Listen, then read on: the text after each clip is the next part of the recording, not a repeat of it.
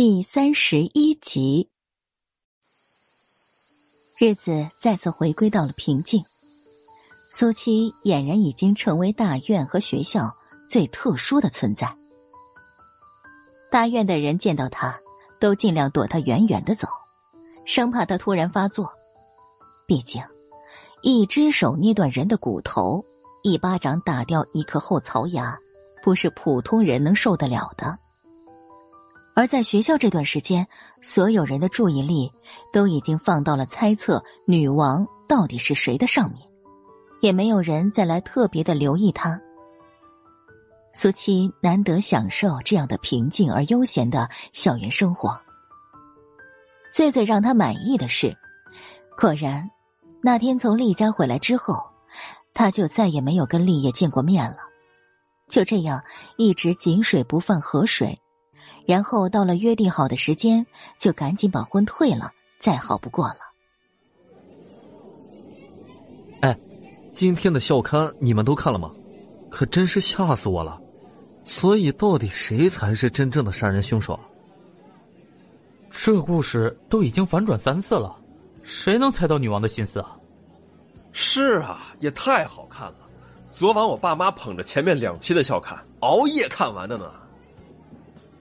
现在教室里每天议论最多的就是与恶同行，每个学生最期盼的也都是每周一校刊发布的日子。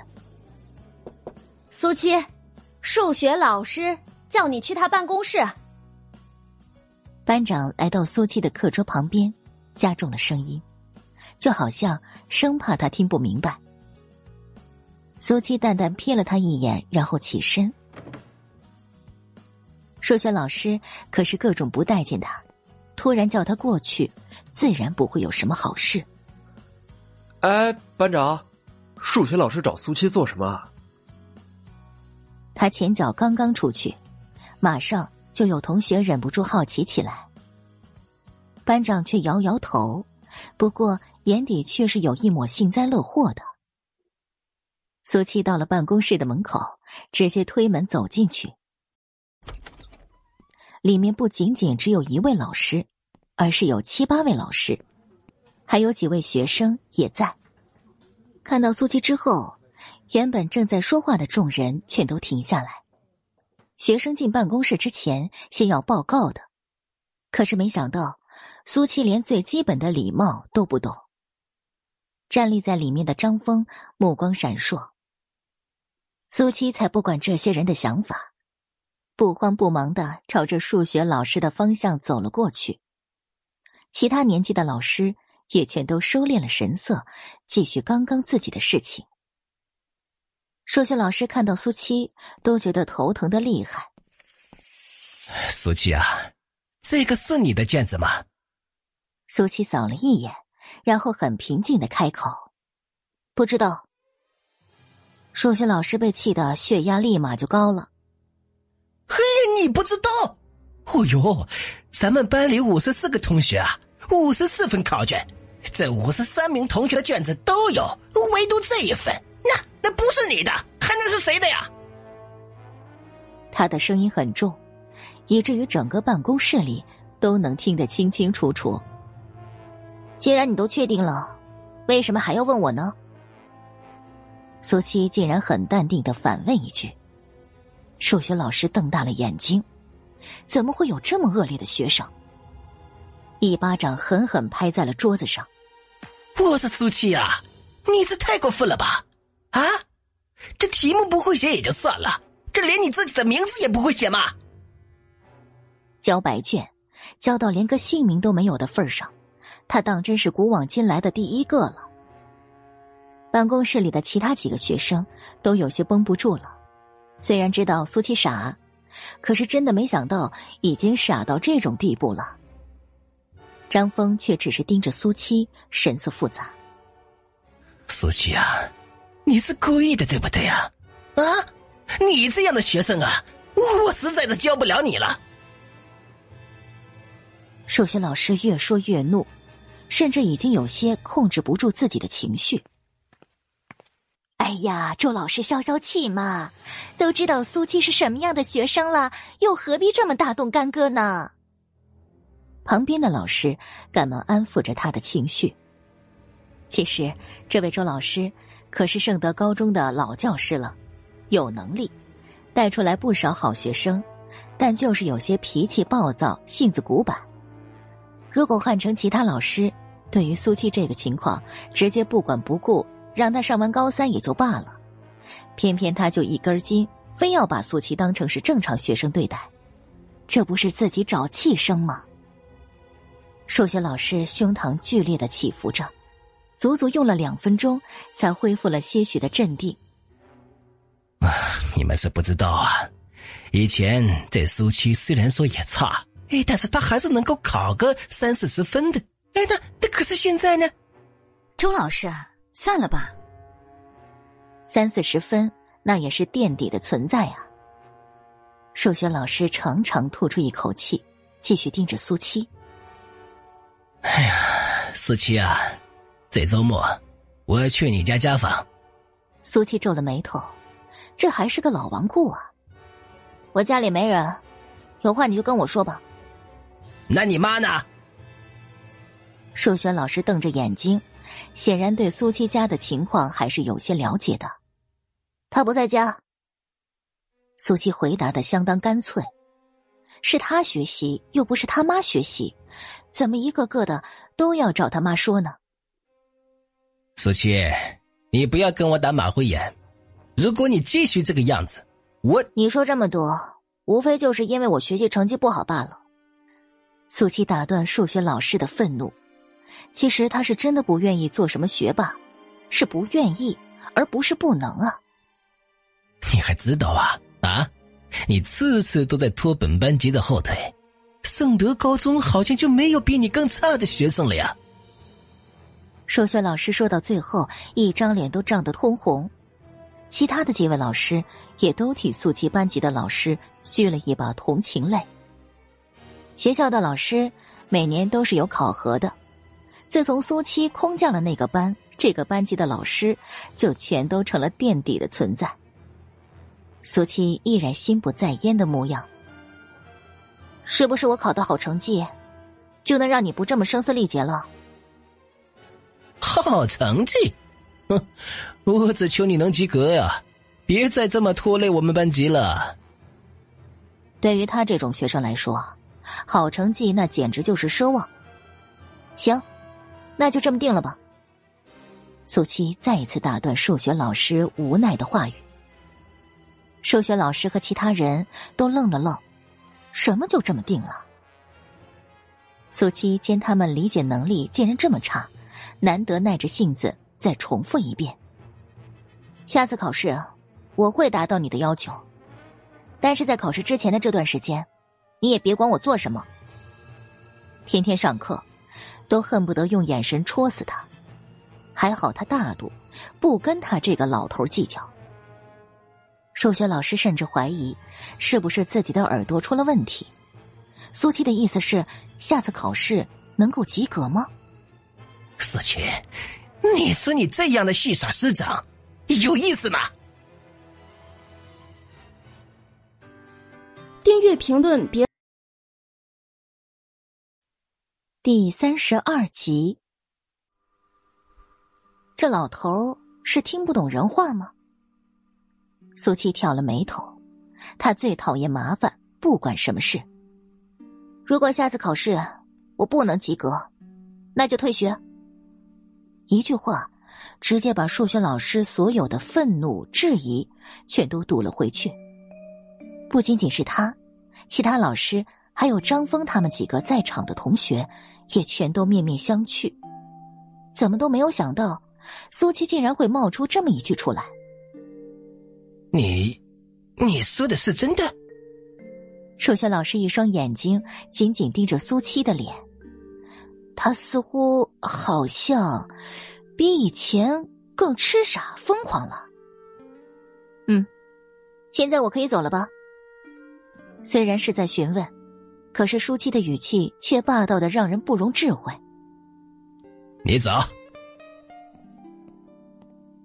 数学老师明明知道，他一个傻学生说的话不能完全作数的，但是现在却别的什么都说不出了，而且有这么多老师还有同学都听到了。下一次他要是真的考砸了，那也有他们来作证。办公室里终于再次安静下来，可是气氛却无比的诡异。一节课的时间，苏七跟数学老师保证，下次考试会及格。不然就退学的事儿，就已经传遍了整个学校。哎，你们说的那个学姐叫苏七。操场上，赵蕊听到这个同学们在议论的这个名字，意外的不得了。那不就是他十天前在胡同里救下的那个女孩的名字吗？哼，什么学姐呀？就是高二三班的那个傻子，傻子。赵蕊惊愕的瞪大了眼睛，难以置信。他可没有发现那个女孩哪一点像傻子呀？你不知道吗？苏七可是我们圣德高中最大的笑话了。他的脑子不灵光的，而且也不是正常考进学校的，是走了关系。其他同学兴冲冲的跟他解释，难得有不知道傻子的人。啊！赵若真是惊诧的不得了。那他家很有钱吗？可是看他面黄肌瘦的模样，也不像啊。穷得很，他还没有爸爸。赵瑞听着旁边同学你一言我一语的。真的很难把他们口中的那个傻子和那天他见到的苏七联系在一起的。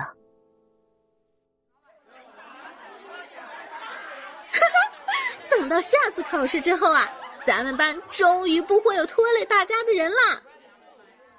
高二三班的学生更是一个比一个都还要兴奋，甚至根本不顾及还在教室里的苏七，便肆无忌惮的议论起来。反正他也是听不懂的，不然怎么可能还有脸面留在教室里呢？苏七确实没有离开，也听到了他们的幸灾乐祸和欢呼雀跃。敲击在课桌上的手指突然顿住。既然全都这么盼着他退学，他要是不给大家一个大大的惊喜，可真是对不起他们这一番心意了。下午放学，赵蕊跟女同学才走出校门不远。便被一群小混混堵在了胡同里面。他几乎一眼就认出，其中一个正是他前些日子救苏七的时候打跑的人，心头马上就有了一股不祥的预感。哎，臭丫头，没想到咱们这么快又见面了吧？嗯，那个二溜子狰狞着神色，一看就是特意过来报复他的。这一次，他可是带了十多个人过来。就不信他还能打得过。赵蕊脸色难看无比，即使他会功夫，可是现在这么多人，手心里还是直接冒了冷汗。而跟在他身边的那个女同学，直接被吓坏了。蕊蕊蕊蕊，这这些都是你的朋友吗？那那我不和你一起回家了。颤颤巍巍丢下一句，扭头便跑。那些小混混儿。也并没有阻拦着他，他们的目标只有赵蕊一个人。你们想要怎么样？赵蕊勉强镇定，一边询问，一边想要找机会逃掉。可这个时候，胡同的另一边，也有几个男人堵在了那里。哎呀，上次你把我的两个兄弟给打的住了医院，骨头都折了好几根儿。我也不为难你，你直接拿两百块医药费出来，不然的话就别怪我不客气。赵蕊垂在身侧的双手紧握成拳，气愤不已。你胡说！他确实是打了那两个男人，但是肯定不会有什么伤的。我爸可是洪盛武馆的馆长，你们最好马上放我离开，不然的话，我爸还有师兄们。是肯定不会放过你们的。他的话，非但没有让这些小混混害怕，反而全都哈哈大笑起来。他们就是过来报复的。这个臭丫头，竟然还搞不清楚状况呢！别跟他废话了，赶紧动手吧！站在人群最后面的一个三十多岁、脸上有疤的男人，有些不耐烦，直接命令一声：“就这么一个丫头片子，实在不值得他们耗费太多时间。”胡同里的十几个小混混全都变了神色，凶狠了目光，朝着赵蕊走过去。啊！大家快帮帮忙啊！赵蕊，赵蕊出事了！刚刚和赵蕊在一起的那个女同学气喘吁吁的跑到学校门口，慌乱的拦住面前的几个同学。出什么事了？他们虽然不认识他，但是看他穿的校服就知道全都是同学了。就在那边的胡同里面，赵蕊被一群坏蛋给堵截了。为什么？什么坏蛋？几个同学也齐齐变了脸色，肯定是要问问清楚的。那名女生僵硬的摇了摇头。我也不清楚，好，好像是一群小混混，有十几个。听到小混混的时候，被拦住的几个同学赶忙都摇了摇头。这种事情他们可管不了的。是不是你搞错了呀？好人家的孩子怎么会招惹到十几个小混混呢？哎，这种事情你还是别管了。几个人提醒一句，说完全都从他身边走过去。女学生惴惴不安，怎么都没有想到会是这样。难道真的就不管赵蕊了吗？同学，你说那十几个小混混在什么地方？突然，身侧传来一道询问。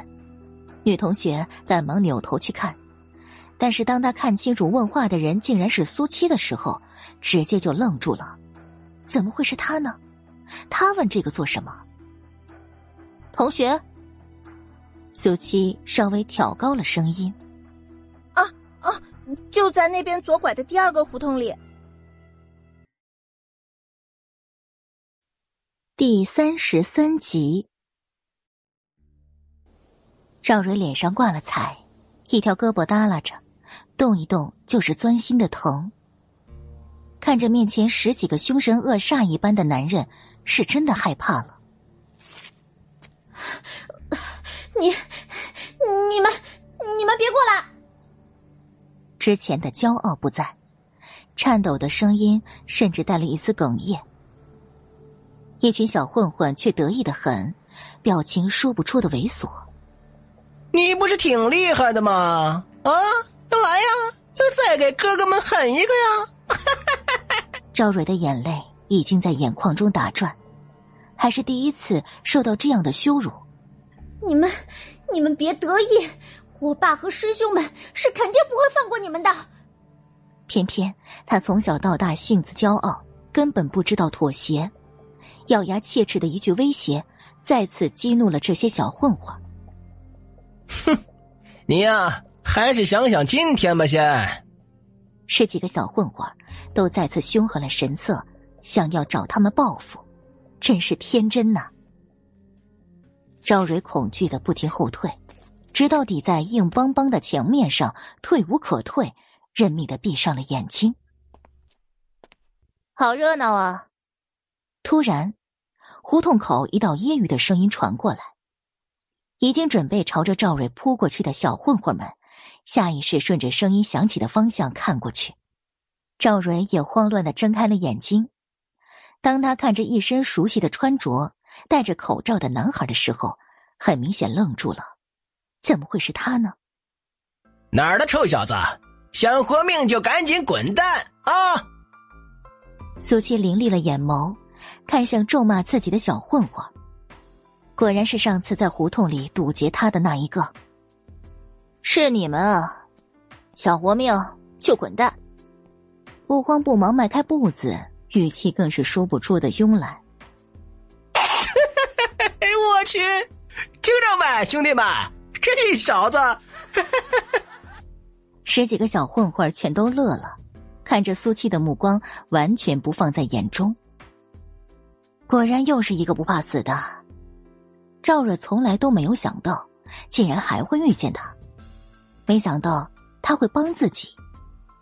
既然这个人连大师兄都能打得过，那一定很厉害吧？现在不管是谁，只要能来救他就好了。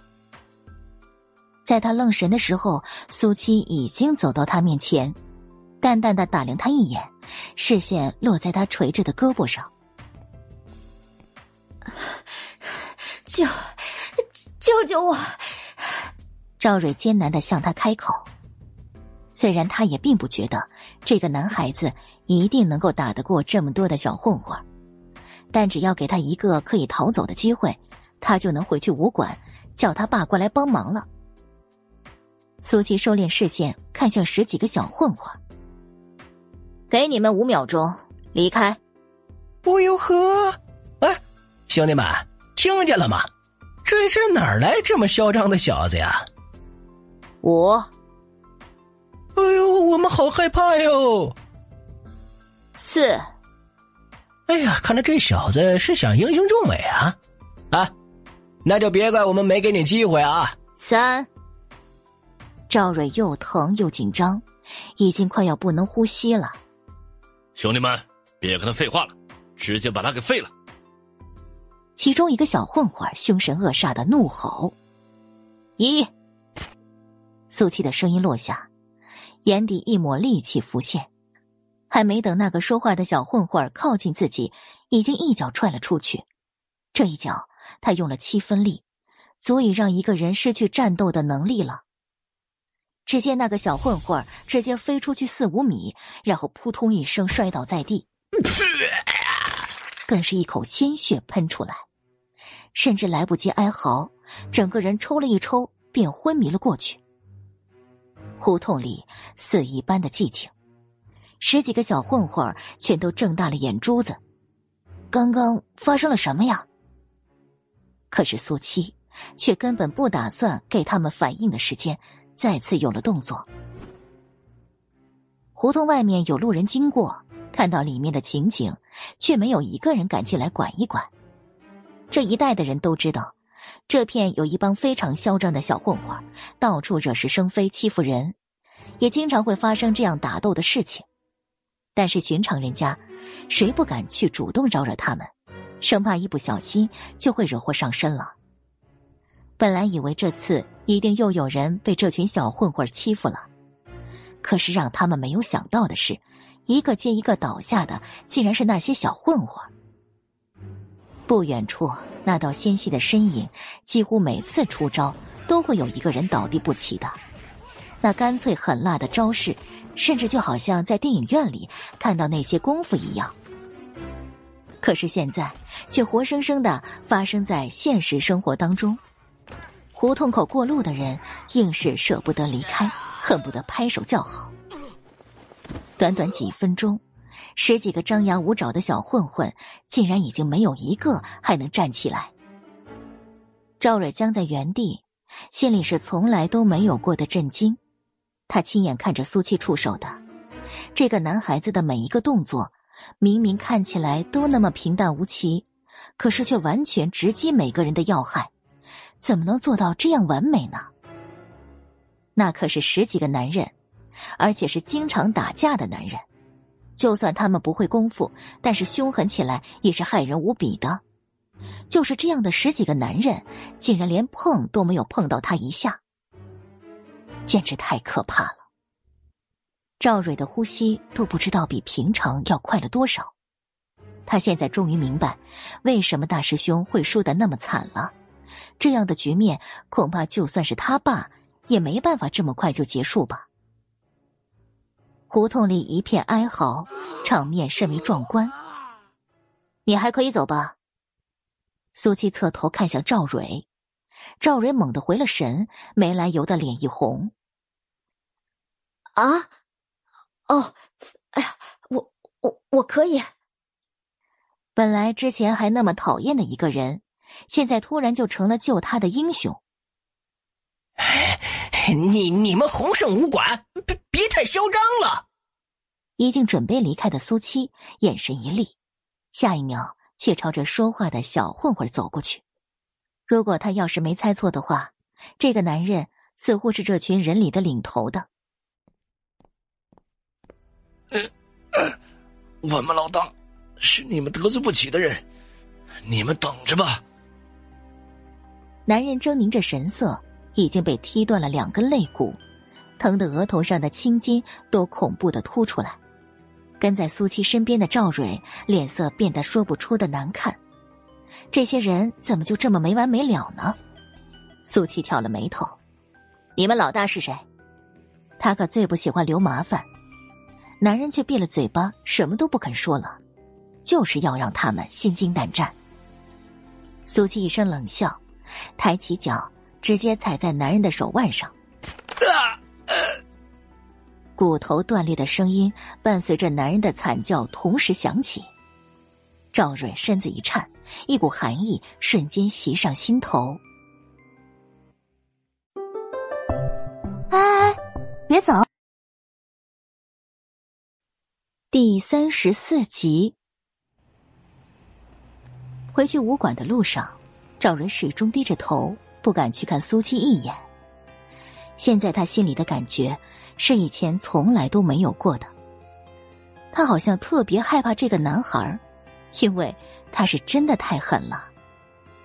他可是亲眼看着他怎么逼问那些小混混，但是跟在他身边，又觉得有一种说不出的安全感，而这种安全感，他只有在他爸的身上体会到过。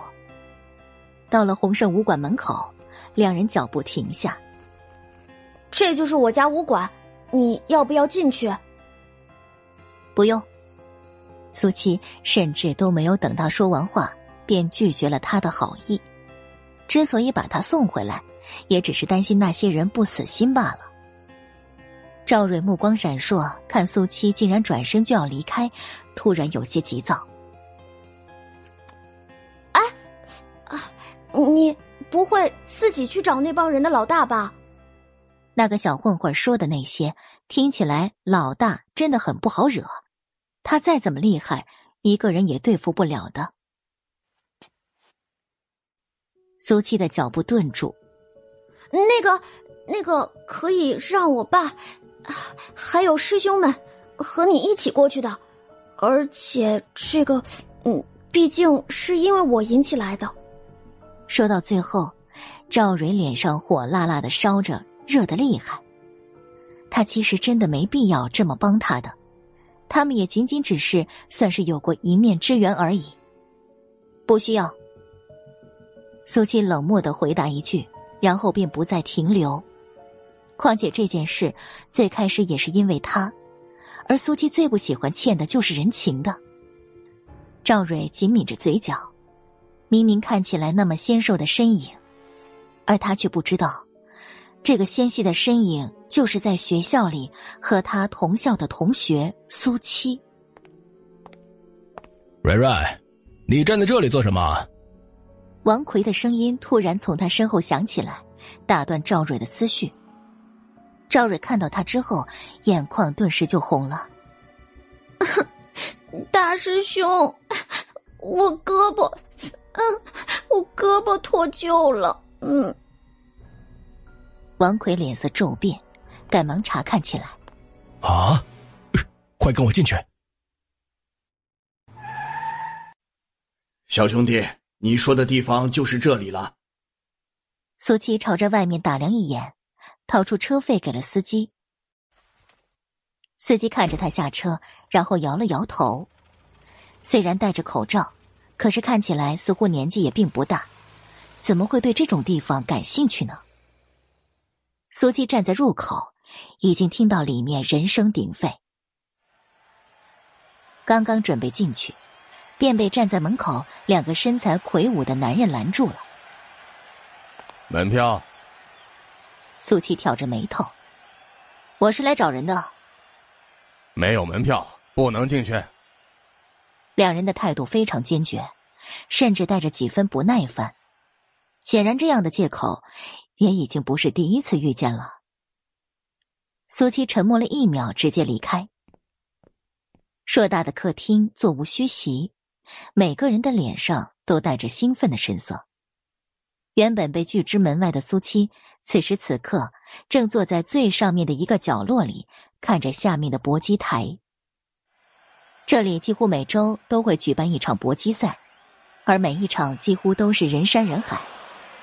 因为苏七过来的时间正好，几分钟之后，裁判和两名选手上场。他的视线在两人身上扫过，似乎是在确定哪个才是小混混口中的老大。哨声落下，比赛开始，气氛瞬间火爆。苏七看着台上的两个人，眼底一抹不屑。架势拉得很足，招式也很眼花缭乱，但是就他而言，随便看看，打发一点时间罢了。周围的叫喊声却已经震耳欲聋了。他收回视线，朝着整个场地的环境打量着。跟这个年代的风格、经济比起来，这里倒是有一些后面时代的气息了。距离搏击台正中间那一排的位置，也是最佳的观看位置。几个男人坐在那儿，全都是西装革履，架势十足。苏七的方向也仅仅只能看到他们的背影，而整个会场的四周。随处可见保安的身影。旁边又是突然一阵激动的叫喊，让苏七再次看向了搏击台。其中一个男人已经倒地不起了。仅仅只用了六七分钟而已，比赛便已经结束。主裁判走上前，拉住胜利者的手。这一场，李虎胜。呜呼！李虎，李虎！很快，这个名字响彻整个会场。苏七一侧嘴角微微上扬，清冷的目光落在那个气喘吁吁而又得意洋洋的男人身上。他就是李虎啊！李虎似乎非常享受现在的欢呼和崇拜，下巴高高的扬起，一副王者之势。比赛结束，他本该下台，可是却突然跟主裁判说着什么。主裁判脸上一抹意外之色，但很快便示意场中的所有人安静。今天到场的诸位真的是很幸运，李虎先生决定可以再接受一场挑战赛。话音落下，气氛再次被推向了一个新的高端。挑战赛顾名思义，就是台上的搏击选手会在进行一场并不提前预知对手的比赛，而挑战者。当然也是从报名的参赛者中随意挑选的。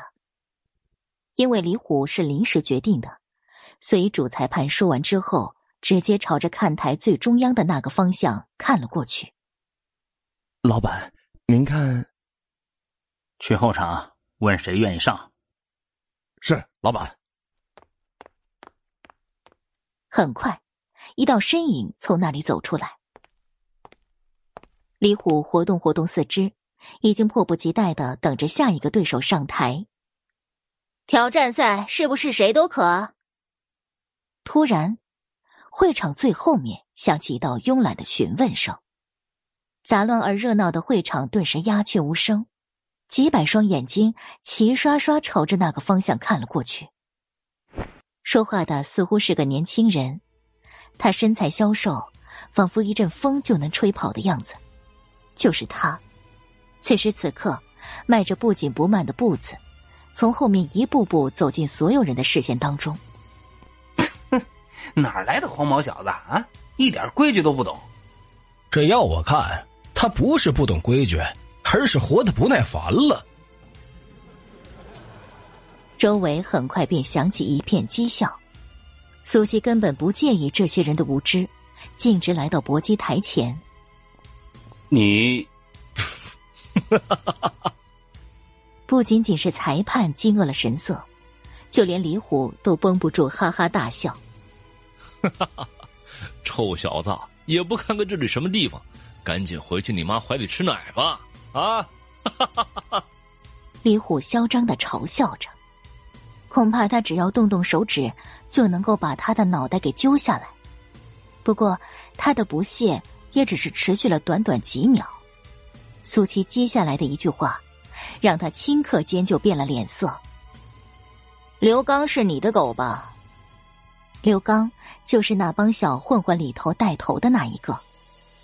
李虎狰狞了眼神，声音阴森恐怖：“小子，你是故意来找死的？”第三十五集。嗯，裁判，既然这小子不知死活，那就是他了。李虎一锤定音，已经迫不及待的想要打死苏七了。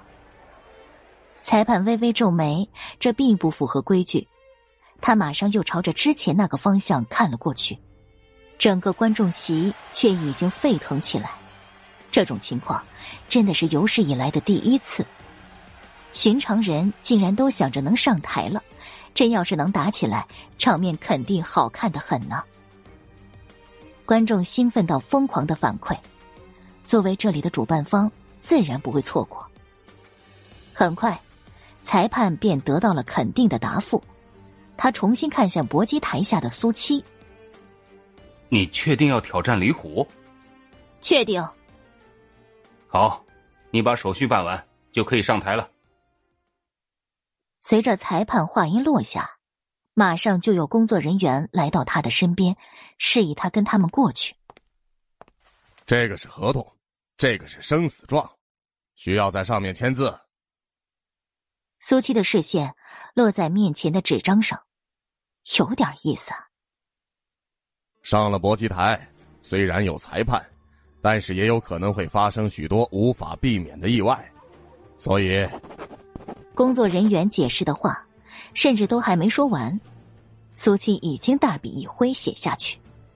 他们看着苏七的眼神都有了些许的变化，还是第一次看到对生死状这么不在乎的。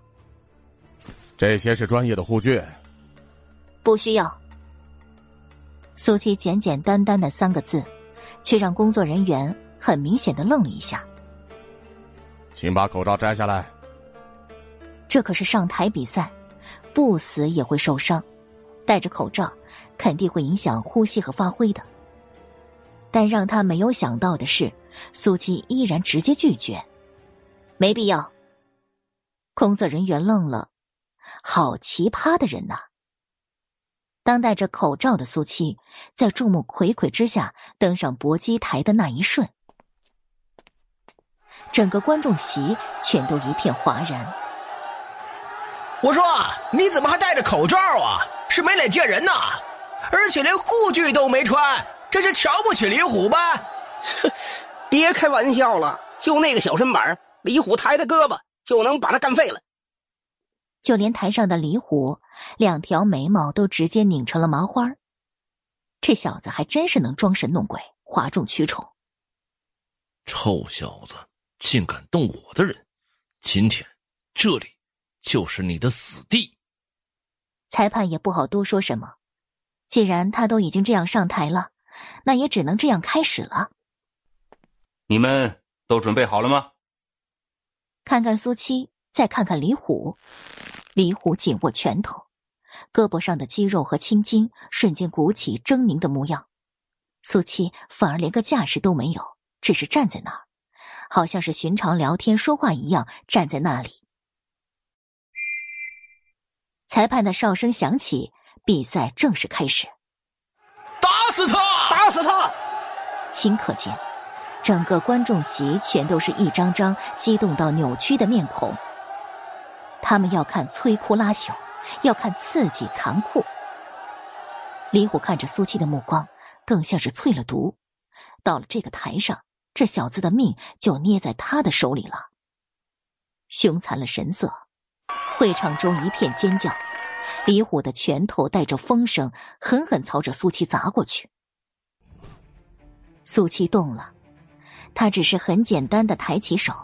然后，像沙包大的拳头便再也无法落下。李虎的瞳孔剧烈收缩了一瞬，根本没有意识到发生了什么，手腕便一阵钻心的疼。紧接着，眼前一黑，整张脸就好像被铁锤砸到一样。两股温热的液体顺着他的鼻孔流下来，耳边所有的声音更是戛然而止。再然后，心口处又是重重一击，鲜血从他口中喷出来，胳膊上的骨头发出一声脆响。紧接着，小腿膝盖被重重一击，再也承受不住他的身体，扑通一声跪倒在地。从开始到现在，只是短短几个呼吸而已，他觉得自己整个人就彻底散了架。甚至来不及一声哀嚎，寂静，死一般的寂静。到底发生了什么？几百张面孔，神情却几乎如出一辙。除了震惊之外，更多的是在怀疑：刚刚发生的这一切到底是不是真实的？那么强横的李虎，已经有十几场胜出的李虎，现在竟然这么轻易的被打败了。这确实是他们要的摧枯拉朽，可这根本不是他们能够接受的摧枯拉朽啊！这小子也太猛了吧，老大！正中央那排位置上，对于搏击台上发生的一切都看得清清楚楚。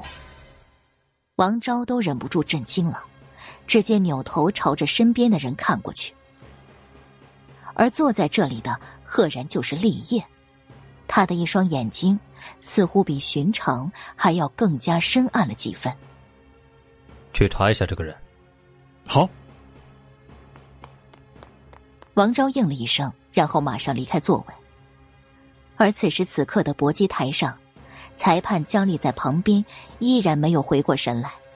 李虎身上已经被自己的鲜血沾染的到处都是，瘫跪在地上。甚至连呼吸都快要可以虚弱不济了。现在的他已经处在昏迷的边缘，完全丧失继续战斗的能力，不是从地上起身的能力。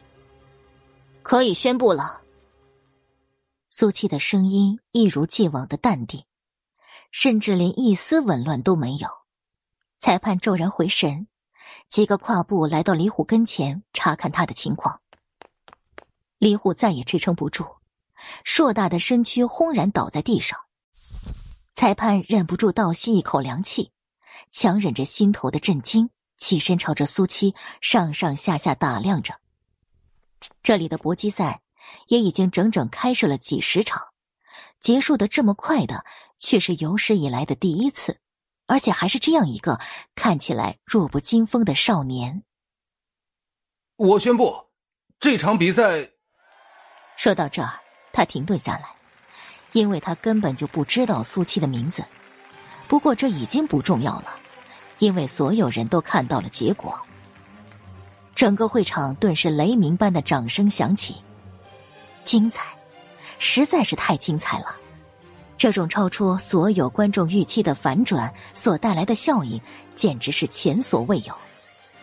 那一道纤瘦的身影，此时此刻在每个人的心中都发生了巨大的变化，而苏七却根本不理会赛场里的气氛，直接走出搏击台。已经解决了李虎，以后他自然不会有人再去找赵蕊的麻烦。对他来说，这件事算是到此为止。小兄弟，等一下。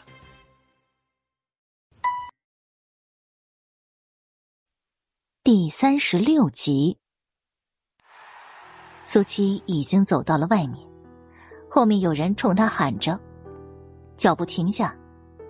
当他看到叫他的人竟然是王昭的时候，第一个反应就是被认出来了。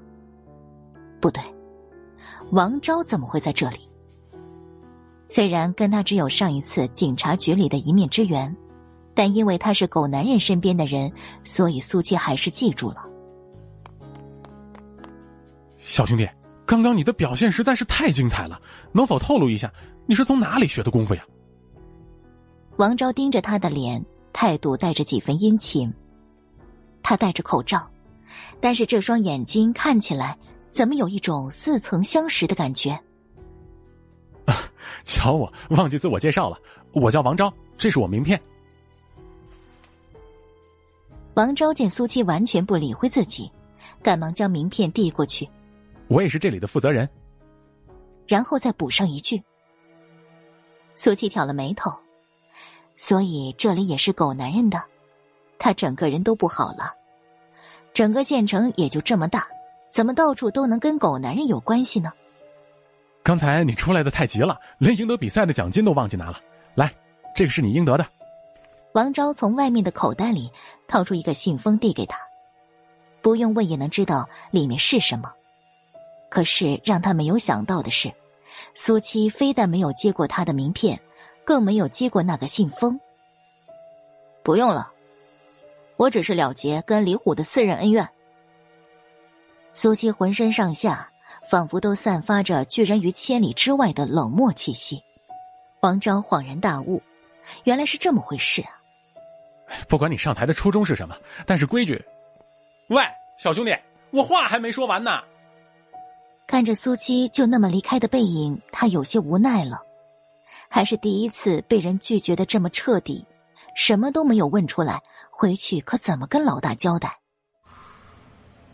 老大，他说是因为跟李虎的私人恩怨，所以才会上台的，奖金也不肯要。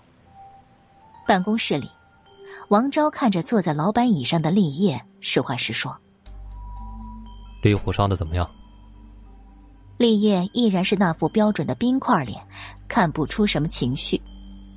王昭干咳了一声，语气有些不太自然：“有点严重，膝盖骨碎了，胳膊脱臼，鼻梁骨也断了，不过没有生命危险。”说到最后，他稍微加快速度，特别强调，心情复杂的不得了。那个男孩出手的时候，他们都看得清清楚楚。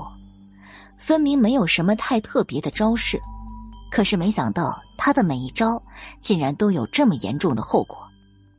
这已经不能说是鄙视，而是招招要命啊！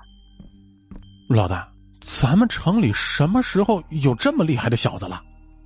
立业一双眼睛深不见底，他也同样想知道，那样的肃杀之气可不是普通人能够拥有的。敲门声响起，王昭径直走到门口。这是老板吩咐的，给我吧。王昭接过来人递过来的东西，看了一眼，是上台前签的合同和生死状，是那小子的。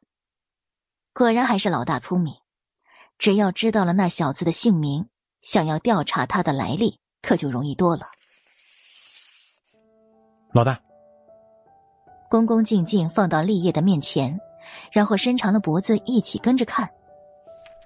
立业直接翻到第二页的签字栏，当看到上面的名字时，目光一顿。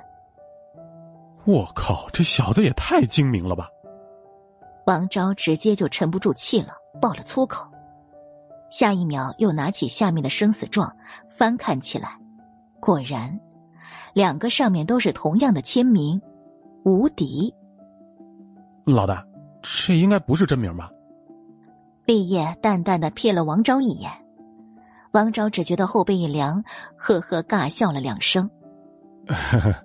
下面的这些人做事真是越来越马虎了。等一下，我就去给他们开会，狠狠的批评他们一顿。这样的失误绝对不能再犯。他义正言辞、信誓旦旦跟立业保证着：“滚吧！”立业实在懒得跟他计较。王昭多一秒都不敢逗留，最快的速度走了出去。房间里安静的没有一点声响，立业的目光再次落在那份生死状上。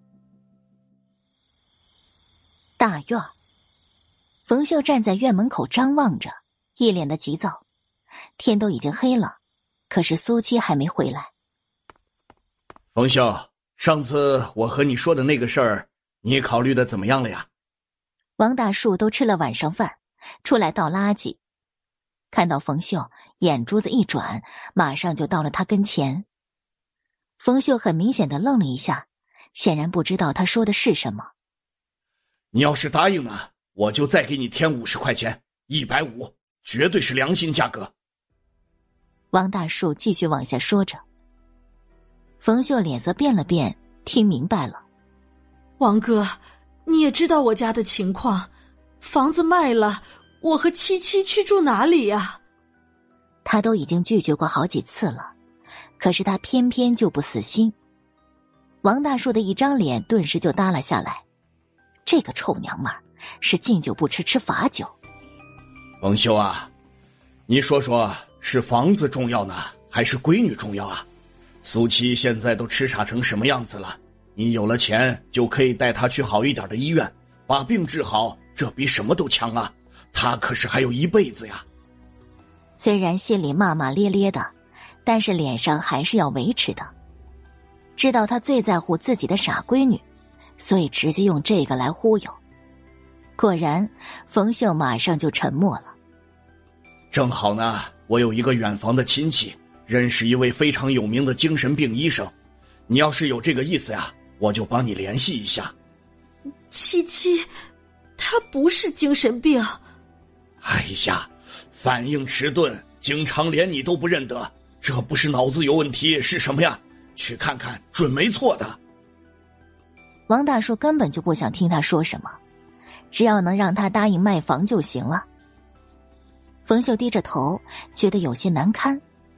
闺女的病是要紧，但是房子他是真的不能买。王大树见他这么犹犹豫豫的模样，不耐烦，脸也紧绷起来。冯秀，这做人可不能太贪心了啊！其实你家这三间破房子，我也没太看得上眼。要不是我家富贵急着结婚，我才……既然我家三间破房子你这么看不上，那还三番五次的跟我们说这些干什么呀？难不成你有精神病？越看不上的越想买啊？正当冯秀觉得难堪无措的时候，苏七冷冰冰的话语从两人身后传了过来：“哎。”第三十七集，王大树看到苏七，脸色顿时就不好看了。丫头片子，早不回晚不回，偏偏这会儿回来了。七七，你回来了，你去哪儿了？怎么这么晚？冯秀赶紧询问着，同时放了心。出去转转而已。苏七也知道，确实是晚了些。不过，他从那边回来之后，又去了一趟学校旁边的书店，他的书包和校服都临时放在那里了。回去吧，懒得再看王大树。冯秀，我刚刚说的那些，你再好好的考虑一下，考虑。王大树不死心，还是又重复一遍，也根本没有把苏七放在眼中。苏七脚步一顿。漫不经心的撩起眼皮，多少钱？七七，你问什么？就连冯兄也没听懂，他怎么突然就没头没脑的冒出这么一句？他不是要买咱家房子吗？多少钱？苏七耐着性子说得更清楚。王大叔眼睛一亮，傻丫头肯定对钱没什么概念。只要说服了他，让他去跟冯秀去闹，这事儿就成了。一百五十块呢，很多很多的钱，可以让你买好衣服、吃好的、穿好的，只要你喜欢的都可以有。他说的唾沫星子都飞起来。冯秀拽住苏七的胳膊，惴惴不安。万一闺女真的听了他的话，原来一百五十块就是很多钱的呀。苏七一声呢喃，王大树点头如捣蒜。下一秒，苏七果然笑了。王大树简直喜出望外，就等他赶紧答应了。既然这样，那我给你一百五十块，让你去享福。你家的三间房就给我好了。苏七是开口了，但却根本不是他想要的。王大树回神之后，铁青了脸色。开什么玩笑！苏七冷哼一声：“哼，难道不是你在跟我家开玩笑吗？”王大树竟然被他这句话怼得哑口无言。死丫头，他是真的比以前精明了。你家怎么能跟我们家比呢？就你家那三间土坯房，连我家猪圈都不如呢。那你可以让你儿子在你家猪圈结婚啊，反正他跟猪也没什么区别。苏七故意讽刺，他儿子王富贵可是出了名的胖啊，一米七左右的身高，体重却有两百斤。王大树瞬间狰狞了表情，死丫头，你找抽啊你！竟然敢骂他儿子是猪！苏琪眯了眯眼睛，脸上更是带着一抹很明显的挑衅。既然他这么想找死，他可以成全他。王哥，七七年纪小，不懂事，你可千万别跟孩子一般见识。冯秀已经急得满头大汗，慌乱的安抚着王大树的怒火。他真的没想到，苏七三言两语就把事情变成了这样。王大树呼哧呼哧喘着气，凶狠的目光恨不得把苏七生吞活剥了。这，这就是你养出的好闺女！苏七上前一步，把冯秀拽到身后，给他一个不要说话的眼神。哼，有的人就是厚颜无耻啊，便宜没占上就恼羞成怒了。你现在听清楚了，我家的房子不卖。话音落下，完全不给王大树再开口的机会，拉着冯秀回到自家院子。王大树被气得脸红脖子粗。看着母女两个人离开的背影，恨得牙痒痒。七七，以后不要那么尖锐。大院里的这些人，毕竟都是你的长辈。冯秀到了屋里，还觉得心惊胆战的。刚才王大树的表情实在是太可怕了，他真的害怕惹恼了他。苏七从书包里掏出两个苹果，其中一个递给冯秀。好像根本就没有听到他的话一样。冯秀自然是吃不下的，摇了摇头。七七，妈知道你心里不痛快，但是现在只有我们母女俩相依为命，妈就希望能够安安稳稳的。他说他的，苏七已经拿着自己的苹果啃起来，酸酸甜甜的，还不错。冯秀见他这么不上心的模样，重重的叹了口气。他说这些，恐怕他也是听不懂的吧。你饿了吧？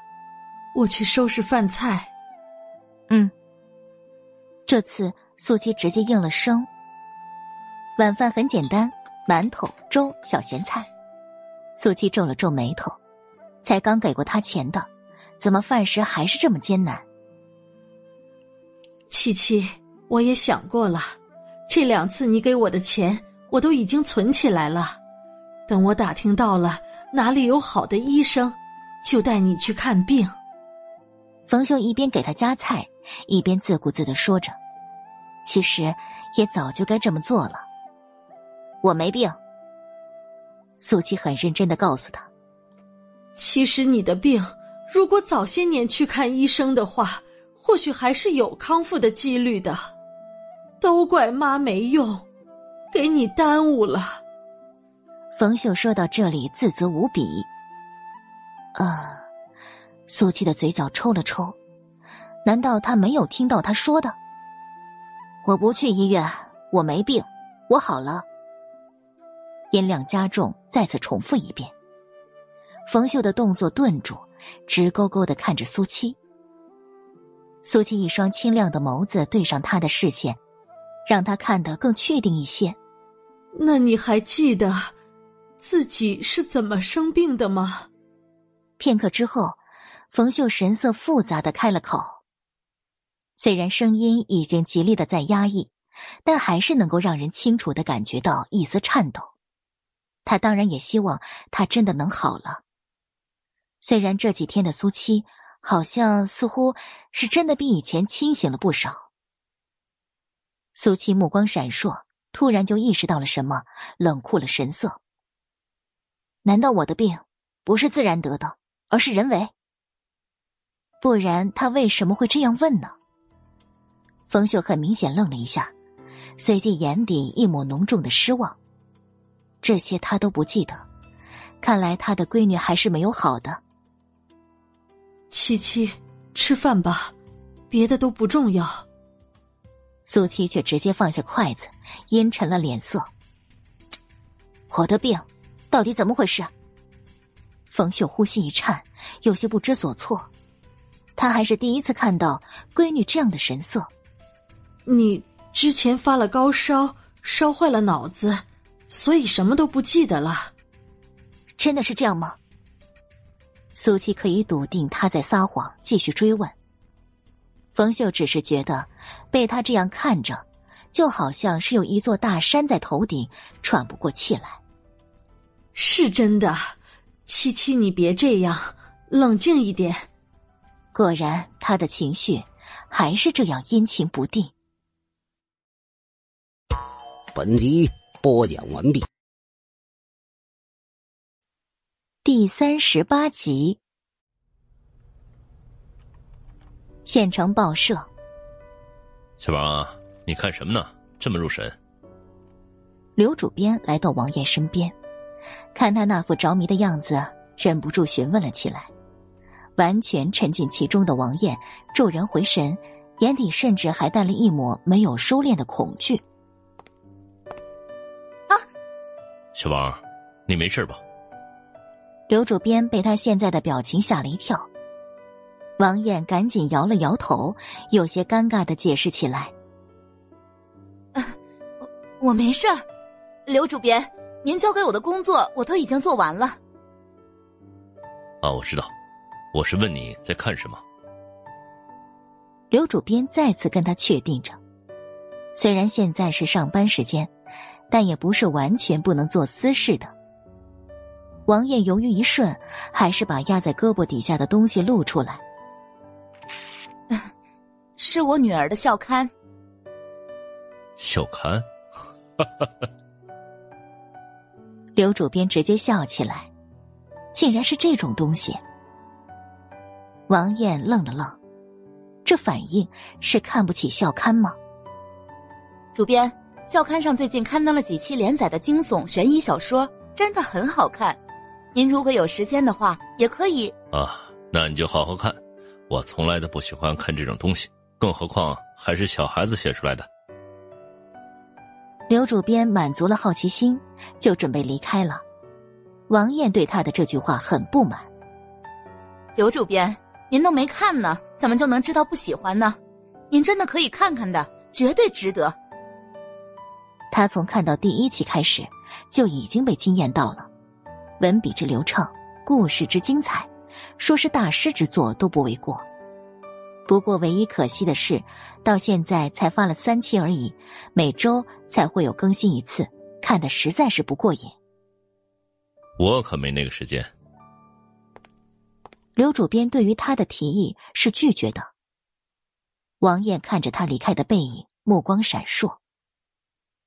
中午，刘主编吃饭回来，打算在沙发上小睡一会儿，然后就看到茶几上放着一本校刊，这是忍不住笑起来。这个王艳还真是一根筋呢。他都已经说过了，不喜欢看这种故事。不过他有一个习惯，每次躺下。都会看看报纸，可是今天他的报纸不见了，只剩下校刊，所以没得选择。哎，小王，你给我推荐的这个故事后面的内容呢？王艳才刚和同事从外面回来，刘主编已经迫不及待来到他跟前，看着他现在的神色，王艳可是强忍着笑，他就知道这么好看的故事。根本没人能抵抗得了的。主编，您不是说不喜欢吗？故意反问一句。刘主编当然明白他的意思，不过也不跟他计较。哎呀，行了，别卖关子了，赶紧给我。他现在可是对后面的情节好奇的不得了。可是让他没想到的是，王艳直接摇了摇头，没有啦。校刊只是出了这三期而已，接下来就要等周一了。这个是周更的。刘主编瞬间僵在原地，没了。他可是正看到最紧张的部分啊！小王啊，让我说你什么好呢？你就不能等他全部都更新完了再让我看吗？王爷呵呵笑着，其实本来他也没打算让他看的。就是被他那几句话给刺激的。小王啊，这个与恶同行的作者真的是一名高中生吗？刘主编稍微冷静一些之后，认真了神色。王艳点了点头：“是我女儿的同学，但是听我女儿说，作者女王投稿只是用了一个笔名而已，并没有公开身份，所以就连他们也不知道到底是谁呢。”这个倒没什么，学生们不知道，但是学校肯定知道的。刘主编肯定一句，一脸的意味深长。王艳似乎听出了他的弦外之音，有些激动。刘主编，您的意思是？我的意思是，我们完全可以单独一个板块连载这个故事。刘主编以前是做内容出身的，所以对这方面相当的敏锐。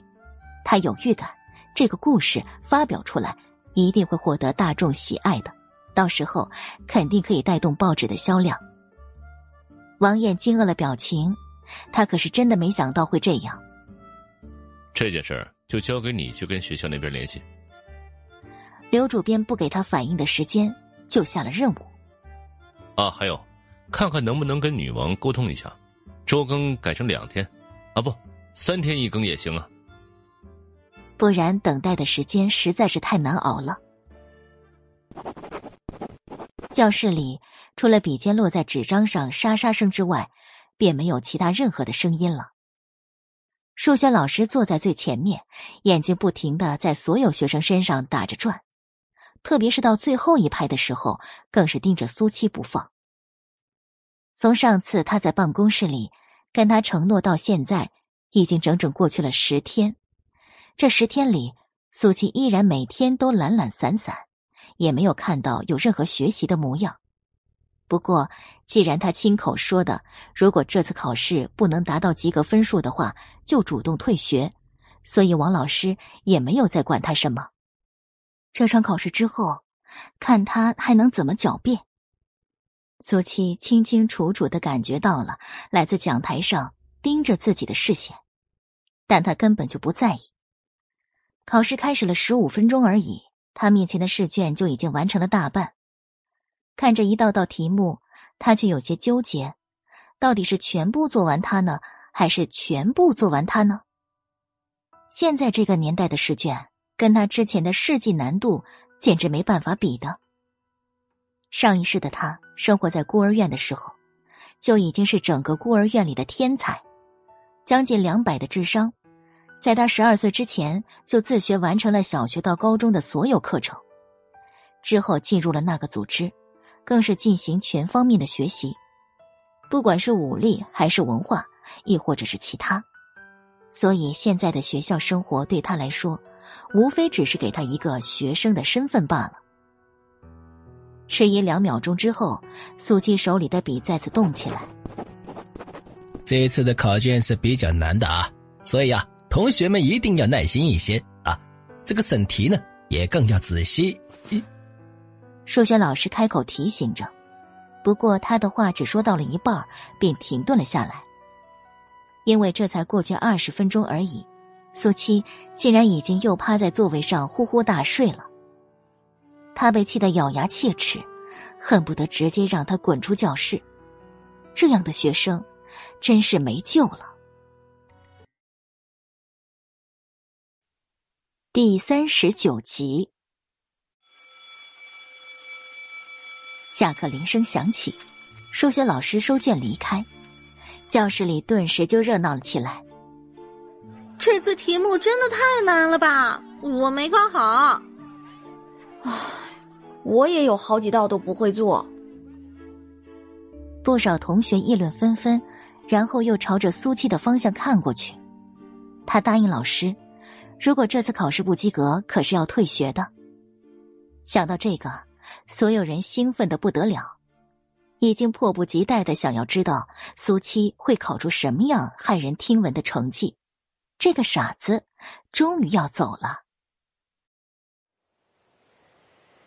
傍晚，等一会儿那个傻子回来，你们就冲出去，直接把他打晕，然后带到那间破草屋去，扒光他的衣服。叶小莲带着两个女孩子，躲在苏七放学回来必经的小树林里。他要让所有人都看到苏七光着在大街上裸奔，让这个傻子一辈子都翻不了身。小莲，这这不好吧？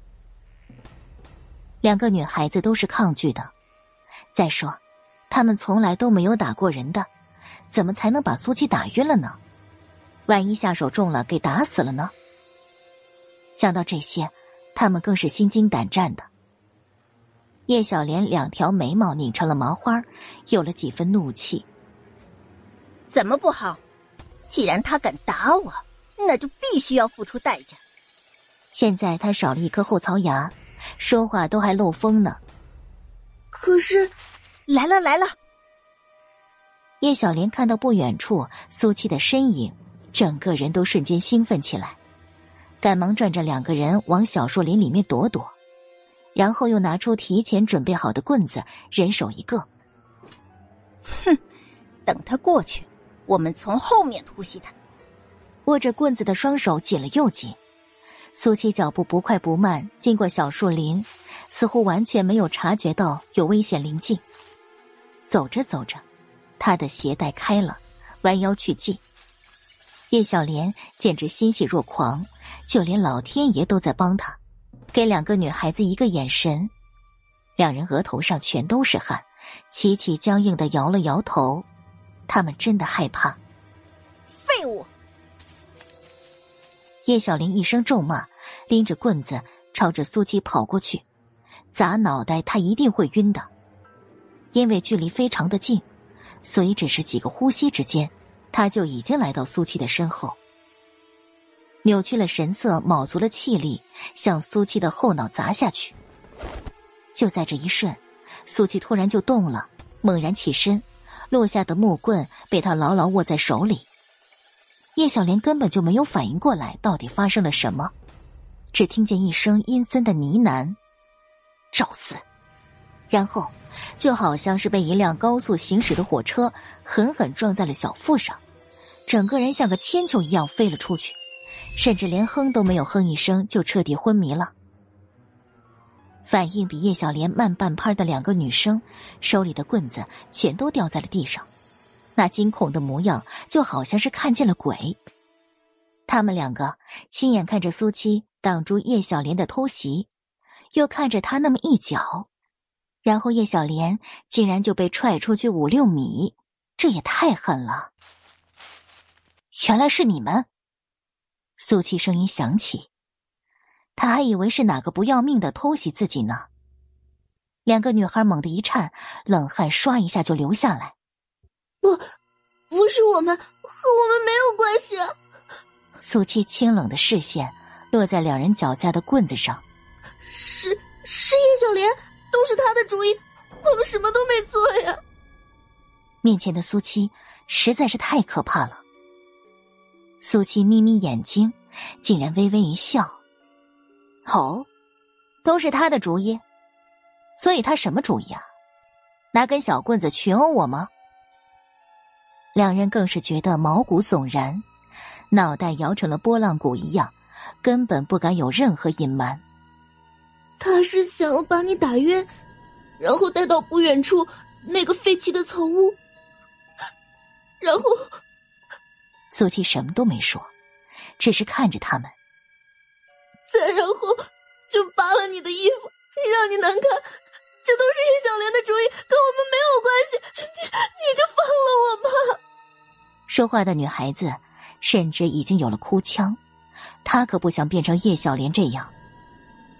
苏七眼底一抹阴霾，之前的那些年里，叶小莲几乎是从小欺负她到大的。小时候抢他吃的，再大一点便和大院子里的孩子们一起打他。特别是在他们家道中落之后，他更是变本加厉，肆无忌惮。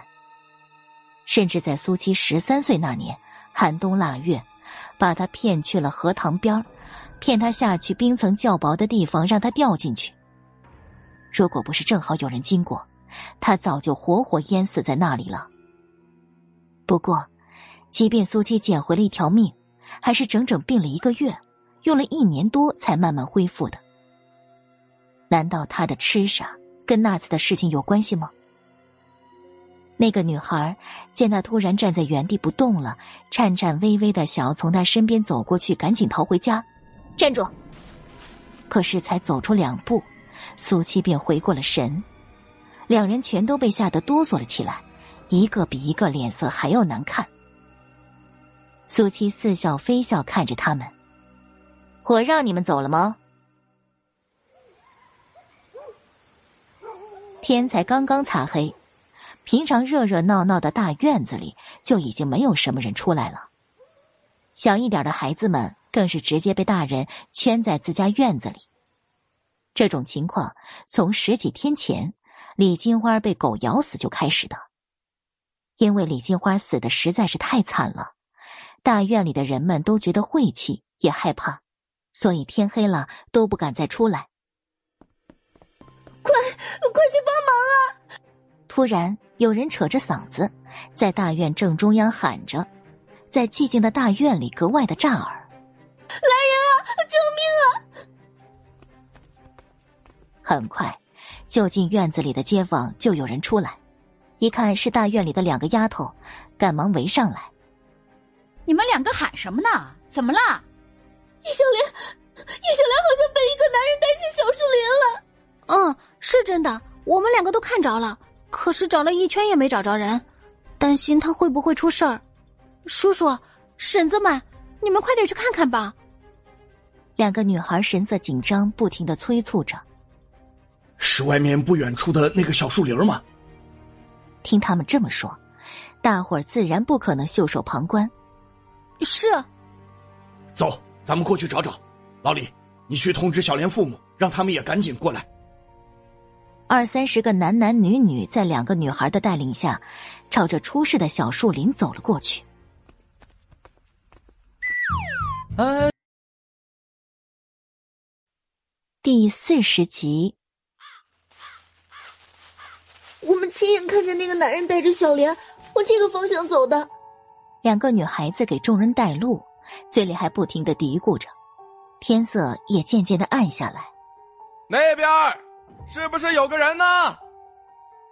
突然有人喊了一声，大家齐齐朝着他指的方向看过去。不远处的地上确实像是躺着一个人。快过去！所有人都跑起来，很快便到了近前，然后每一个人的表情都变得精彩无比。是叶小莲，确切的说是昏迷着的，并且一丝没有的叶小莲。人群里，有的男人忍不住咽了口口水，女人们都尴尬的不得了。叶小莲也算是大院里的俏丫头，而且正是十九岁，花样年华，现在就这么被所有人看了个精光。都闭上眼睛！终于有些妇女回过神，扯着嗓子朝着自家的老爷们儿一声怒吼，真是丢死人喽！不少男人全都忍不住面红耳赤，上了些年纪的多少还有些定力，直接就转了身。可是还有好几个没娶媳妇的大半小子，一双眼珠子都快要瞪出来了，怎么都舍不得闭眼了。造孽！因为现在是八月份，天气炎热，谁身上都只是穿了一件短袖，就算是想给叶小莲盖上一些，都没衣服。带着众人过来的两个女孩子，脸色一个比一个难看，有些愧疚，又有些惧怕。叶小莲的名声真是彻底的被毁了。这时候，人群外，叶小莲的父母赶过来，叶父叶母完全没有想到会是这样一副场面。叶母疯了一样冲过去，一把将叶小莲抱在怀里，泣不成声。叶父的脸色青白一片。慌忙脱下自己的外套扔过去。这是哪个杀千刀呀？我可怜的闺女啊！街坊们也全都忍不住唏嘘起来。毕竟一个好端端的大闺女，竟然就遇上了这种事。老叶，我看要不报警吧？有人跟叶父提议，眼前这情况可是再明显不过了。站在旁边的两个女孩子全都紧绷了神色，局促不已。叶父呼哧呼哧喘着气，现在可是杀人的心都有了。我我 不能报警，绝对不能报警。还没等他说话，叶母哽咽的拒绝。要是报了警，就会传得沸沸扬扬，以后闺女可还怎么做人呢？虽然现在也好不到哪去，但事情一定不能继续再扩大。大家当然也能明白他的心思，那就赶紧带孩子回家吧。男人们不好上前去，几个妇女全都过去帮忙。还没等动作，叶母怀里的叶小莲突然动了一下，然后很快便睁开了眼睛。啊啊！好疼啊！啊！他的第一句话就是喊疼，更让所有人心照不宣。叶母的眼泪吧嗒吧嗒的往下掉，叶小莲却觉得肚子里火烧火燎的疼，就好像五脏六腑都移位了一样。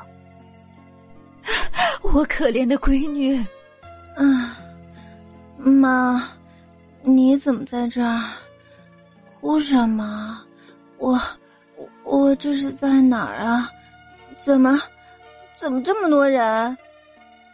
叶小莲回了神，看着四周的环境和街坊们，简直就是一脸懵。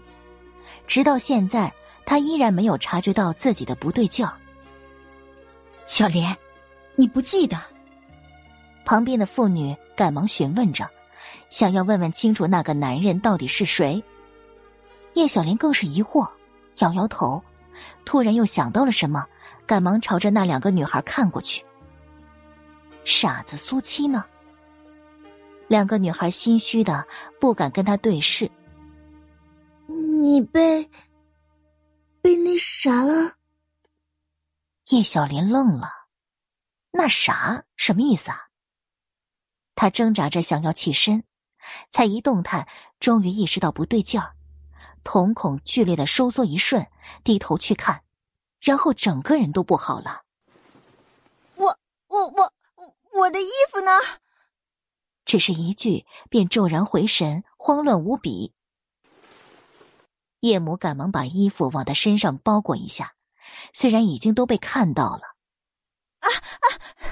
这这是怎么回事？我我我的衣服呢？你们都在看什么？都滚开！叶小莲急促的呼吸着，情绪瞬间崩溃，终于明白了为什么这些人看着他会是这样一副表情。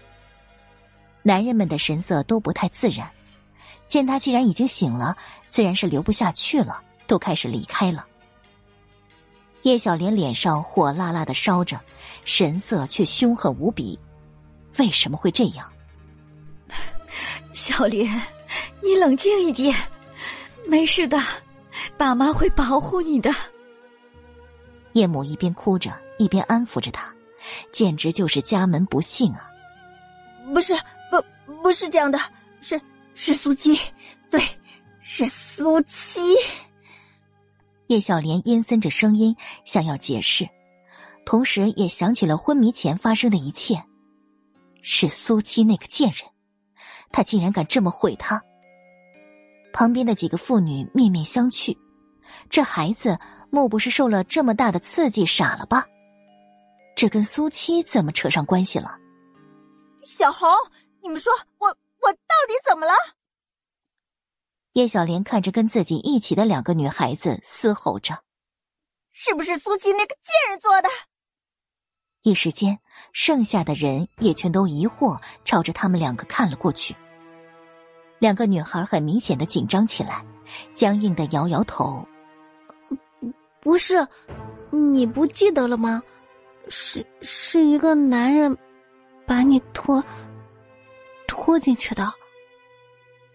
虽然这么说真的对不起他，可是他们两个更害怕苏七。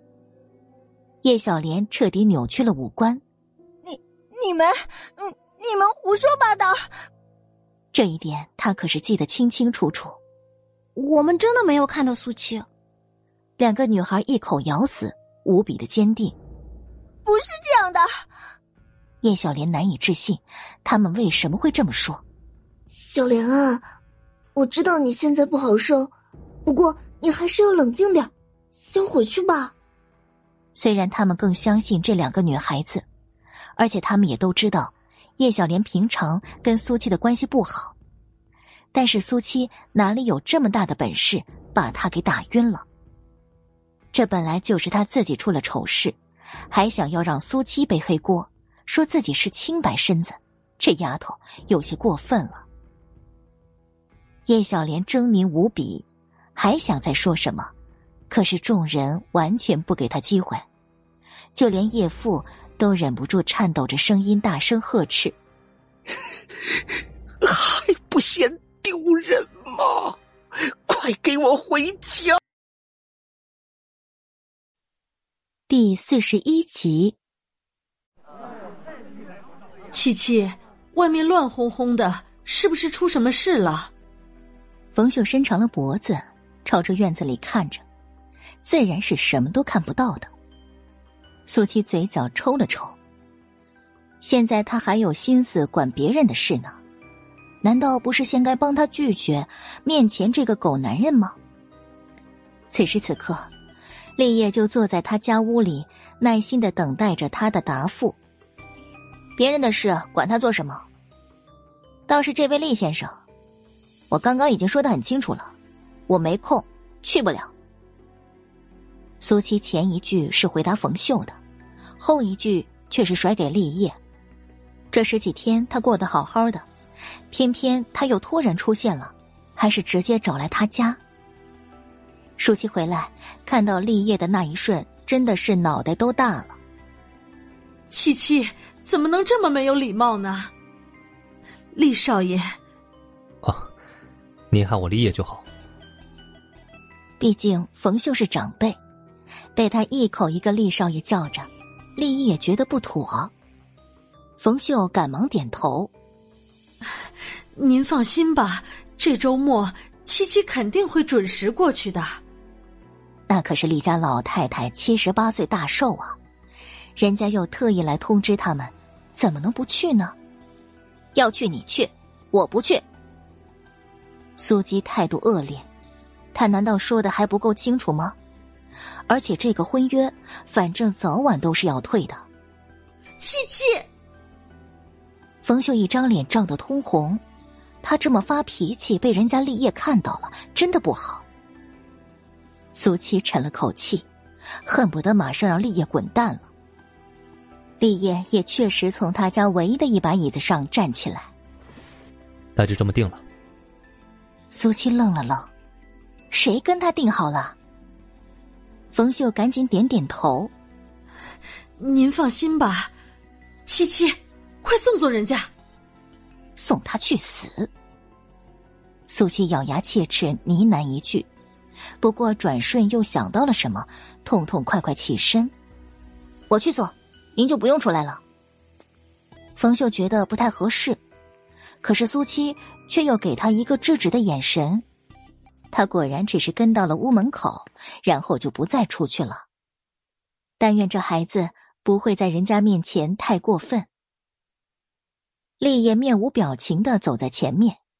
苏七竟然需要抬头才能看到他的后脑勺，这个该死的男人，身高永远都是这么优秀。立业清楚的感觉到身后那道愤恨的目光，不过也不在意。两人一前一后出了大门我们不是都说好了吗？谁都不要干涉彼此的生活吗？你现在是在干嘛？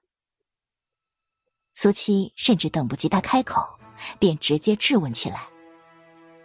立业停下脚步，还没转身，他已经气势汹汹冲到他面前。别忘记你现在的身份。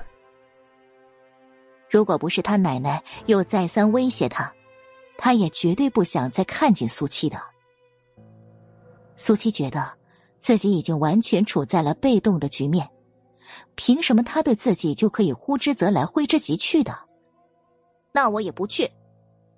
嗯，你不去。那我奶奶的生日宴，应该会在你们这个大院里举办了。立业很平静的陈述着这种可能性。苏七一颗心直接沉了底，脑子里自动冒出老太太那张脸，这简直就是完全不要脸的威胁。周末我会让车来接你。立业的声音再次响起，不是询问，而是已经定下的语气。苏七紧抿着嘴角，已经很久没有这样无力而气愤了。他要冷静。一个生日宴，他去就是了。不过到时候会发生什么，就要看他的心情了。想到这里，情绪终于好了些许。立业看着他阴晴不定的神色，也不打算去探究，准备离开。可是这个时候，一道人影从胡同里跑进来。紧接着，那人的身后还有几个人追赶着。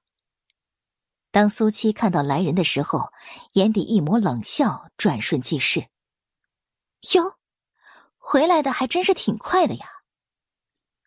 叶小莲已经疯了，她回到家里穿好衣服就冲出来了，她要去找苏七问问清楚，她要杀了苏七。苏七，你这个贱人，是你，是你害我的，对不对？狰狞的话语让立业再次停下了脚步，他打量来人一眼，然后看着叶小莲朝着苏七扑了过去。就在他要撞上苏七的前一秒，苏七一个侧身，完美躲开，干净利落。立业目光一顿，稍微后退两步，拉开和他们的距离，似乎并不让这些人太留意到他。叶小莲扑空了，还差点摔倒。他爸妈还有其他人，这个时候也赶到了，一把拽住了他。小莲，别闹了！难道还不嫌丢人吗？叶小莲死死盯着苏七，恨不得用眼神在他身上戳几个窟窿。是他，真的是他打昏了我，把我拖到小树林，然后，然后……后面的话，他是无论如何都说不出口的。但是整个人仿佛被一股阴影笼罩，阴森恐怖。苏七很淡定的站在原地，跟他完全形成了鲜明的对比。然后怎么了？我怎么都听不懂呢？苏七似笑非笑的开了口，故意往他心尖上戳。叶小莲的鼻子都气歪了，牙齿咬得咯吱咯吱的响。我记得清清楚楚，是你。是你踹了我一脚，然后我就昏过去了。他一定要向所有人澄清，他并没有被男人那样。苏七眨巴眨巴眼睛，脸上多了一抹讥讽。冤枉人是要证据的。小莲，别说了，咱们赶紧回去吧。叶母现在真的是不知道该拿他怎么办才好了，而且他说的这些什么乱七八糟的，踹一脚就晕了。妈是真的，你们也知道的。这个傻子他很厉害的，他一只手就捏断了金花婶子的骨头，一巴掌就打掉了我的一颗牙。真的是他把我打晕了。叶小莲急躁的扯着嗓子喊着：“到底要怎么样，他们才会相信呢？”苏琪双手抱在胸前，啧啧两声：“我为什么要打晕你呀？”那是因为我，我，我。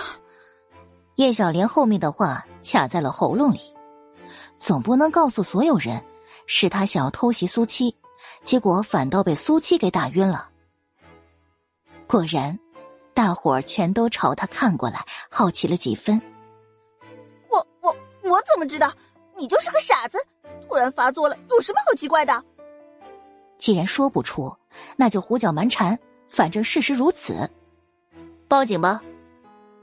苏七丝毫不慌，而且也不打算再继续。不咸不淡的三个字，让叶小莲还有她的父母直接就变了脸色。订阅评论第四十二集。胡同里鸦雀无声，叶小莲更是难以置信。这个傻子是认定了，如果报警的话，也不能把他怎么样。苏七一声冷笑，完全的不耐烦。废话那么多，都给我滚蛋！小莲，回家吧。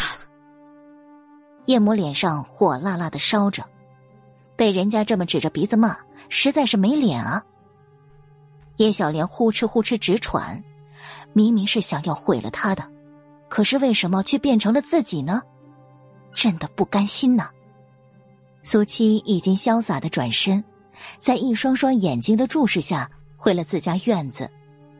转身那一瞬，脸上浮现出的嚣张笑容，却被站立在不远处的立业尽收眼底。苏七，你这个贱人！你竟然这么回我，你会有报应的！你，你不得好死！叶小莲疯了，扯着嗓子咒骂着，声嘶力竭。叶父叶母恨不得直接捂住他的嘴巴，这是生怕所有人不知道吗？最后，在两个人半拖半拽下，叶小莲终于离开了胡同。一直跟着看热闹的街坊们一阵唏嘘，闹来闹去，结果人家苏七就这么两句话。不过这个傻丫头可是怎么看起来都像是清醒了许多啊！哎呀，这位是谁呀？正当众人准备散了的时候，终于有人发现立业的存在，立马就亮了眼睛。这么一表人才、气质出众的俊后生，以前可是从来都没见过的。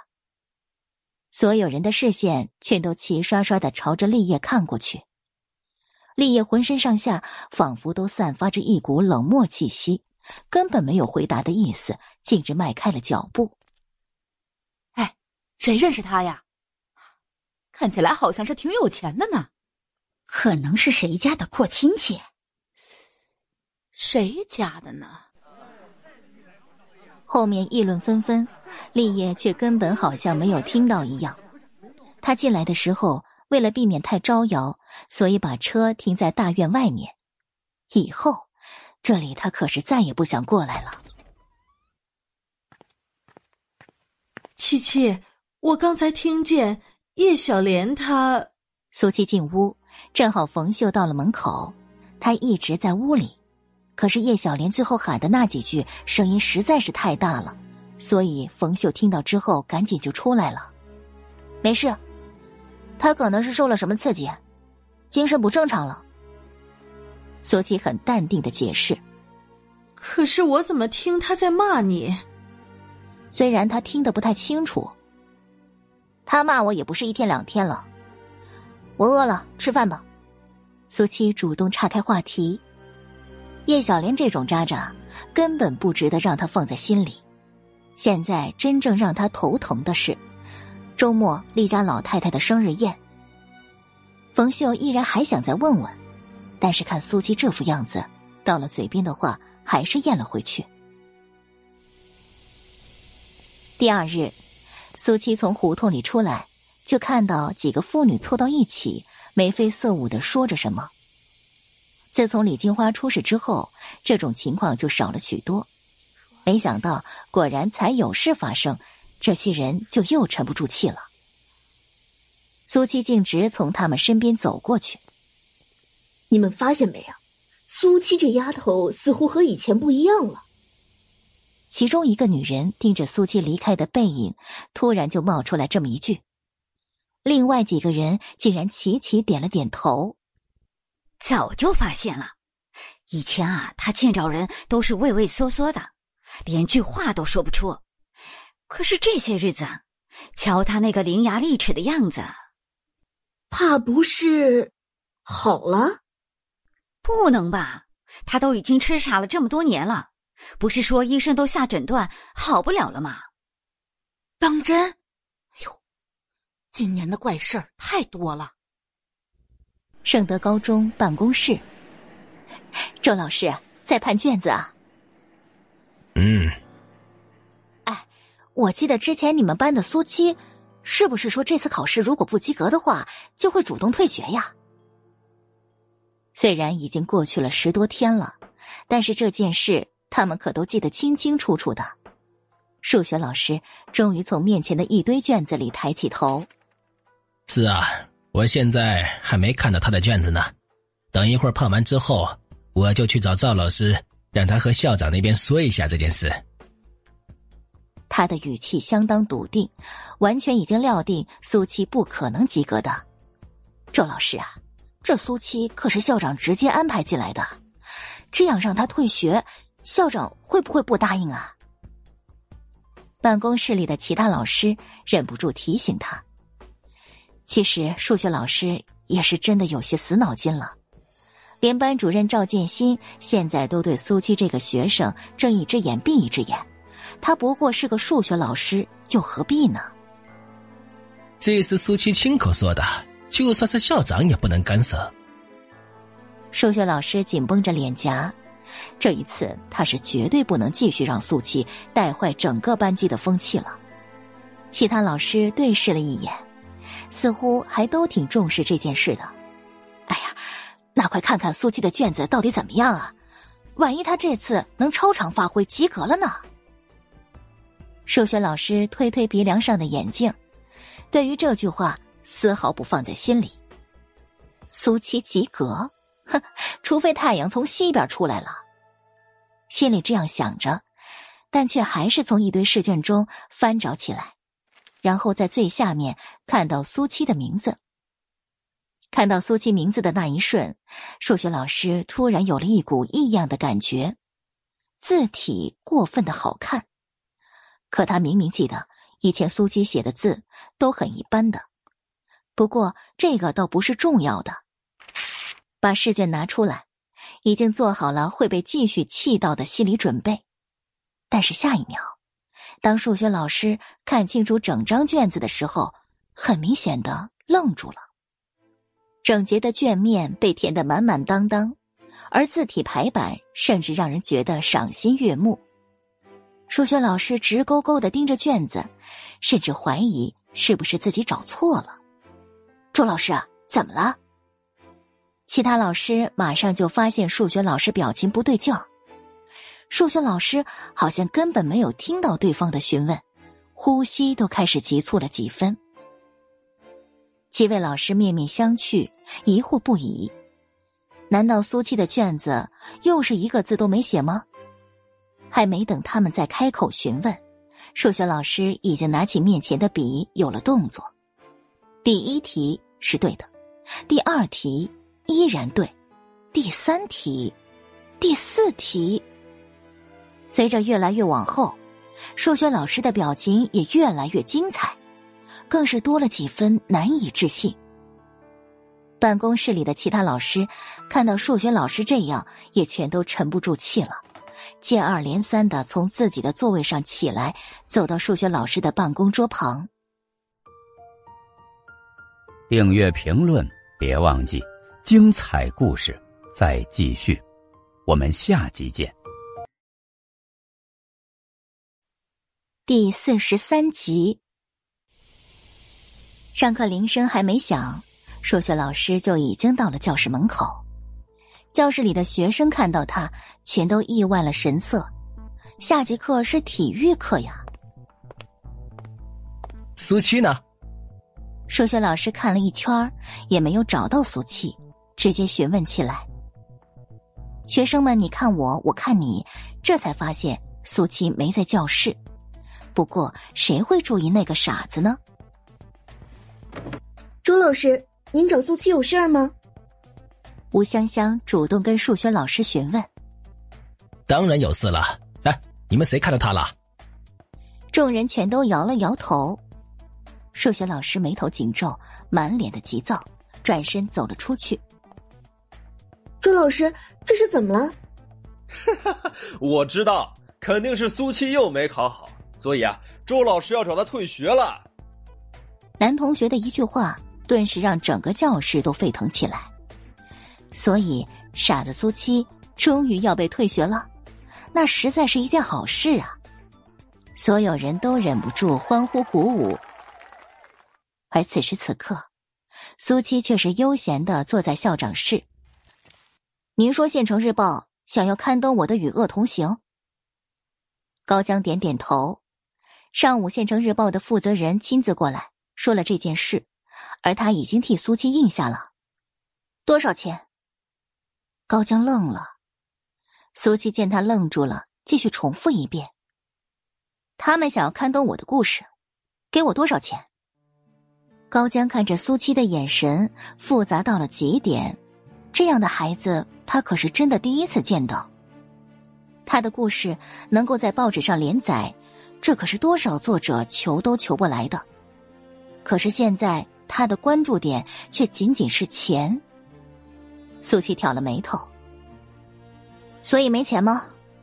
那我不答应。打白工，当他傻吗？苏七啊，你知道咱们县城日报的发售量有多大吗？他们连载你的故事，就等于免费给你做宣传，对你可是有大好处的。高江终于回了神，耐着性子给苏七分析着。苏七现在的格局实在是太小了，别说是对他本人，就算是对学校来说，都是长光彩的事情啊。您的意思我明白。可我就指望着稿费过日子呢。再说了，现在是他们需要我的故事增加销量，刊登我的稿子给我稿费，这是天经地义的事情。苏七的声音不重，但是却理所当然到让人不容置喙。高江竟然无言以对。如果没有看到他的故事之前，或许会觉得苏七太过狂妄了。但是苏七的故事都已经让人家报社这么重视了，就说明潜力巨大。好吧，我帮你问问。上午他跟报社的人交谈的时候，根本就没有想过稿费这方面。他们还说能不能让你改成一周两更？不能，我没那么多时间。苏七几乎都没想就拒绝了。现在写稿只是为了稿费，过渡而已。这个他还真没太想走这个路子。高江真是哭笑不得呀！这么好的机会，偏偏苏七就这么不放在眼中。这件事就麻烦校长您了。我的意思就很简单：有钱好办事，没钱，一切免谈。苏七离开校长室之前，再次强调一遍。苏七，你去哪儿了？刚才周老师找你呢。苏七才回到教室，吴香香马上就喊住了他：“什么事啊？”苏七漫不经心的语气，完全不像是跟班花说话，更像是高高在上的领导对下属的询问，说不出的气势。吴香香微微一愣，竟然感觉到一股隐形的压力，幻觉吗？我怎么知道？你快去办公室吧。回神之后，态度都恶劣了许多。苏七淡淡的瞥了他一眼，然后离开了教室。香香，你跟傻子计较什么？反正他马上就要退学了。跟吴香香要好的女生听出了他的怒火，赶忙安抚着：“我才没有跟他计较呢。”吴香香收回看着苏七的视线。又恢复了往常平易近人的班花形象。周老师，你找我？苏七来到办公室，直接就奔着数学老师的座位走过去。看到他，别说数学老师了，就连办公室里其他的老师都停下自己的事情，朝着苏七看过去，神色复杂。数学老师更是直接站起来，上上下下打量着苏七。那个眼神恨不得直接在苏七身上戳个窟窿出来。苏七很平静的站在原地，任由他怎么看。足足过去了两分钟，数学老师终于收敛视线，巴掌重重的拍在桌子上，发出一声刺耳的声响。苏七，你给我老实交代，考试的时候到底是怎么作弊的？开口就是尖锐的质问。苏七愣了愣，可数学老师一张脸涨得通红，等着苏七回答。我问你话呢，我没作弊。苏七凉凉的丢出一句。数学老师呼吸更是不稳，他说没作弊，难道要让他相信他这次竟然考出了满分吗？满分啊，一题不错的。切，不可能！你是监考，你看见我作弊了？苏七脸上浮现出一抹不耐，尾音微微的上扬。数学老师直接就被他怼了回去。他要是看见了，或许还不会这么震惊呢。我没看见，不代表没有。哎，就你这样的学生，怎么可能考出这样的成绩来？我是什么样的学生？苏琪眼神一厉，办公室里的空气仿佛都凝固了几分。你，你，周老师，你冷静一点，到底是怎么回事？慢慢问问清楚。旁边的其他老师见数学老师情绪实在太激动，赶忙打着圆场。毕竟苏七考出这样的成绩，万一就是个奇迹呢？虽然他们也觉得不可能。数学老师长长出了几口气，语气也终于平稳一些，重新看向苏七：“哎呀，苏七啊，你只要告诉我，啊，我可以再给你一次机会。”这已经是他能做出的最大的让步。苏七看着他的眼神，就犹如看着白痴一样。我就问你一个问题。数学老师和其他老师都瞪大了眼睛看着他。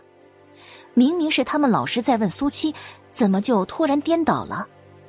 而且苏七还这么一副理所当然的样子。这些考卷里，还有比我的分数更高的吗？苏七虽然是在询问，可是分明语气是无比的自信与笃定。当然没有，你可是满分的卷子。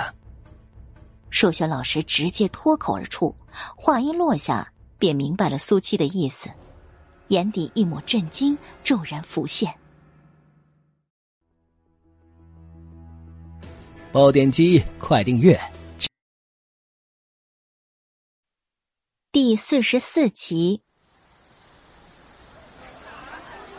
你们说啊，苏七被周老师叫到办公室，是不是就直接办退学了？我觉得会的，少了这个傻子。咱们班也就不会是整个年级垫底的了。哎，你们几个，嘀嘀咕咕说什么呢？体育老师刚刚点完名，就看到排在后面的几个男生在窃窃私语，呵斥一声：“老师，苏七还没到呢。”胆子大的男生直接一声揶揄。体育老师皱了眉头，他当然知道少了苏七，可是这重要吗？苏七的身体素质在整个班，啊，不是整个学校里都是最差的。平常的四百米跑都坚持不下来，稍微运动过量就会中暑晕倒。所以，就算他来了，也是呆呆的站在一旁看着。不过，男生的话音才刚落下，苏七的身影便出现在操场。他怎么还在呢？难道不该直接背着书包滚蛋吗？苏七，马上入队。要上课了，体育老师催促一声。苏七不紧不慢的走进女生队伍，对于四周投来的异样目光视若无睹。再过一个月就是咱们学校的运动会了，所以这几节课咱们要进行针对性的训练，筛选出适合参赛的同学。当然，有特长的同学也可以踊跃报名。如果在运动会上能够取得优异的成绩，也会计入到你们个人的档案。作为日后升学的加分项，气氛顿时被体育老师这番话带动起来，不少人都已经跃跃欲试了。好了，现在我们先来热热身，四百米跑开始。伴随着体育老师话音一起落下的是人群中苏七抬起的手。老师，我身体不舒服，跑不了。他小细胳膊小细腿的。这些日子好不容易才养回了一些体力，当然不能浪费在这种无聊的事情上。体育老师沉了口气，完全一副见怪不怪的模样。去旁边看着。苏七走出队伍，然后朝着远处的一棵大柳树走过去，自然又是引得一群不善运动的女生羡慕、嫉妒、恨。苏七靠着大树坐下，打了个哈欠。唉，这些日子以来，苏七睡觉的时间比正常人要多得多。其实真的不是他想要睡，就是经常会觉得又乏又困。不过苏七也没有多想什么，毕竟这个身子本就虚得很的。很快，苏七进入了梦乡。喂，傻子，醒醒！突然，一道叫喊声吵醒了苏七的睡眠。打了个哈欠，睁开眼睛，看到站立在面前的吴香香他们。三个女生，两个男生，全都呼吸急促，脸色通红，显然是刚刚做完激烈的运动。你一边待着去，香香要在这里休息一会儿。苏七淡淡的瞥了一眼说话很冲的男生，然后就再次闭上了眼睛。吴香香的脸色顿时就变了，她刚刚做完运动，现在是又累又热，整个操场上也就只有这里有阴凉了。苏七，跟你说话呢，你聋了？不用他说话，跟在他身旁的人已经暴躁的开了口。下一秒，其中一个女生直接朝着苏七走过去。傻子不知好歹，把他拽走就是了。可是，还没等到碰到苏七呢，苏七再次睁开眼睛，他的脸上不带一丝情绪，眼神更是无比的冷漠，只是一个淡淡的眼神，便让女生呼吸一滞，下意识的后退一步，气氛说不出的尴尬。苏七，你没有训练，能不能让我们在这里休息一下呢？吴香香开口，态度更是随和的不得了。作为班花，该有的气度还是要有的。哼，香香，你跟他说这么多做什么？反正他也听不懂。这么一个傻子，班里的荣誉一点都帮不上忙，拖后腿反而比谁都勤快，早就该让他滚蛋了。李周山直接咒骂他，他平常早就看苏七不顺眼了，特别是他喜欢的刘家出事之后，据说跟这个傻子也脱不了关系。吴香香赶忙阻止他继续说下去。周山，大家都是同学，苏七肯定也不愿意这样的。李周山冷哼了一声：“哼，赶紧滚开，这里不是你该待的地方。”如果我不呢？苏七眼底一抹戾气，浑身上下仿佛都被一股阴影笼罩。这里不长眼的苍蝇实在是太多了。李周山他们简直难以置信，这个傻子是在拒绝他们吗？要不还是算了吧，我们去那边休息。吴香香为难的放弃了。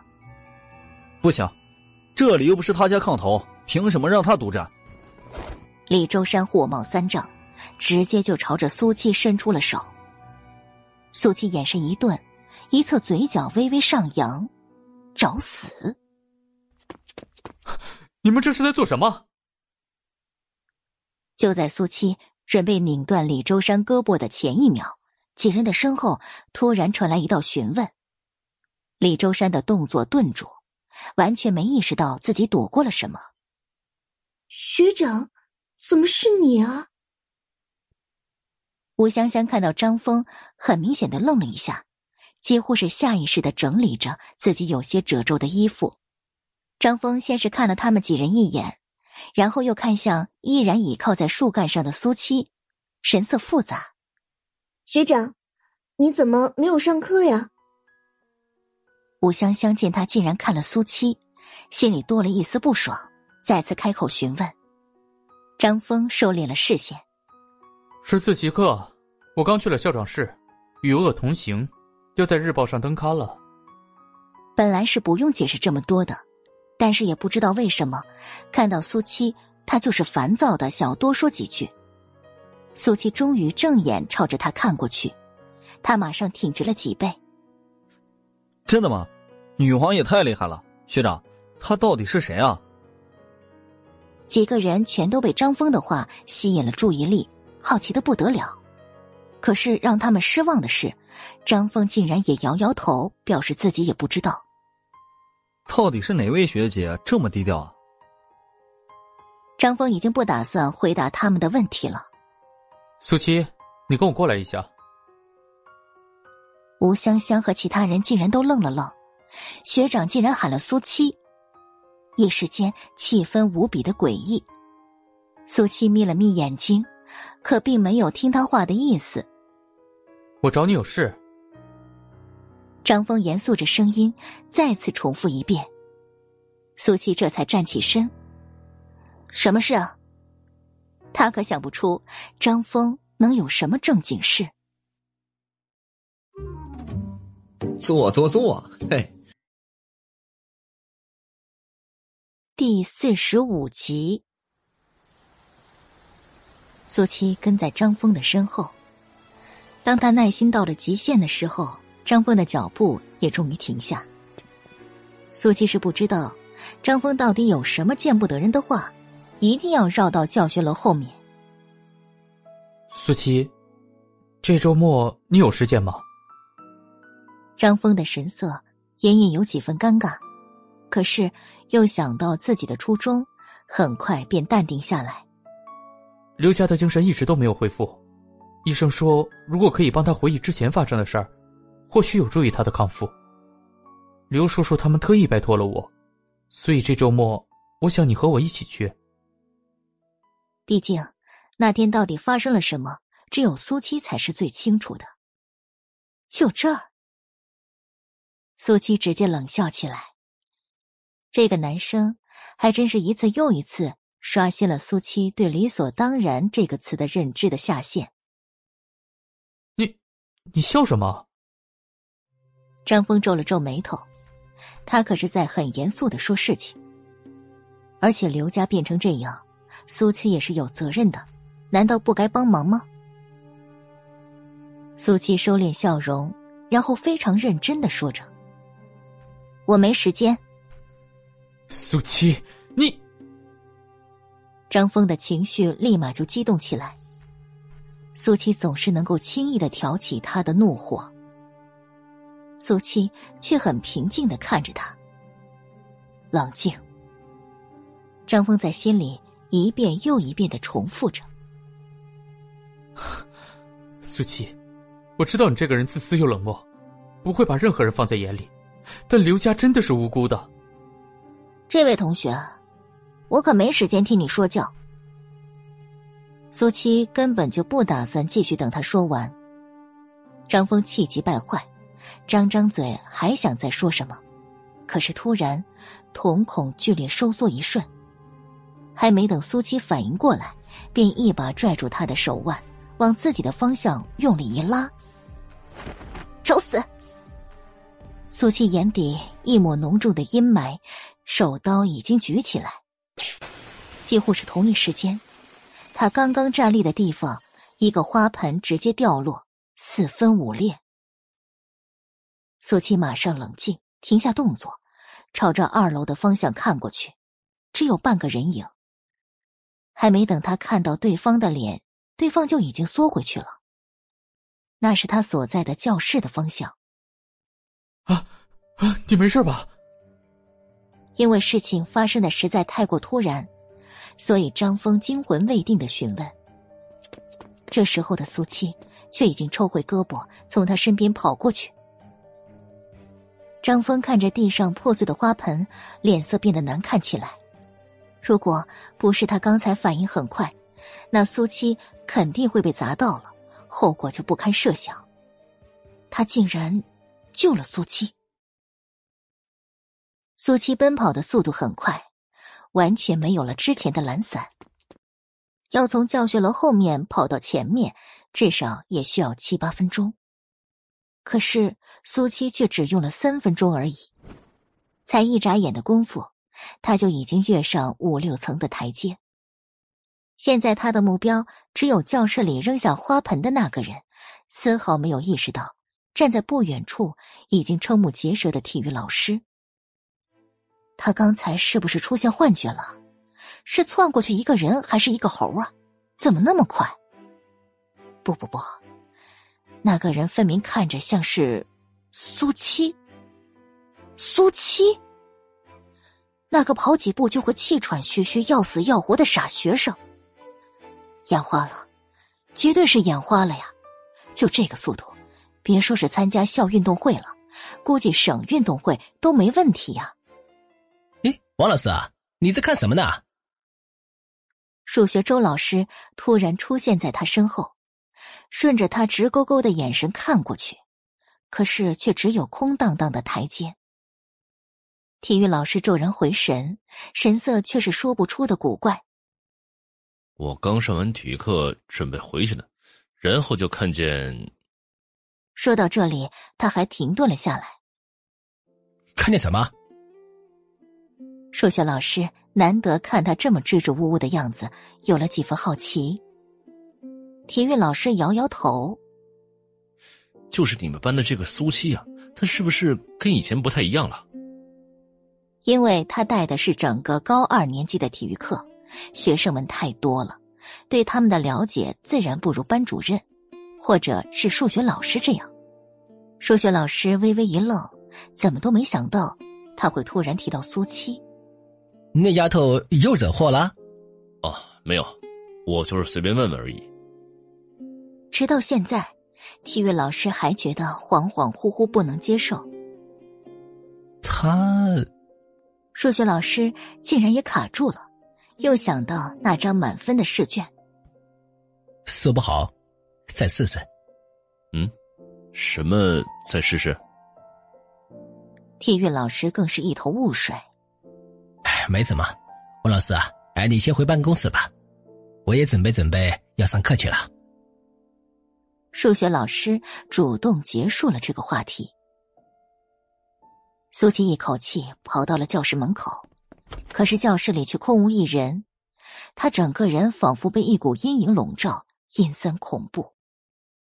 刚刚那个花盆，很明显是有人故意想要害他。这个时候，走廊里一片脚步和说话的声音。很快，班级里的同学三三两两的走回来。苏七站在原地，阴冷着眸子，打量着进来的每一个人。本来热热闹闹的学生们，全都被苏七盯得莫名其妙，而且不少人还都觉得后背凉飕飕的。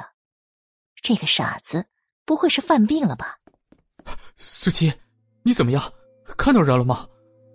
此时，张峰从外面走进来，径直来到苏七的身边。虽然他是非常讨厌苏七的，但是刚刚的事情还是要搞清楚的。苏七扭头看向他。你有看到是谁吗？他阴沉着声音，仿佛是在审问一般，让人不寒而栗。毕竟，张峰看到花盆落下，所以很有可能也看到是谁做的。我没有。张峰回答的相当干脆。苏七只是看着他，眸子冷得渗人。我真的没看到，我就是看见他落下来，然后拉了你一把。就连张峰自己都不知道。为什么要这样跟他解释？没看到就是没看到。或许是他摆放的太外面了，被风吹下去的。他其实还是不愿意相信是人为的。苏七一双眼睛深不见底。学长，你们在说什么呀？回到教室的同学全都一副八卦的模样，特别是张峰，竟然主动和苏七这样和颜悦色。吴香香实在沉不住气了，主动询问起来。不过，他的眼里只有张峰。我我们刚才，我们，张峰才开口，吴香香却已经嫉妒了起来。呃，他干咳一声，神色不自在了。本来什么都没有的，偏偏他要强调这两个字。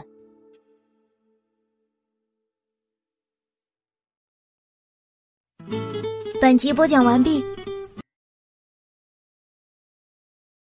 第四十六集。啊，我和苏七，张峰想要解释，可是反而觉得更不对了。没什么，索性直接把吴香香的话忽视，不再回答，扭头重新看向苏七。这周末没时间。苏七根本不给他说完的机会。刘家的死活跟他没有半点关系，也就只有他脑子进水，才会有脸跟他提这种要求。被当众拒绝，而且还拒绝的这么果断，张峰的脸上也有些挂不住了。而教室里的这些人，一个个更是瞠目结舌。现在是什么情况啊？张峰学长主动提出和苏七周末约会，苏七拒绝了。吴香香的表情管理彻底失控了，垂在身侧的双手直接握成了拳头。学长，恐怕你还不知道吧？苏琪已经和周老师承诺过了，这次考试如果不能及格的话，那他就要主动退学了。苏琪眯眯眼睛，清楚的捕捉到他眼底压抑的妒忌，转身朝着自己的座位走了过去。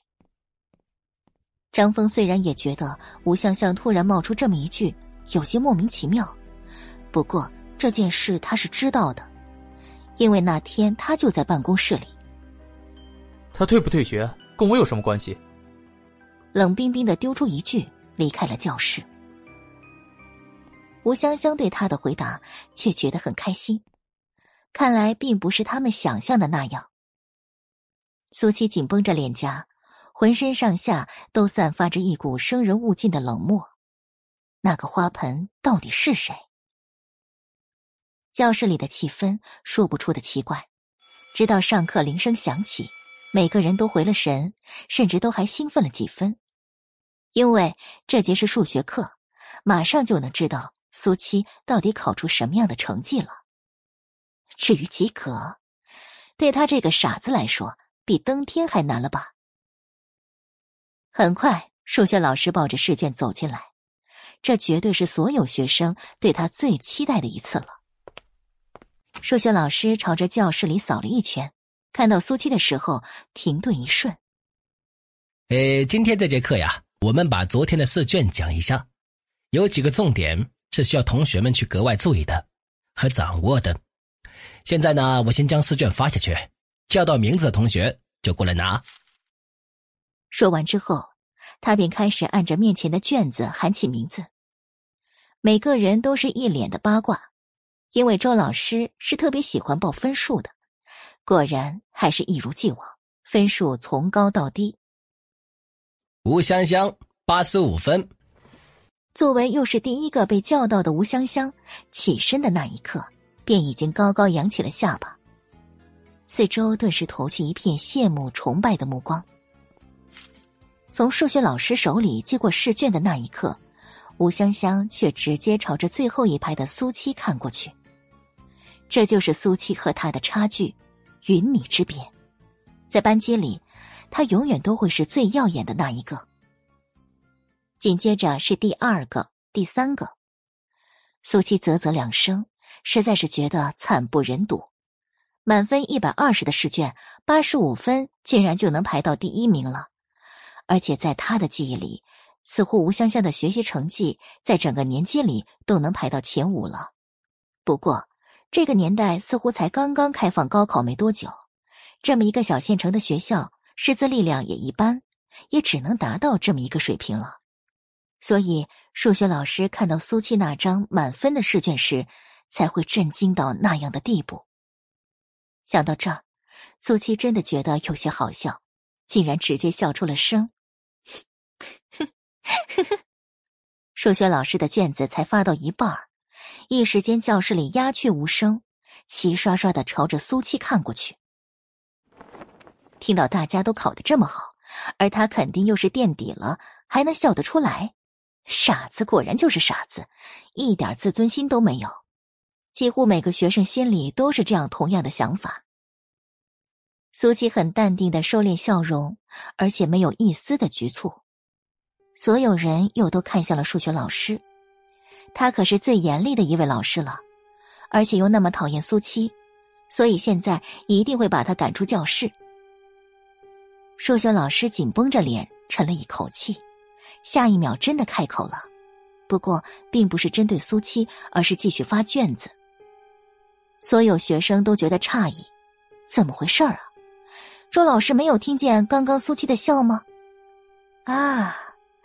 可能是要到最后宣布苏七的成绩，然后一起算总账。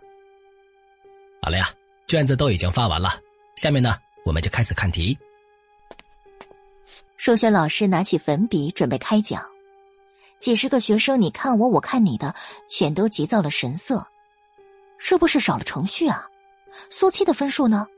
说好的不及格就退学呢？怎么一句都不提了呢？周老师，吴香香第一次在课堂上打断老师的讲课，举起了右手。什么事啊？数学老师这才暂停，询问一声。周老师，您是不是忘记了什么？吴香香从座位上站起来，小心翼翼的提醒着。数学老师眼底一抹疑惑：“忘记什么了呀？”吴香香吸了一口气，看来老师是真的不记得了，稍微加重了音量：“苏七的成绩还没有公布呢。”他聪明的只提成绩。对于退学的事情闭口不提。是啊，周老师，苏七的成绩呢？教室里马上一片附和之声，全都想要知道。数学老师脑袋有些大了，他就是故意没有说的。苏七慵懒的坐着，一双深不见底的眼眸却是从每个人的身上一一扫过，那一张张迫不及待想要看他出丑、赶走他的面孔。安静，安静啊！苏七同学这次的考试成绩，数学老师终于艰难的开口，所有人都竖直了耳朵，等着听。呃，还还不错，不过别人的成绩也不是你们该关心的，把握好自己的学习才是最重要的啊！前面三个字被他最快的速度带过。后面忍不住语重心长起来，可即便这样，教室里还是一片哗然。他们的耳朵没问题吧？周老师竟然说苏七考的还不错，还不错是什么概念？及格了还是怎样？吴香香脸色难看无比，这绝对不是他想要听到的回答。张张嘴还想再说什么，可是数学老师已经开始自己讲课了。苏七看着他有些扭曲的侧脸，眼底一抹讥笑。不过周老师说的，他也同样不满意。看来他依旧是不相信自己，所以才会这样遮遮掩掩的。订阅评论别。第四十七集，一节数学课上的无比压抑，所有学生全都心不在焉的。下课铃声才响起，数学老师马上就离开了教室，教室里也瞬间乱成了一片。苏七，你告诉我，到底考了多少分？既然周老师不肯说，那索性直接问苏七这个当事人好了。一双双眼睛全都朝着苏七看过去，现在所有人真的是好奇死了。苏七这一次。竟然相当的配合开口，满分。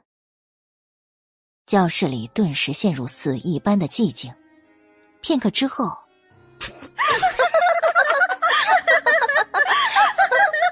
全都是讥讽的笑声。同学们都听到了吗？苏七说他得了满分啊，是满分。当然听到了呀，苏七，你是不是还没睡醒呢？苏七啊，你知道满分到底是多少分吗？一声接着一声的讽刺。苏七面无表情，他们看着苏七是傻子，可是苏七看着他们却是白痴啊。吴香香低垂了眼帘，注视着自己面前的课本，好像根本就不在意这些。唯有捏着笔的五根手指，骨节都在微微的泛白。不管这个傻子到底考了多少分但是周老师没有再提他，让他退学，这是真的。所以苏七还是要继续留在班级里了。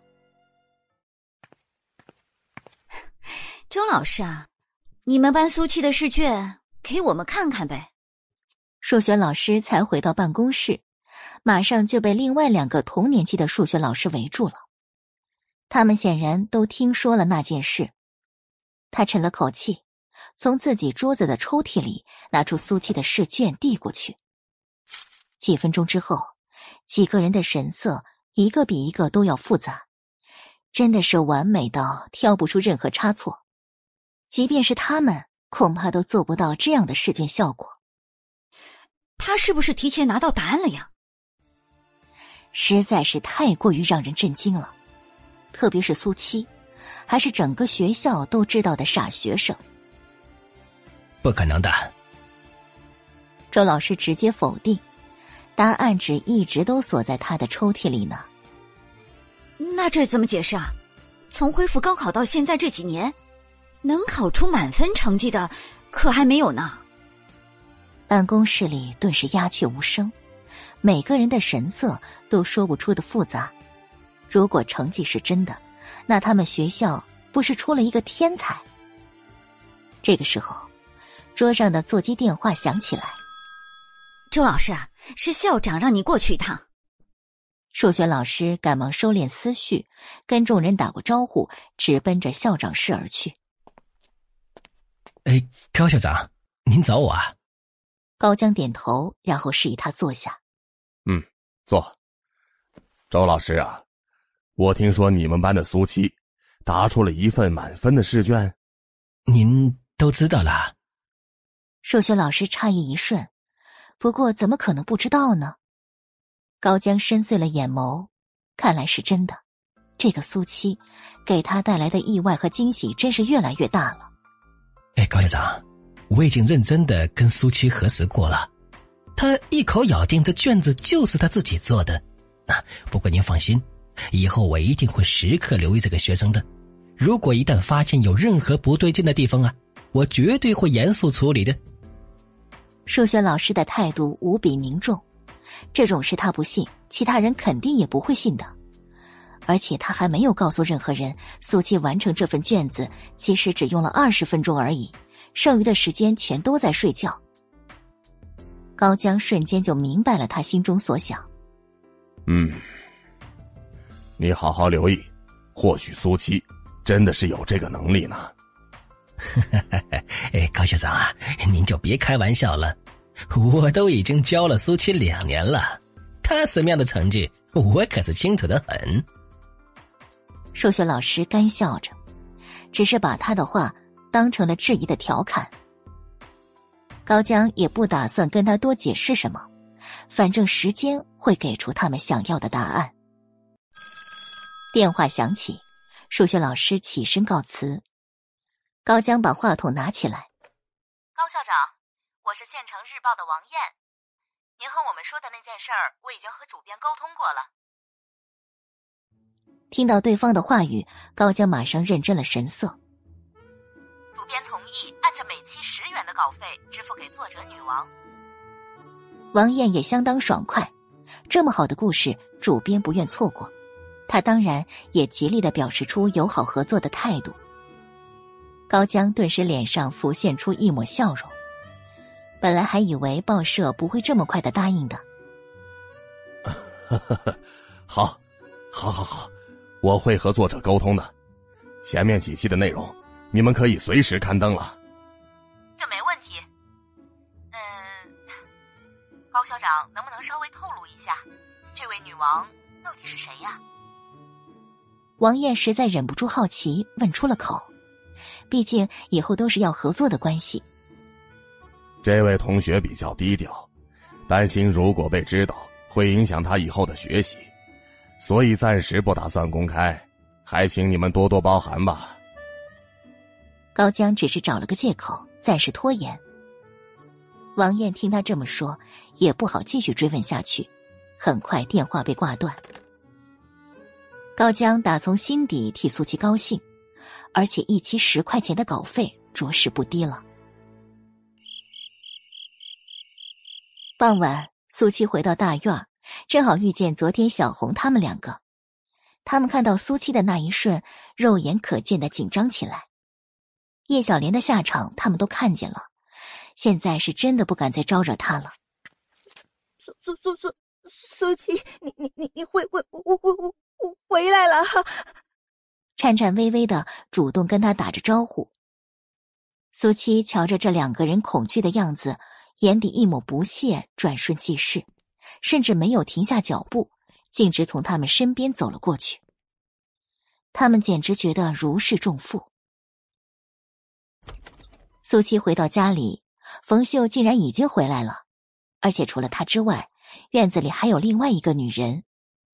女人不是大院里的人，看到他之后，他们直接停下了交谈。呀，苏七都已经长这么大了呀！女人一边说，一边打量着苏七，然后伸手就想摸摸他的肩膀，表示亲密。可是苏七却直接就躲开了，神色更是说不出的冷漠。你是谁？女人表情一僵，还以为这两年过去了，苏七的痴傻能好一些呢，可是没想到竟然还是这个样子。我是七七，你回屋吧。冯秀竟然打断女人后面的话，催促着苏七进屋。女人很快就明白了他的意思。好。时间也不早了，我也该回去了。我送你出去。苏七看着冯秀那副迫不及待的神色，还有两个人离开的背影，皱了眉头。他这是故意不让自己知道这个女人的身份呢。冯秀进了屋，苏七正在换衣服。冯秀有些心虚的走到苏七的旁边。第四十八集。七七，刚才那个女的是妈的一个远房亲戚，已经好久都没有走动了。正好她今天过来这边，顺道来看看我而已。不等他询问，冯秀就主动解释：“嗯。”苏七淡淡的应了一声，似乎并不在意。冯秀这才稍微松了口气。七七，我是这么想的。周末是老人家的大寿，你不好空着手过去的，要带一些礼物才对。那就随便买点什么。苏七心不在焉的说着，他根本就没把这件事放在心里。讨好老太太大可不必，他还想着怎么能让老太太讨厌他呢？怎么能随便呢？这可是大事，容我这两天好好想想。礼物买轻了会被人家笑话，可是太贵重，他家的条件在这摆着呢。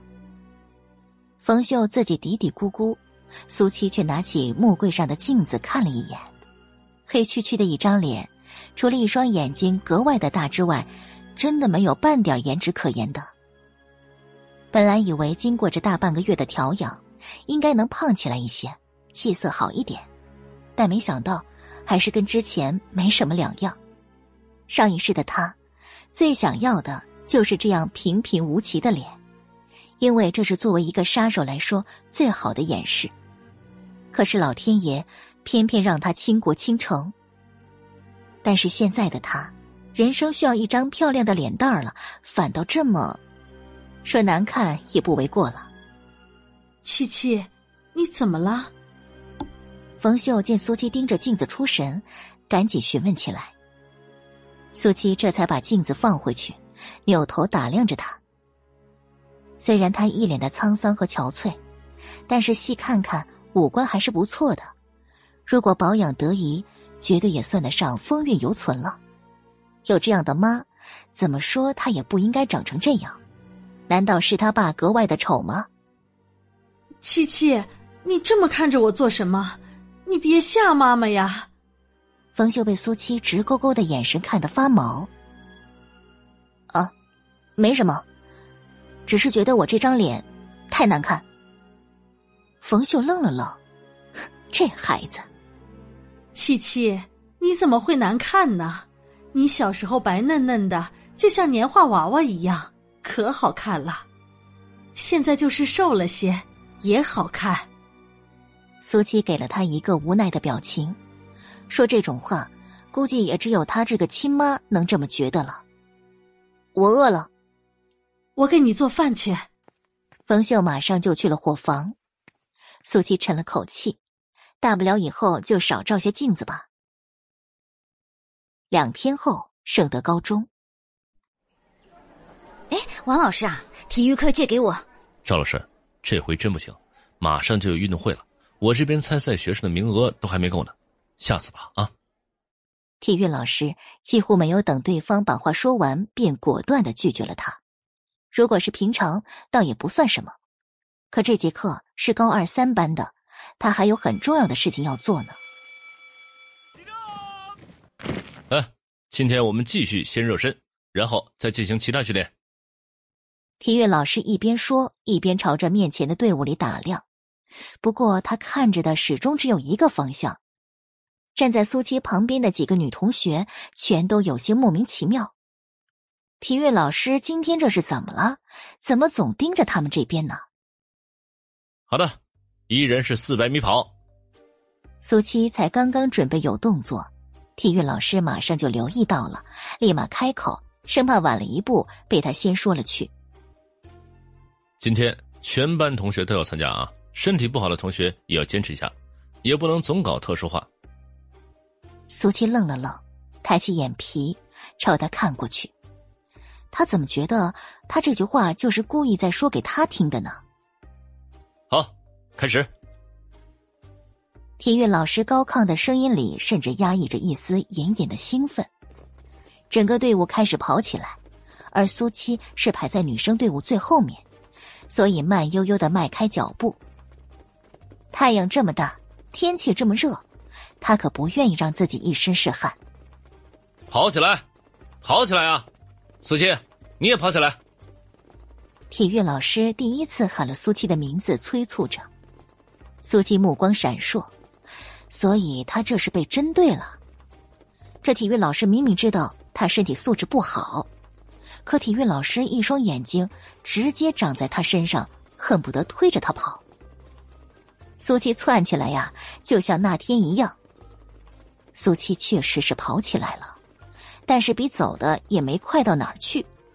四百米跑下来，所有人都已经气喘吁吁、满脸是汗了。苏七当然也是最后跑完的那一个。如果是往常的时候，他这么掉尾巴，自然又少不了一番讥讽。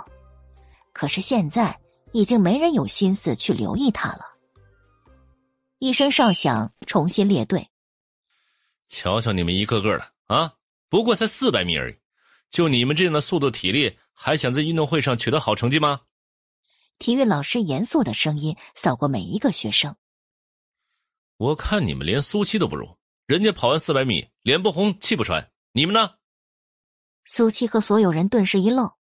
一双双眼睛又齐刷刷的朝着苏七看过去，他确实跟平常一样，看不出刚刚跑过。王老师，我觉得你说的不对，苏七那跟走有什么区别啊？我们要是走四百米，也能像他那样。队伍里，李周山第一个沉不住气，一声反驳，紧接着就是一片附和。他们可接受不了跟一个傻子做比较。苏七也是跑了的，好吗？体育老师依然无脑的为苏七拉仇恨。王老师，你怎么能这么偏袒苏七呢？我们不服。对，我们不服。一时间简直群情激愤，异口同声。既然你们都不愿意承认不行，那我就给你们一次机会啊！你们找个人出来。跟苏七比一比，要是能赢了苏七，我就收回刚刚的话。体育老师扯着嗓子，直接就做了决定。苏七黑了一张脸，所以这些日子他是哪里得罪了体育老师啊？王老师，你是不是应该问问我这个当事人？他可没心情跟这么一群小屁孩比什么。我跟苏七比，他既然是比赛。那输赢是不是要有说法？这时候，李周山直接从列队里走出来，满脸怒火，把苏七的话当成了空气一样。哎哎，别走！第四十九集，李周山是班级里最擅长跑的一个人，他跟苏七比，那简直是分分钟就能把他碾压了。他出来，那根本就是大材小用。体育老师犹豫一瞬，本来他的意思是一位女同学来和苏七比的，但是现在，那好吧，不过你说的输赢是什么意思？既然是想要试试苏七真正的实力，不管是谁都无所谓。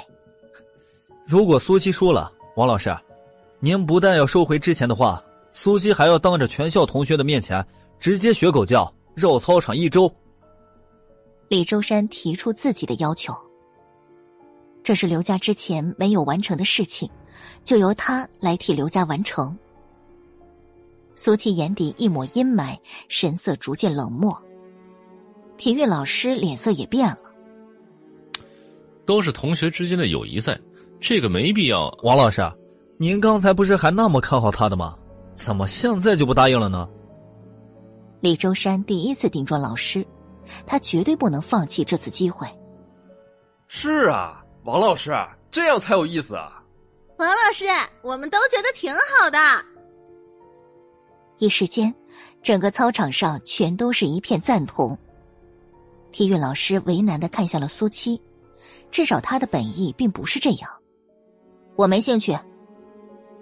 就在所有学生都已经兴奋到迫不及待的时候，苏七再一次淡淡开口。从头到尾，他可什么都没做，难道他们想比他就比吗？哼，我就知道你这个怂包不敢，也就是王老师，偏偏要给你这么大的脸面。李周山轻蔑着声音讥讽着，甚至面目可憎。苏七眼睛眯起来，王老师，您看见了吧？苏七拿什么来跟我比？烂泥扶不上墙而已。李周山说完，猖狂的笑起来。就是苏七这个傻子，别说是跑四百米，恐怕跑两百米，他都会被累得尿裤子了。一片哄笑，欢乐无比。体育老师尴尬的不得了，他可真的不知道这些学生竟然这么敌对苏七。都安静！他们可都是受高等教育的学生啊。说这种话像什么样子？说完，朝着苏七看过去，带着一丝歉意。苏七，你真的不比吗？李周山阴鸷的目光也看向了苏七。就算苏七真的不答应，但是他这么骂他，苏七都能忍气吞声，也总算是能让他稍微出出气了。苏七突然笑了，神色却说不出的冷。李周山，你故意刺激我，想让我答应。不是质问，而是霸道笃定的语气。你也不撒泡尿照照自己什么德行？我只是单纯气不过王老师说的那些话罢了。李周山是真的没有把他放在眼里。好，如你所愿。苏七再次开口，简单一句。操场上突然鸦雀无声。一个个面色古怪，所以他这是答应了。所有人都料定他不可能答应，可是他却又答应了。傻子竟然也知道要脸了呀！这可真是太阳从西边出来了。体育老师回神之后亮了眼睛，他现在可是坚信苏七是有实力的。李周山最为兴奋，浑身上下仿佛都已经开始积聚力量。他要在跑道上彻底击垮他，然后还要让他当着全校师生的面像狗一样的爬。好，你们两个都准备。等等，体育老师才说话，苏七就又打断了他。李周山心头一沉，难道他又要反悔？如果我赢了，你要输什么？苏七声音不重，可是却让人觉得压力十足。呵呵，苏七啊，你是不是做梦呢？竟然觉得能赢我？李周山讥讽着，看着苏七的眼神犹如看着白痴一样。苏七面无表情站在原地一动不动。哎，李周山，我觉得苏七说的有理啊。你赢了要让人家学狗叫，绕操场一周；但要是苏七赢了呢？体育老师都看不过去了。主动站在了苏七这边，而且他觉得只有这样，才更能让苏七不遗余力发挥全力。李周山目光闪烁，反正也是不可能的事。哼，要是我说了，我就学狗叫，绕操场一周，这样可以了吧？体育老师看向苏七，苏七点点头。那就这么定了，你们都做一下准备，五分钟之后开始。体育老师话音落下，气氛彻底沸腾，所有人都呼啦啦的朝着跑道那边过去。这次可真是有好戏看了。校长室，高校长，快来看！孙海站在窗边，忍不住招呼着坐在一旁的高江。怎么了？操场那边怎么回事？这好像是要比赛呀！孙海兴冲冲的说着，虽然距离很远，完全听不到那边的情况，但是看这个架势，确实像。高江一脸的无奈，即便不用过去，也猜到了。孩子们在上体育课，搞个比赛不是很正常吗？高校长，快来呀！是苏七。孙海见他不动，赶紧补上一句。苏七可是通过他的关系才进来学校的，就连他这个副校长都不清楚是怎么回事。特别是苏七来了之后，大家都发现这孩子脑子不太灵光的时候，更是各种的揣测。他也问过校长几次，他们到底是什么关系？可是高江却什么都不肯说。不过这两年倒是也没看到他对苏七再有什么特殊的照顾，所以他也就不多问了。果然，高江听到他这句话，直接就起身走过来。他们现在的位置刚刚好能看清楚操场上的情况。此时此刻，苏七和李周山已经站在起跑线上。不是说苏七这孩子体力很不好吗？怎么还跟男同学比上了？孙海忍不住呢喃一句，不过也觉得挺有意思的。高江目光闪烁，同样的疑惑。操场上，李周山摆好了姿势，而苏七却只是漫不经心的站在那。哪个专业，哪个业余，简直一目了然。体育老师看着他们两个，有一瞬间的迟疑。如果苏七真的要是输了，那算不算是他害了这个学生啊？预备！一声令下，整个操场上的气氛都紧绷起来。跑！伴随着他的声音，李周山像是箭一样直接飞了出去。第五十集，好快啊！体育老师心里呢喃一声。显然，之前的集体训练，李周山是故意放慢了速度，而苏七明显比李周山反应慢了两秒。但是在场上两秒钟，往往就已经能够决定胜负了。李周山，李周山，加油！李周山，加油！操场上几乎异口同声，气氛火热无比。苏七确实也跑了起来，但是却被他远远的落在了身后。体育老师一颗心沉了底了，要是这个速度，苏七是无论如何都不可能追上去的。难道那天真的是他看错了？校长室里。高江同样的目不转睛。哎呀，高校长，苏七跟那个男学生比差太远了。这王老师也真是的，怎么能让女生跟男生比呢？根本就不是一个级别的嘛。孙海摇摇头，已经完全预料到了结局。跑到一百米的时候，苏七和李周山距离足足有二十几米；两百米的时候依然如此。李周山一边跑。竟然一边扭头朝着身后看过去，无比得意。赢苏七甚至不用全力。不过他的这个念头才刚刚升到脑海，苏七的速度似乎突然就快了一些。李周山皱眉，苏七竟然还有余力提速冲刺，那他就更快。怎么回事？苏七怎么变快了？是啊，这怎么回事啊？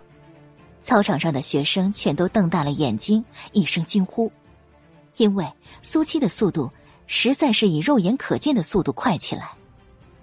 体育老师呼吸一滞，整个人都兴奋了不少，所以苏七还有机会。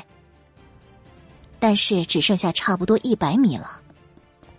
李周山第二次回头去看，本以为自己更快了，一定是把苏七再次甩开，可是没想到，苏七反而距离自己更近了。怎么会是这样？大脑嗡嗡作响，不敢再有任何保留，拼尽全身的力气。风声在耳边呼呼的掠过，还有五十米，他马上就要赢了。可是，在他不知道的跑道外，所有人都已经瞠目结舌，因为他们两人之间的距离正在快速的缩短，再缩短。这，这这！站在窗边的孙海眼睁睁的看着，在只剩下十几米，已经跟李周山持平的苏七的那一瞬，那副诧异的神色，仿佛就像是见了鬼一样。这苏七是怎么追上去的？高江也是一动不动。紧紧盯着苏七的身影。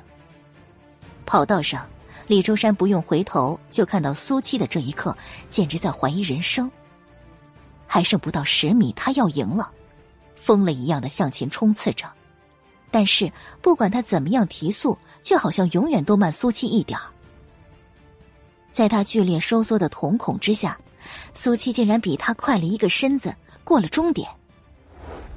操场上死一般的寂静。每个人都呆呆的站着，完全不知道该给出什么样的反应。苏七赢了。站在窗边的孙海声音说不出的惊愕，第一次看到这样的比赛。啊，是赢了。高江确定着，似乎比他要平静一些，可是，一双眼睛却深邃的看不到底。这个丫头。到底还要给他带来多大的震惊？一个人身上的变化怎么可能这么大？操场上，体育老师是第一个回神的，他扯了扯嘴角，再扯了扯嘴角，几个箭步冲到了苏七的面前。哈哈哈哈哈！苏七啊，我就知道你能行。他现在简直兴奋的不得了，这次的校运动会。绝对能够一鸣惊人了。苏七除了脸颊带着一丝红润之外，气息完全稳定，直接看向身后不远处弯着腰呼哧呼哧喘着粗气的李周山。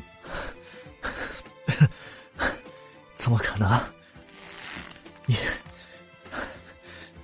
你一声冷笑，李周山双手紧握成拳头，根本无法接受自己竟然输给了苏七的事实。明天早操时间，苏七淡淡丢出这句话，然后转身离开，霸气的让人忍不住想要尖叫。李周山输了比赛，自然要当着全校师生的面前学狗叫，绕操场一周的，而这就是苏七给他的时间。哎，好了好了好了，都自由活动啊，然后等下课。体育老师急匆匆的吩咐一句，赶忙朝着苏七追过去，那样子就好像是生怕晚了一秒，苏七就会凭空消失一样。苏七赢了。终于，其他学生都回了神，可是却没有一个人的脸色是好看的，齐刷刷朝着李周山看过去。原本是想要给苏七难堪的，没想到，如果是其他事情。他们还能辩解是苏七作弊了，但是刚刚那是他们亲眼所见，那个病病歪歪、多走几步路都会喘的傻子，竟然就这么光明正大赢了李周山，所以谁来能告诉他到底是哪里出了问题？呃，苏琪啊，王老师有个事儿想跟你商量一下。体育老师小心翼翼跟在苏琪身边，甚至带了一丝讨好的神色，说：“呃，就是校运动会，你也知道，咱们班里呢，特别是女生组，体质都很一般。老师觉得，既然你有这个才能，那当然不能浪费了，你就随随便便报名参加一个四百米，一个八百米，再来一个一千二百米的接力赛，行不行？”苏七的脚步突然停下。扭头看向他，所以，你刚才是故意让李周山和我比赛，为了试探我的实力。而并不是因为想要针对他。体育老师呵呵的笑着：“呃，你都看出来了呀？其实老师呀，也是为了你好。你这么好的苗子，一定会在运动会上大放异彩的。拿到了好成绩，以后还能有利于你考上大学呢。难道你就不想进圣都大学吗？”圣都大学那可是所有学生的梦想。以苏七现在这样的学习成绩，恐怕连人家的门槛都摸不到。但如果真要是成了特长生，那还是有一丝希望的。不行。体育老师愣了，这孩子怎么就跟别人的脑子不一样呢？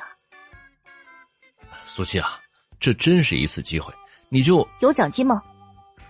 体育老师微微一愣，一脸的懵。嗯。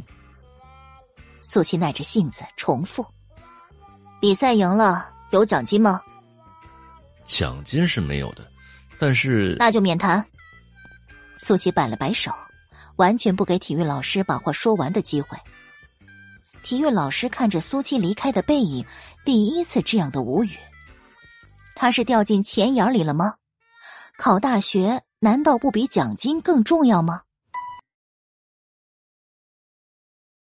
第五十一集。哎，阿峰，跟你说个奇葩事儿。又怎么了？那个苏七，你还记得吧？方宇兴冲冲的提到苏七的名字，可是却让赵峰脸色一沉。他是故意这么问的吗？上节课高二三班上体育，苏琪和班里的男同学比四百米跑，谁输了就要学狗叫，绕操场一周。不等他发问，方云已经迫不及待继续说起来。赵峰皱了皱眉头。他输了，切！你倒是想他输呢，他赢了。现在啊，整个学校都已经传的沸沸扬扬了。哎，你说这事儿是不是太奇葩了？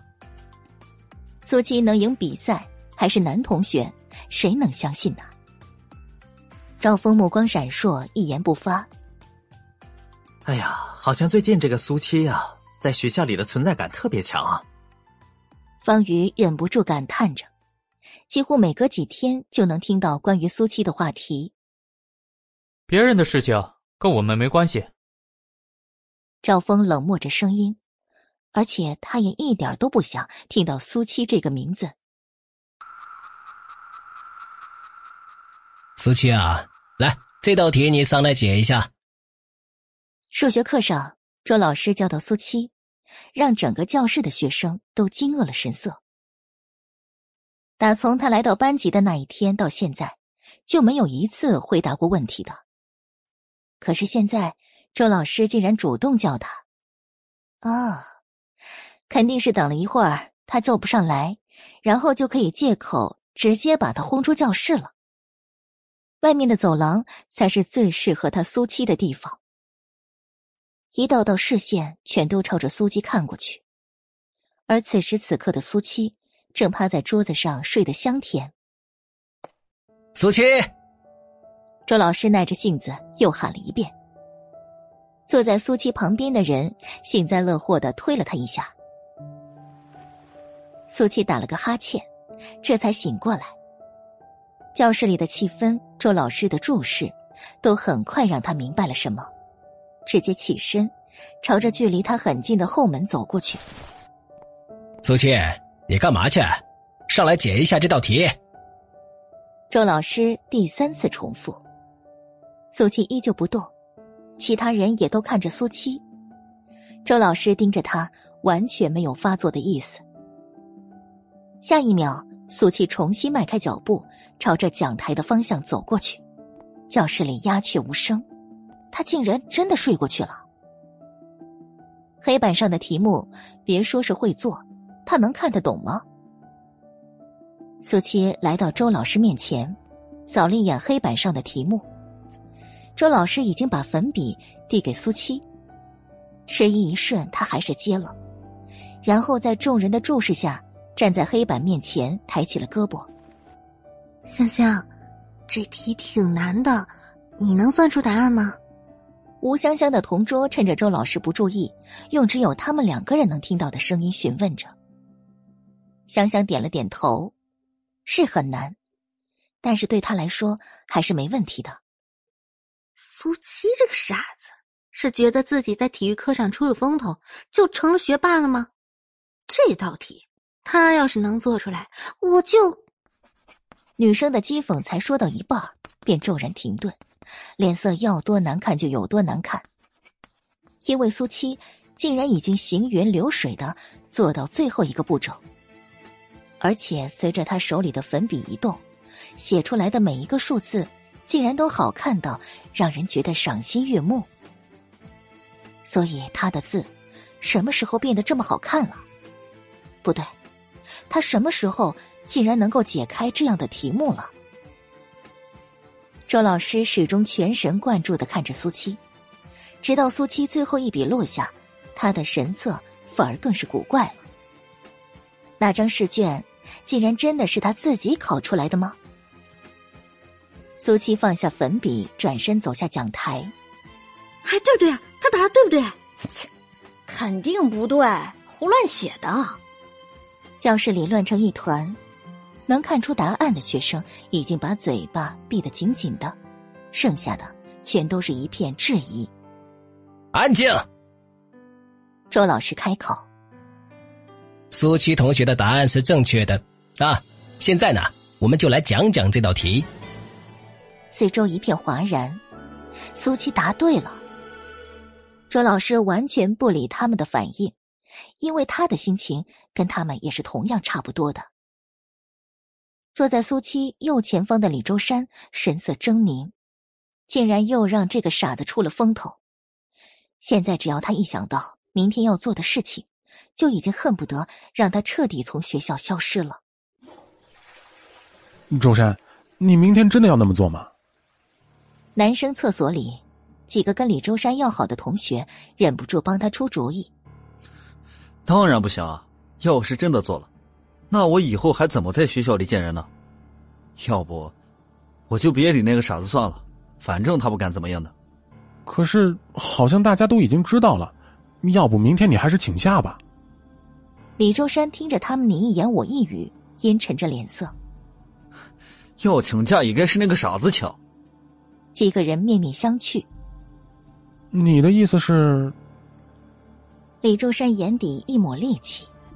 要是那个傻子突然就生病，不能来学校了，时间一长，那这件事自然也就作罢了。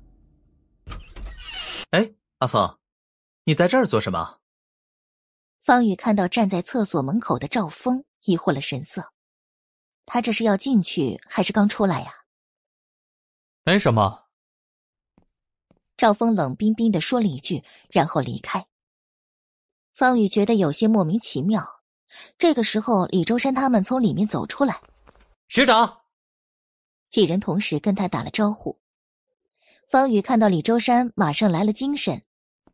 哎，李周山，听说你和苏七比赛输了，是不是真的？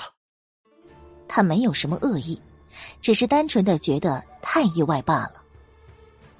李周山只觉得脸上火辣辣的烧着，果然全学校都知道了，气氛也是尴尬无比。呃，嗨，我就随便问问而已。方宇意识到了什么，干笑两声，说完赶紧走进了厕所。李周山垂在身侧的双手紧握成拳，手背上的青筋都凸起来。苏七，苏七，等一下。苏七才刚走到校门口，后面就有人喊住了他。这个声音不用回头，苏七也能清清楚楚的知道是谁。所以他非但没有停下，反而加快脚步。张峰看他这样，两条眉毛拧成了麻花一样，直接追了出去。苏七，我叫你呢，你没听到吗？拦住他的去路，态度恶劣的一声质问。苏七眼底浮现的是一抹不耐烦，他就跟苍蝇一样，在自己身边嗡嗡嗡的，简直是讨厌至极。让开！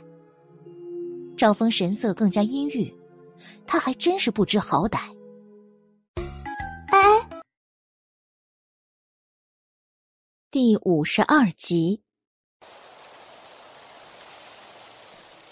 看着苏七从自己身边走过去，赵峰强忍住心头的火气，迈步跟上。他绝对不是想要管他什么，因为他们是同学，哪怕换成另外任何人，他都会这样做的。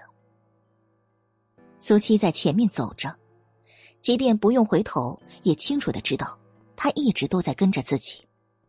不管赵峰是什么心思，苏七都不打算搭理。两人就这样一前一后的走着。周山，不行啊！学长怎么一直跟着那个傻子呢？在苏七回家的必经之路上，李周山和另外两个男同学看到这一幕，脸色都变得很难看。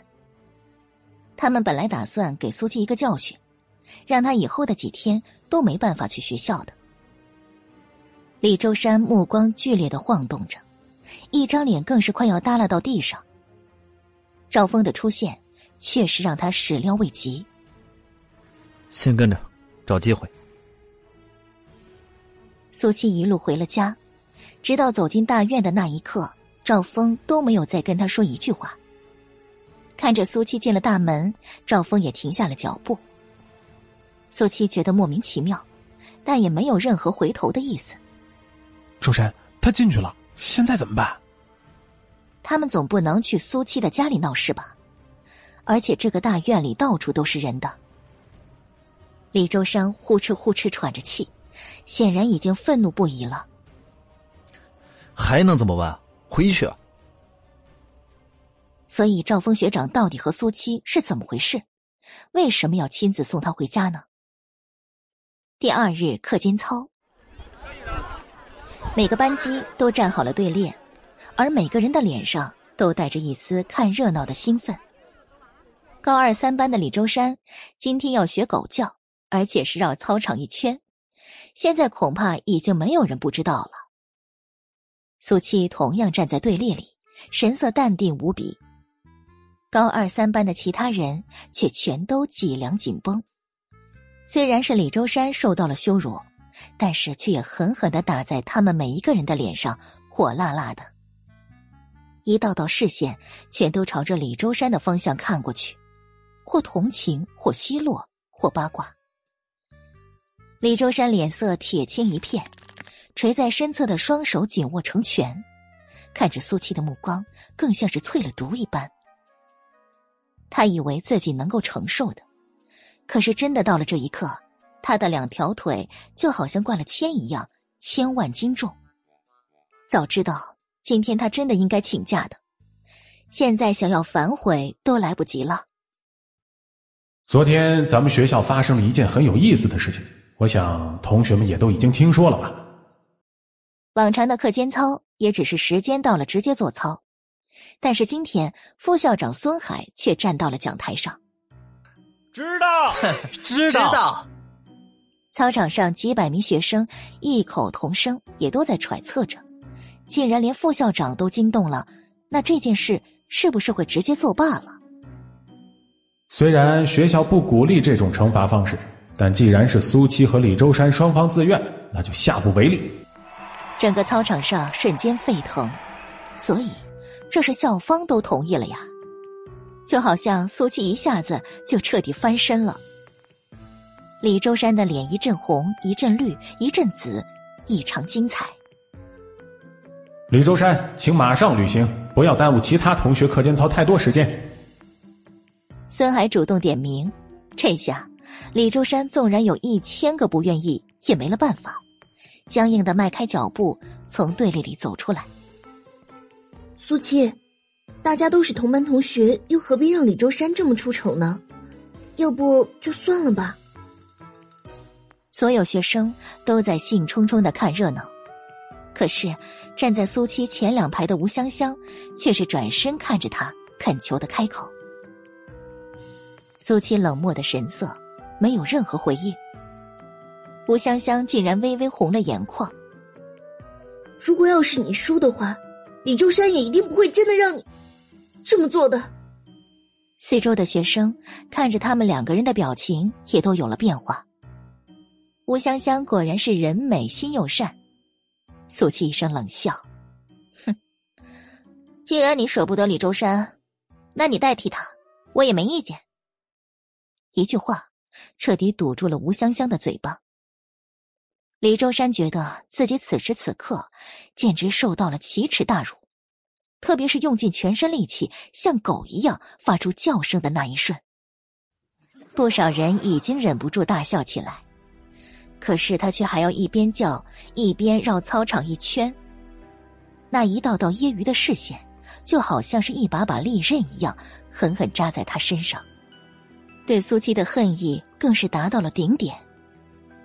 大家看的都很欢乐，但是赵峰却始终紧绷着脸颊。昨天，李周山都已经准备对苏七做过分的事情了，今天之后，他恐怕更不会善罢甘休的。苏七实在是太嚣张了，早晚会吃亏的。绕操场一圈，时间说长不长，说短也不短。李周山回到原地之后，校服都已经被汗水湿透，他低垂着眼帘，甚至不敢去看任何人。好了，开始课间操吧。孙海声音落下，广播体操的声音响起。看过热闹的所有学生，一个个全都觉得兴奋的很。李周山竟然连苏七都跑不过，那是得有多弱呀！课间操结束，李周山第一个没了人影。苏七，跟我来一趟办公室。孙海却叫住准备回去的苏七，两人一前一后走进副校长室，全然不顾四周诧异的目光。孙海打量苏七一眼，格外的意味深长。苏七啊，你知道我为什么叫你过来吗？昨天你和李周山的那一场比赛，我和高校长都看到了。你有这个实力，怎么也不说呢？孙海和颜悦色，跟以前面对苏七的他判若两人。你们王老师已经特意找过我了，我今天也为你做主了。半个月后的运动会，你就安安心心的报几个项目，争取拿到几个好成绩。孙海终于说出了目的，语重心长而又理所当然。苏七连男生都可以跑赢。那跑女生组肯定是没有问题的，而且他在意的也不仅仅只是学校的这场运动会，而是之后的几所高校联合举办的运动会。现在学校缺的可就是体育方面的人才。苏七目光闪烁，总算明白了校方为什么会插手他和李周山的这件事了，原来是惦记着让他参加校运动会呢。孙副校长。我不打算参加运动会。本集播讲完毕。第五十三集，孙海脸上的笑容戛然而止。苏七呀，这不只是你个人的事儿，还代表着你们班级的荣誉。苏七只是给了他一个与我无关的冷漠眼神，办公室里的气氛顿时紧绷。苏七。难不成你还要让校长亲自跟你说吗？孙海可是笃定了高金跟他之间是有关系的。果然，苏七皱了皱眉头。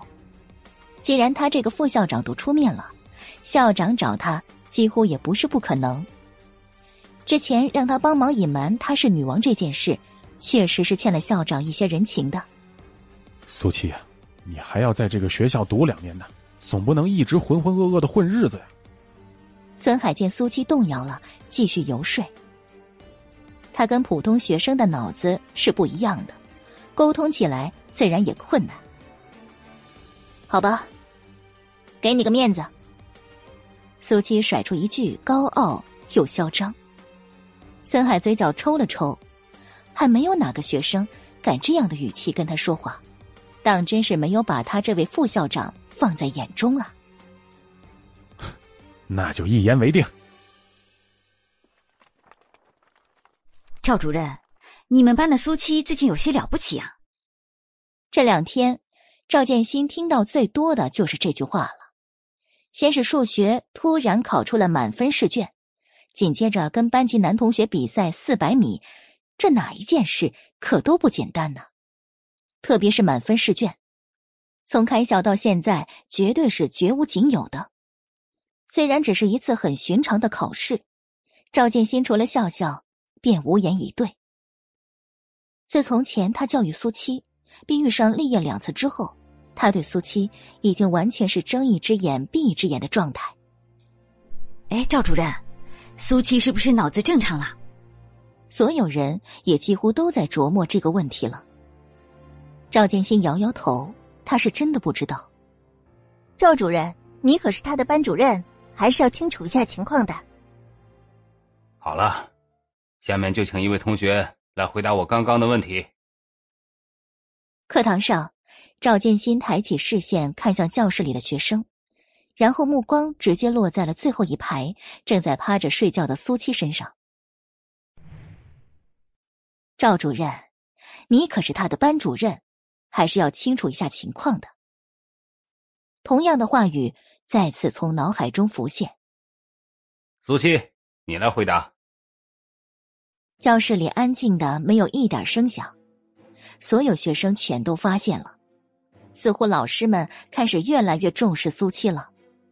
数学老师、体育老师、副校长，现在连班主任老师竟然也这样。这次，苏七好像没有睡熟，竟然自己睁开眼睛站起来，一道道视线齐刷刷的朝着他看过去。难道他又可以回答得出来？就连赵建新都紧绷了几倍，他确实是在试探苏七是不是真的变了个人一样。下一秒，苏七开口：“叫我干嘛？”赵建新还有所有人都愣了。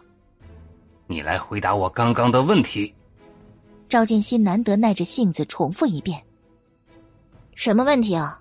我没听到。”赵建新被气得够呛，上课不认真听讲。他也认了，可是苏七有必要说的这么理直气壮吗？忍住，继续重复他的问题。苏七眨眨眼睛，犹豫了两秒。我不会。赵建新差点一口老血喷出来。所以他到底是有多想不开呀？竟然会觉得苏七真的开窍了。四周一片笑声，傻子果然还是傻子。坐下吧。赵建新咬牙切齿，可还是没有真正的发作。苏七面无表情的坐下，然后又直接趴下去。之前已经有数学、体育两位老师的教训，他才不会继续出风头。哪里有什么比睡觉还香呢？傍晚，苏七把晚饭都做好了，可冯秀依然没有回来，有些急躁。往常苏七可是不会晚回的。刚准备出去接接冯秀，院子里的大门终于响了。七七，快来看看！冯秀进屋之后，就兴冲冲的招呼着苏七。苏七走到他身边，看向他手里拎着的袋子。冯秀小心翼翼的打开，里面是一件毛线衣，开衫的，颜色款式都还可以。苏七只是瞥了一眼，你穿啊，还不错。在他的记忆，似乎他已经很多年没有为自己买过新衣服了。这么贵重的衣服，我可穿不起。这是给厉家奶奶买的，你周末拿过去，送给奶奶的生日礼物。冯秀一边说着，一边把它捧在手心里，就好像它根本不是一件衣服，而是珍珠宝贝一样。苏七无语了。这可是纯羊毛的，就是不知道尺寸，老人家是不是合适？不过我也已经跟店家打好招呼了，如果实在不合适，可以过去换的。你到时候千万要记得和丽奶奶说。冯秀把衣服按着刚刚打开的模样叠好，重新放回到袋子里面。苏七虽然嘴上不说。但是心里却觉得真的没有必要。立业那样的家世，怎么可能会看得上这样一件对他们来说贵重的衣服呢？我不拿，您留着自己穿吧。说什么胡话呢？虽然咱家穷，但是该有的礼数不能少。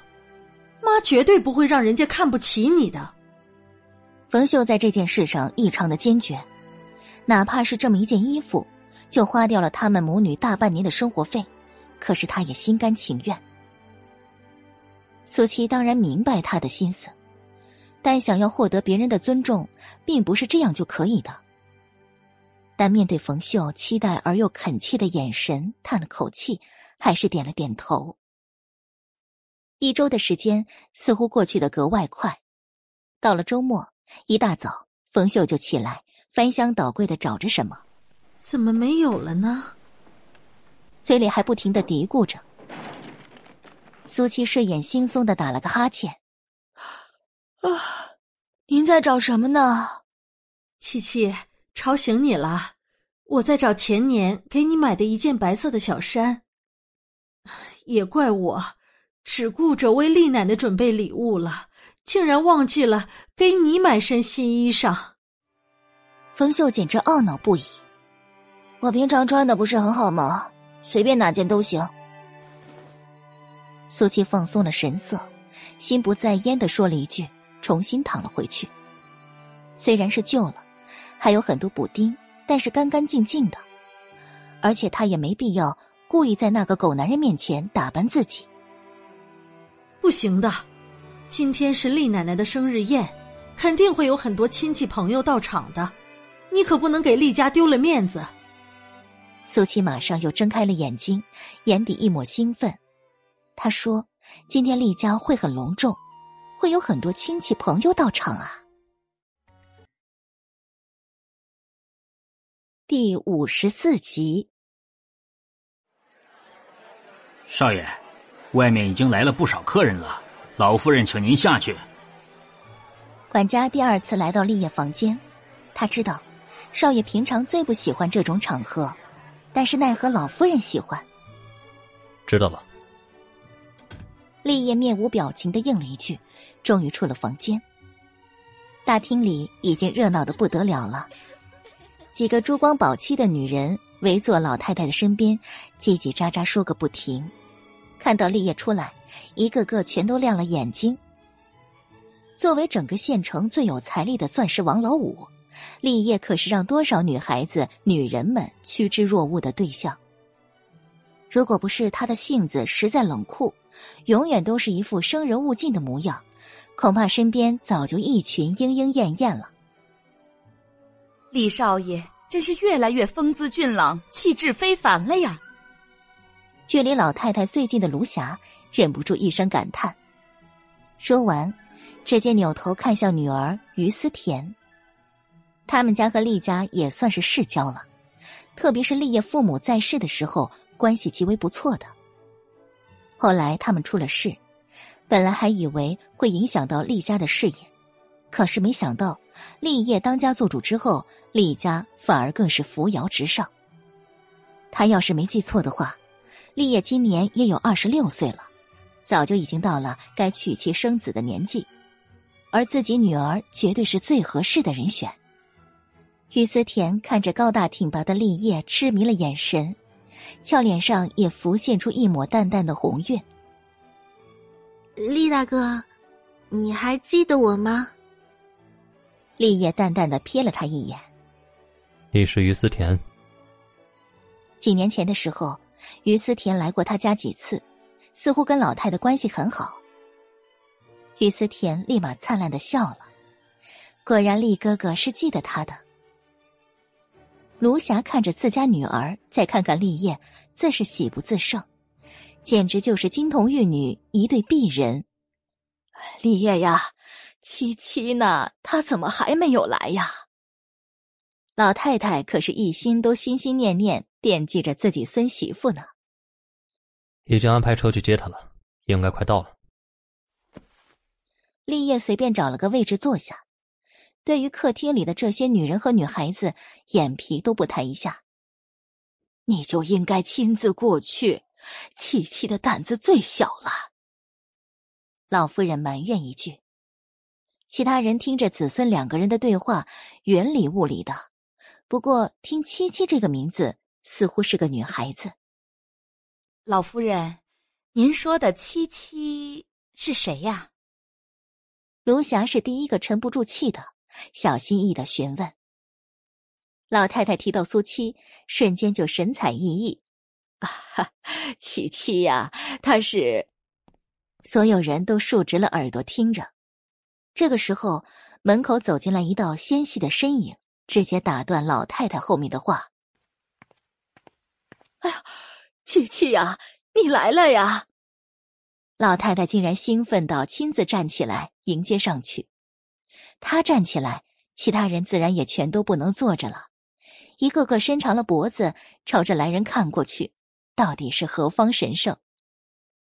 苏七先是看到老太太，马上就有些头大了，然后又看到客厅里面的众人，眼底一抹金光，转瞬即逝，果然来了不少客人呐！哎呀，七七呀！你怎么这么晚才来呀？奶奶都已经等你好久了呀！老太太上手就要去拉他，可是苏七却再一次躲开了。老太太微微一愣，想到了上次这丫头也是这样，赶紧又把手收了回去。这孩子胆子真是越来越小了。七七呀，快让奶奶看看，半个月不见你是不是又瘦了呀？这小胳膊小腿的，看着都让他心疼。没有，苏七很平静的实话实说。虽然没胖上来，但也绝对没有再瘦下去。两人的对话略显尴尬。老夫人，这就是您说的七七呀，还真是，嗯，清秀呢。卢霞说到最后，好不容易才憋出“清秀”这个词。瞧瞧这副营养不良又寒酸的样子，如果不是厉家邀请过来的，在外面他们绝对看都不会多看一眼的。是啊，他是苏七，是立业的奶奶。这个，我这个是我为您准备的生日礼物。苏七似乎意识到老太太接下来的介绍，径直打断他。他和狗东西的婚约，既然是早晚要取消的。现在又何必自找麻烦呢？坐在不远处的立业终于抬起视线，朝着苏七看过来。老太太听到苏七还给她带了礼物，自然是开心的接了。卢霞却是深邃了眼神，对于刚刚老太太说的那句是立业的什么，有些耿耿于怀。难道这个其貌不扬的丫头还能和立业有什么关系吗？老夫人，快看看苏小姐送您什么礼物吧！一群女人全都附和起来。原本老太太并没有想着当众打开的，因为不管是什么，她都喜欢。可是现在被起哄了，只能马上打开看看了。哎呀，是一件毛衣呀！这个颜色正好是我喜欢的呢。老太太忍不住夸赞。你喜欢就好。苏七依然看不出多大的情绪，不过这些女人确实是让他觉得聒噪。老夫人，我怎么记得您平常不太爱穿线衣呀？而且这衣服看起来也不像是凤翔阁的。卢霞呢喃一句，声音不大，可是却足够让身边的人都听得清清楚楚。苏七忍不住朝他看了一眼，其他人的脸上也都多了一抹揶揄的神色，反倒是老太太依然笑呵呵的：“ 这可是七七送给我的，呃，比凤翔阁的要好千百倍呢。管家呀，帮我放到我的衣柜里。老夫人，您这可算是爱屋及乌了。不过确实。”礼轻情意重，卢霞肯定着，也看不出任何的异样。不过他说完，马上又递给了于思甜一个眼神。于思甜瞬间心领神会，走上前来：“奶奶，香甜也为您准备了一番心意呢。”说着，把手里的盒子捧到了老太太面前。这是我和我妈去国外玩的时候，在拍卖场上偶然间遇见的，一副和田玉的镯子。当时我看到它之后，就想到了奶奶，它最能衬托您的气质啦。玉镯展现在众人面前，同样它的来历和价值也被于思甜解释的清清楚楚。甜甜呐，你也是个有心的孩子啊！好好，好，奶奶也喜欢。老太太同样也是高兴的。奶奶，我为您戴上。于思田乖巧又伶俐，短短几句话便把所有的目光焦点都拉到自己的身上。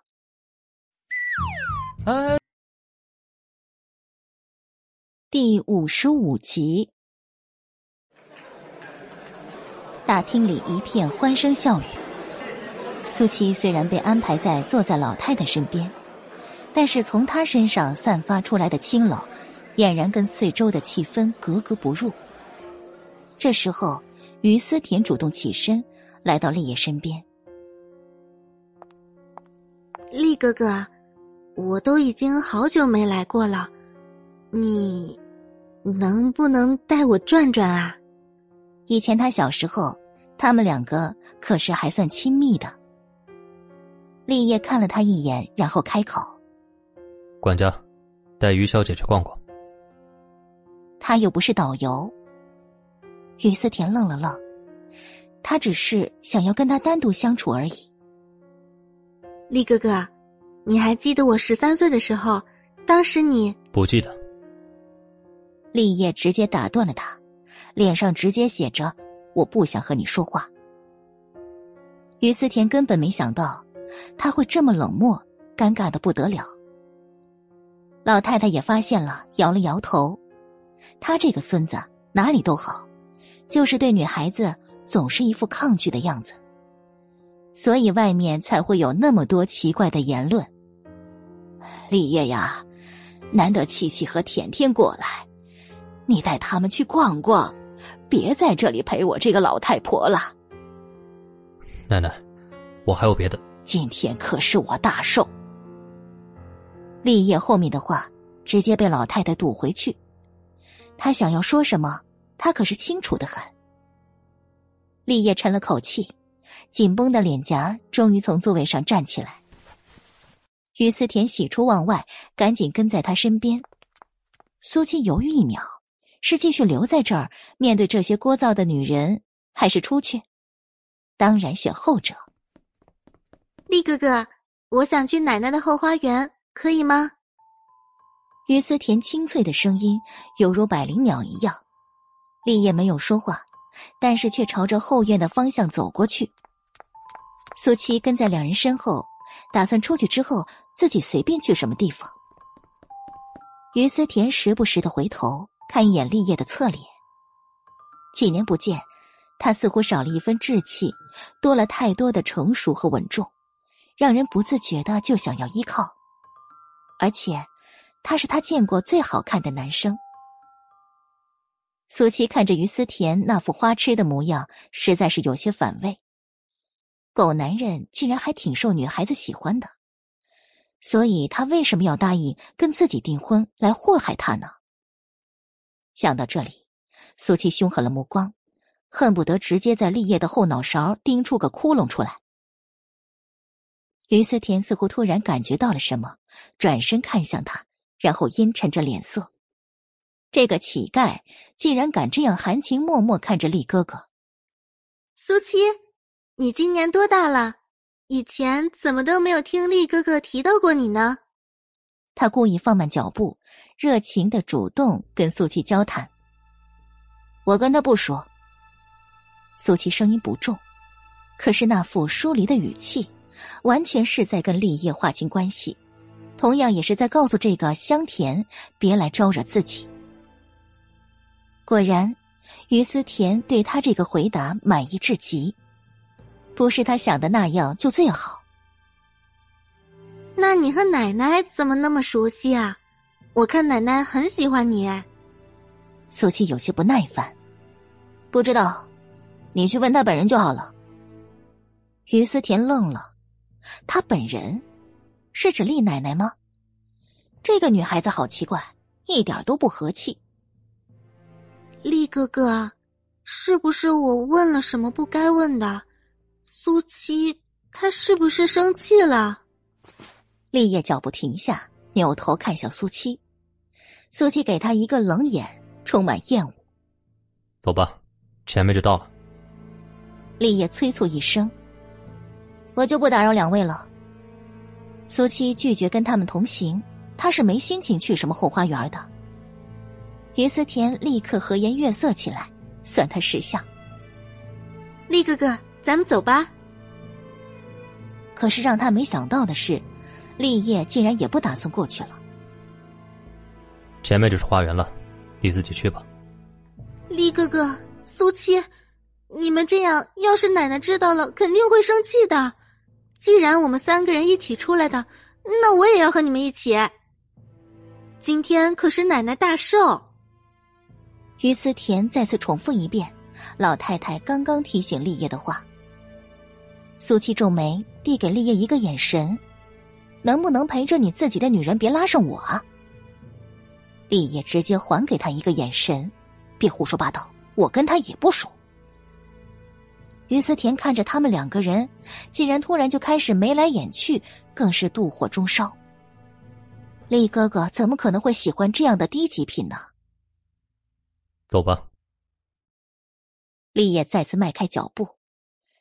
苏七本来是想打算自己独自离开，可是偏偏这个时候，于思田故意放慢脚步到他身边，狠狠的撞了他一下，最好撞了他一个狗吃屎，让他在厉哥哥面前出丑。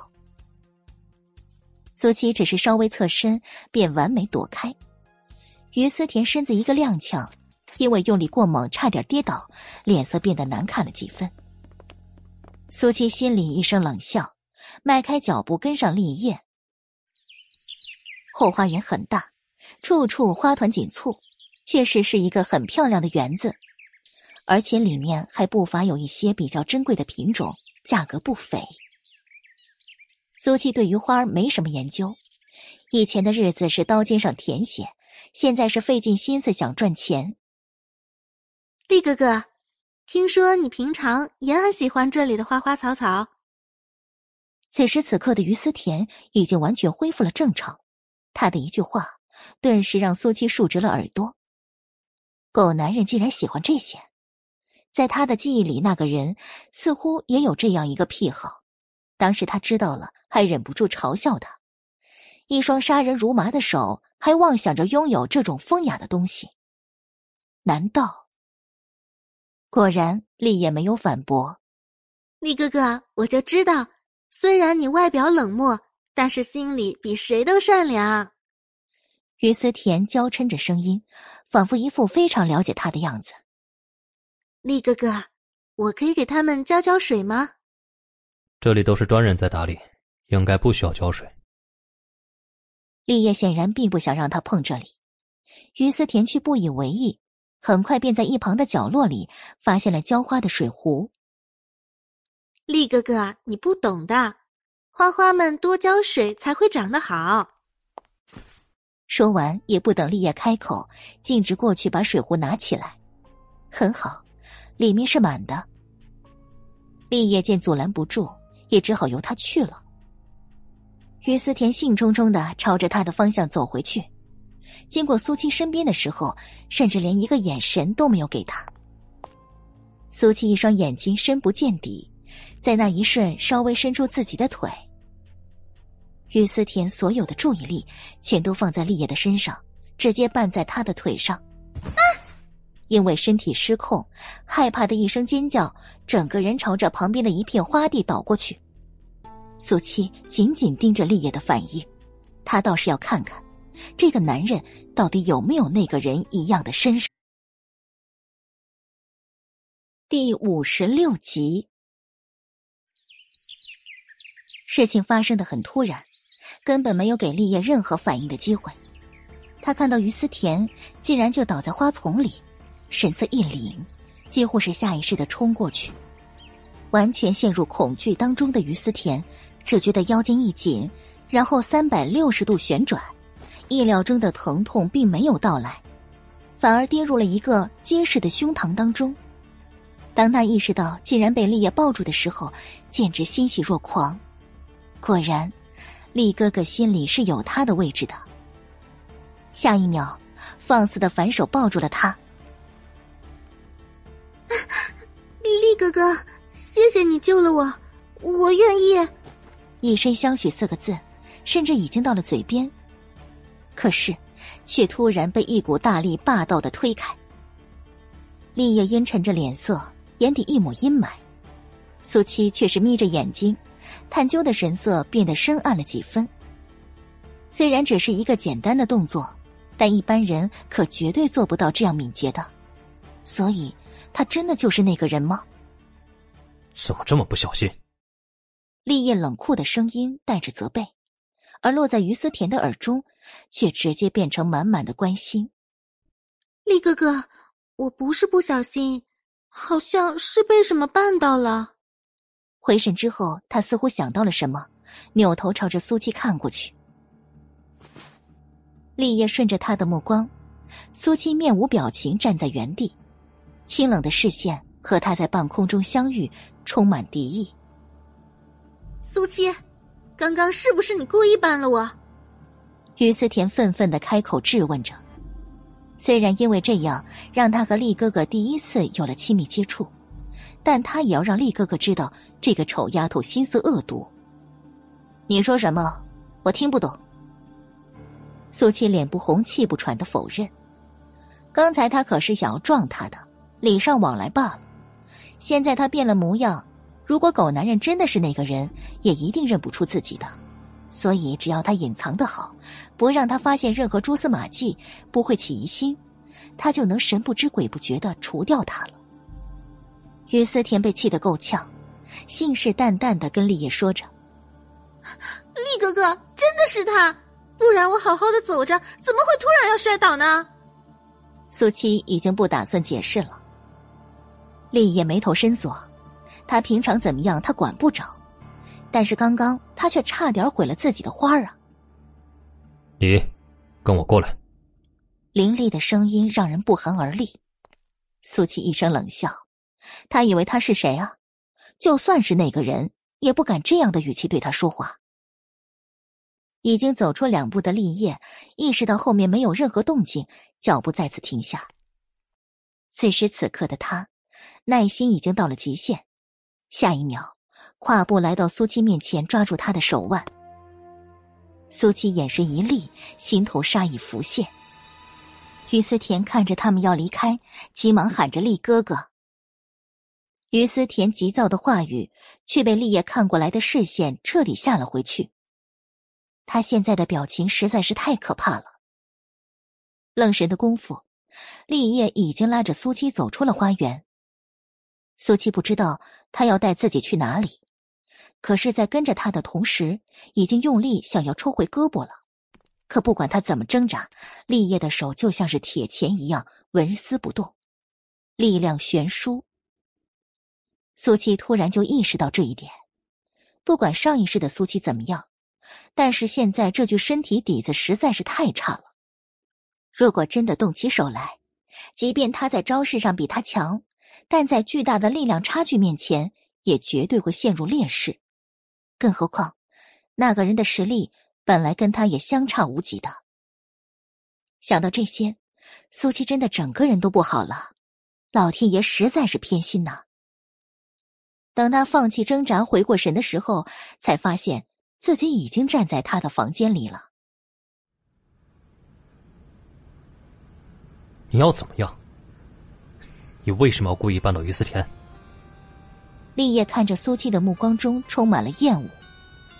苏七沉了口气，现在绝对不是和他硬碰硬的时候。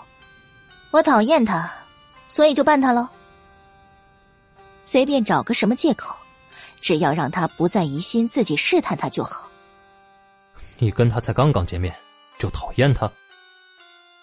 立业说到最后，尾音直接上扬，显然并不相信苏七的话。苏七扯扯嘴角，就是看他不顺眼。立业看到他这副吊儿郎当、完全没有丝毫歉意的模样，眼底愤怒缓缓的浮现。苏七，你是听了他说？我喜欢那些花草，所以故意想要破坏，对不对？这狗男人还真是挺了解他的。不过当时苏七还真的没想到这么多的。既然你都猜到了，还多此一举的问我做什么？苏七已经被气得咬牙切齿了。苏七，你找死！苏七皮笑肉不笑，不过只是一些花花草草罢了。没想到厉少爷竟然为了这种身外之物就要杀人啊！厉叶垂在身侧的双手紧握成拳，手背上的青筋都绷起来。这一刻，他是真的动了杀意。花花草草确实不足以让他杀人，但是苏七这副故意挑衅、惹他愤怒的嚣张样子，刺激到了他的神经。苏七，我知道你讨厌我，我也一样。所以你最好快点解除我们的婚姻。苏七同样冷酷了神色，比气势他可从来都没输过。说完，根本不给立业继续发火的机会，径直从他身边走过去。立业的呼吸都不似平常的稳定，整个人仿佛被一股阴影笼罩。苏七从他房间里出来，站在走廊的一角，平稳情绪。刚才他看得清清楚楚，狗男人是真的想要杀了他。这个该死的狗男人，不管是前世还这一世，竟然都是一样的敌人。如果他一旦认出苏七的身份，恐怕就会迫不及待的动手了。所以在那之前，苏小姐，您没事吧？正当苏七心头戾气升腾的时候，管家的询问声突然从苏七的身旁传过来。他几乎马上调整好表情，啊，没事啊。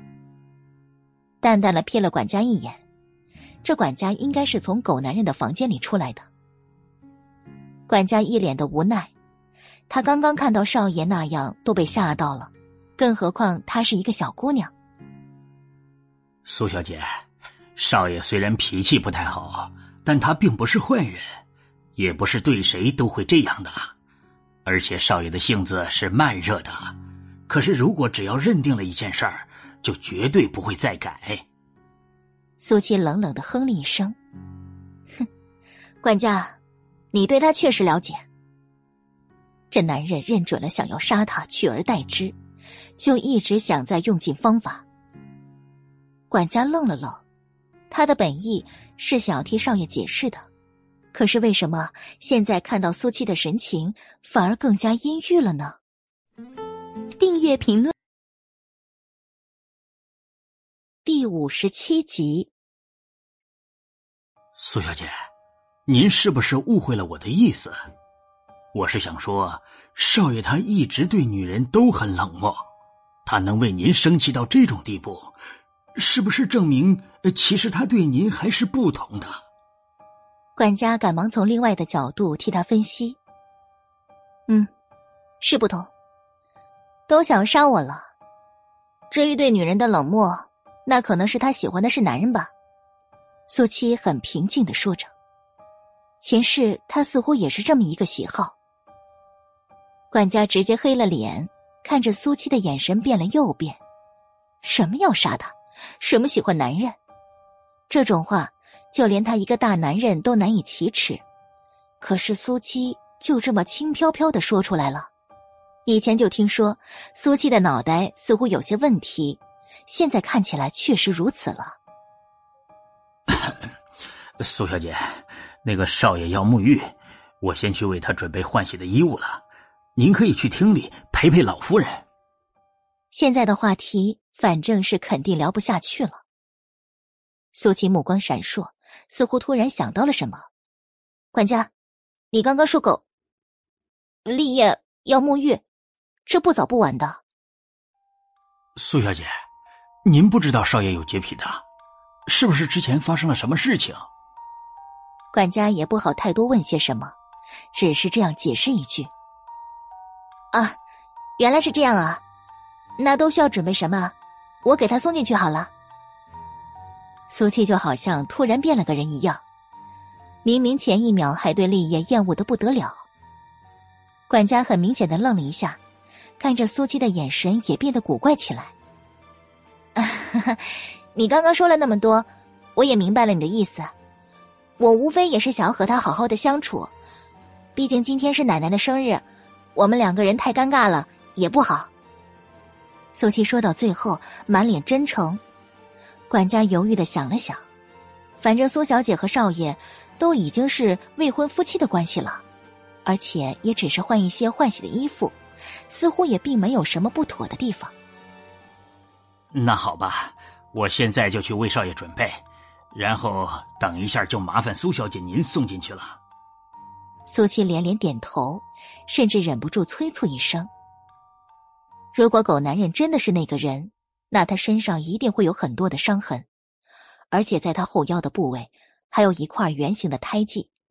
只要能够确定这一点，那就可以彻底肯定他到底是不是了。”房间里静悄悄的。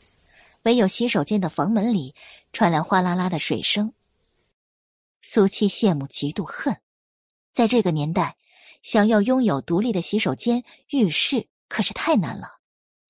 一般人家都只是自己在家烧水、盆里洗洗的，富裕一些的就隔一段日子去城里为数不多的澡堂。管家，把浴巾递给我。这时候。立业的声音从门里响起来，紧接着一只手从里面伸出来。苏七回神，站在原地，直接把门打开，冲进去，这样马上就可以肯定了。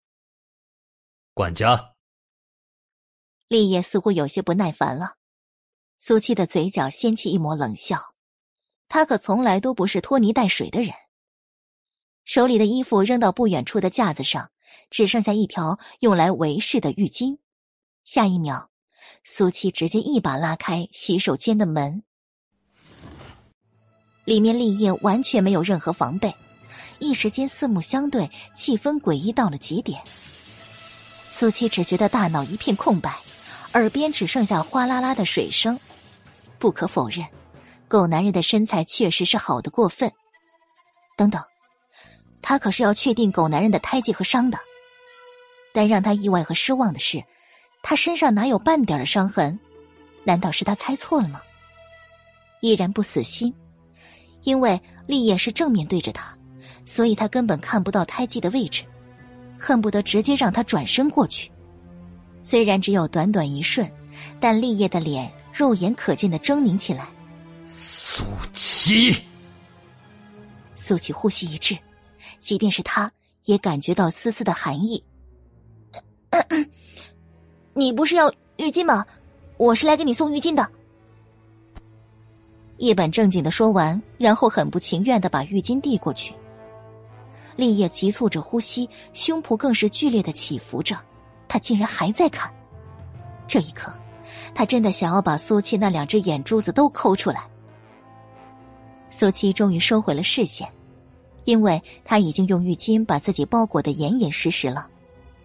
没事，我先出去了。你的衣服就在外面。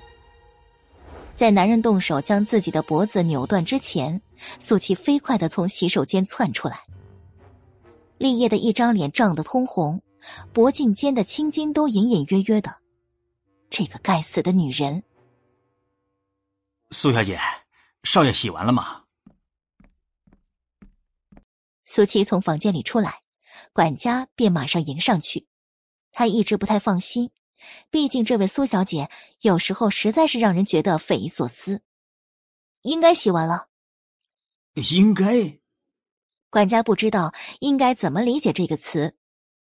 他也没有什么脏的地方，随便冲冲，不需要多久的。苏七随口回答，两条眉毛打了死结儿，没有伤，不是吗？管家愣了愣。苏七怎么知道少爷怎么样了？难道我去老太太那边了？苏七想到立业刚刚那副恐怖的表情，还是有些心虚的。未免再单独跟他遇见，还是待在老太太身边更安全。该看的、不该看的，他全都看了。纵然他觉得没什么，可狗男人肯定一时间接受不了。管家看着苏七匆匆离开的身影，突然就有了一股不祥的预感。他不会是闯祸了吧？这时候，立业从房间里走出来。他呢？阴森的声音犹如腊月寒风，管家忍不住打了个寒颤。苏小姐刚去大厅了。少爷应该是在问苏小姐吧？他已经在这里做管家十三年了，可以说是看着少爷长大的。他现在这么恐怖的神色，简直是雷霆震怒了。苏小姐到底对少爷做了什么？立业没有丝毫停顿，迈着大步，径直朝着大厅的方向走过去。苏七回到厅里，发现于思田已经坐在了自己离开之前老太太身边的位置上。看到他终于回来，于思田眼底一抹阴霾。厉哥哥可是丢下了他，拉着这个贱丫头离开的。七七呀，快过来！老太太看到苏七，笑呵呵的冲他招了招手。苏七马上走过去，因为他已经清清楚楚的感觉到，不远处朝他不停笼罩而来的恐怖气息。订阅评论别忘记，精彩故事再继续，我们下集见。第五十八集。立业走回到大厅，浑身上下都散发出一股极低的气压。本来他给人的感觉就很冷酷，现在这一刻，哪怕是距离他稍微近一些，都会忍不住打了个寒战。就连想要重新跟他说话讨好的于思甜，都到了嘴边的话又咽了回去。看他这副样子，分明就是生气了。所以刚刚苏七在一起，肯定是发生了不愉快的事情。想到这里，他瞬间开心了许多。七七呀，最近在学校怎么样啊？要是有人敢欺负你，就和奶奶说，奶奶替你做主。老太太和苏七说话的声音打断于思甜和所有人的思绪。七七竖直了耳朵听着，毕竟对他们来说，苏七和厉家的关系实在是很迷的。您认识我们学校的人？苏七自动忽略某人阴沉的视线，想到他是凭关系才进入圣德高中的，不会是因为他们吧？当然啊，高江可是以前你厉爷爷得意的门生呢。老太太一句话，彻底让苏七确定了自己的想法。怪不得高校长对他格外友好，原来是这样。看着四周一张张好奇的面孔，他突然就变了态度。其实我根本就不喜欢上学，被那些迂腐的老师烦都烦死了。还有学校里的同学，也全部都瞧不起我。毕竟我是靠着关系才进去的。苏七不满的埋怨，似乎根本没有意识到气氛因为他的这些话变得多么的尴尬。还有赵建新那个班主任，整天挂在嘴边的就是我拖累了大家。上次考试我得了一个零蛋。更是全校都在嘲笑我，旁边实在是有人忍不住了，直接笑出了声。这么丢人的事儿，不是该遮遮掩掩，生怕别人知道吗？这丫头是不是缺心眼儿啊？竟然就这么大大咧咧的说出来了，还是他觉得这是值得炫耀的事情呢？苏七，你这么可怜啊！不过。你真的得了一个零蛋啊！于思甜眨巴眨巴眼睛，仿佛是在同情，实则幸灾乐祸到了极点。瞧瞧老太太紧绷的脸，肯定也没想到她这么没用吧？苏七竟然配合的点了点头。他们还把我的卷子贴到了公告栏，说我是学校开学到现在最大的耻辱。说到最后，他重重叹了口气。眼角的余光也看向老太太，他都已经这么丢人了，老太太也该觉得难堪和失望吧？最好直接就解除他和立业的婚姻。坐在一旁的立业深邃了眼眸，完全没有错过苏七眼底隐隐压抑的金光。他是故意的，为了让他奶奶嫌弃他，他的目的已经达到了，因为四周的人看他都是一副嘲笑的眼神。突然，老太太手里的拐杖重重的戳在地上，发出一声刺耳的声响。苏七强忍着上扬的嘴角，低垂下眼帘，不想让任何人看出他此刻的开心。七七，他们真的这么对待你吗？实在是太过分了！老太太愤怒了声音。苏七、立业还有其他人都愣住了。立业，我平常是怎么叮嘱你的啊？让你一定要照顾好琪琪，结果你就是你就是这么给我照顾的。老太太把怒火发到立业的身上，立业额头上冒出三条黑线。奶奶，这都是他学校的事儿，他是学生，任务就是学习，考试零分，难道不应该？不应该！你竟然还跟我顶嘴！琪琪的情况你不知道吗？老太太根本就不给立业把话说完的机会。学习成绩哪有什么重要的？孙媳妇开心更重要啊！立业彻底无语了，凌厉的目光朝着苏七看过去。苏七也很无奈，他的出发点可不是为了让他挨训的。琪琪呀，你别怕，有奶奶在呢。等周一我亲自过去找高将。奶奶，这次苏七和立业绝对是异口同声。老太太看着这个，又看看那个。苏七皱了眉头，他要是真的大张旗鼓的过去了，恐怕整个学校都会知道他和厉家的关系，这绝对不行的。那个，奶奶，其实我觉得立业说的还挺有道理的，也是我自己不争气，我可以自己解决的。你，是不想让奶奶过去了？老太太看着苏七，满脸的抗拒，猜测着他的想法。苏七没有说话，算是默认。老太太沉了口气：“李爷呀，这件事交给你处理，你一定要亲自找高江，就说是我让你去的。”立业紧绷着脸颊，觉得根本没有这个必要。如果你再敢欺骗我这个老太婆，我我就我就……奶奶，我去。平常也就算了。今天可是他大寿的日子，可不能由着他说出什么不吉利的话。立业也只能不情愿的答应下来。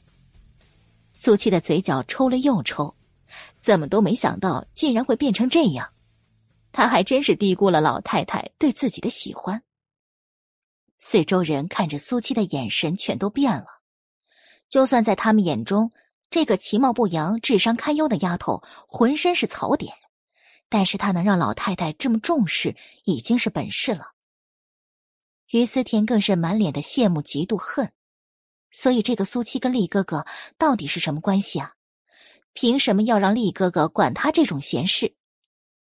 气氛说不出的僵硬。老夫人可以开饭了。这时候，管家走进厅里，打破了短暂的宁静。老太太点头示意。所有人也全都起身，朝着餐厅的方向走过去。奶奶，我来扶您。于思甜乖巧的搀扶着他，跟木头一样站在另一边的苏七形成了鲜明的对比。苏七心事重重，刚刚的话完全没有达到预想的效果。接下来在饭桌上要不要再作一波呢？什么都不要做。老老实实吃完饭，然后给我离开。突然，他的身侧一道低沉的警告声响起。他抬起头，就看到立业那张阴鸷的眼眸。显然，立业已经猜到苏七此时心中所想。还不是你没用。有恃无恐的丢出一句：“反正现在老太太还有这么多人都在，他也不怕立业做什么过分的事情。”立业整个人仿佛被一股阴影笼罩，阴森恐怖。这个该死的女人！爆点击，快订阅！第五十九集。饭桌上，苏七果然没有再说什么，因为他一直都在低着脑袋吃饭，除了吃还是吃，狼吞虎咽的吃。优雅、教养、礼仪全都不存在的，那副样子就好像已经有太久没吃过饭的灾民一样，脸上、嘴角、手上几乎全都是油渍和饭渣，简直是惨不忍睹。卢霞和于思甜母女对看了一眼，全都是神色讥讽。七七呀，慢点吃啊，别噎着了。管家，赶紧给七七一碗汤啊！老太太看看苏七的吃相，反倒心情好的不得了，这才像是吃饭的样子呢。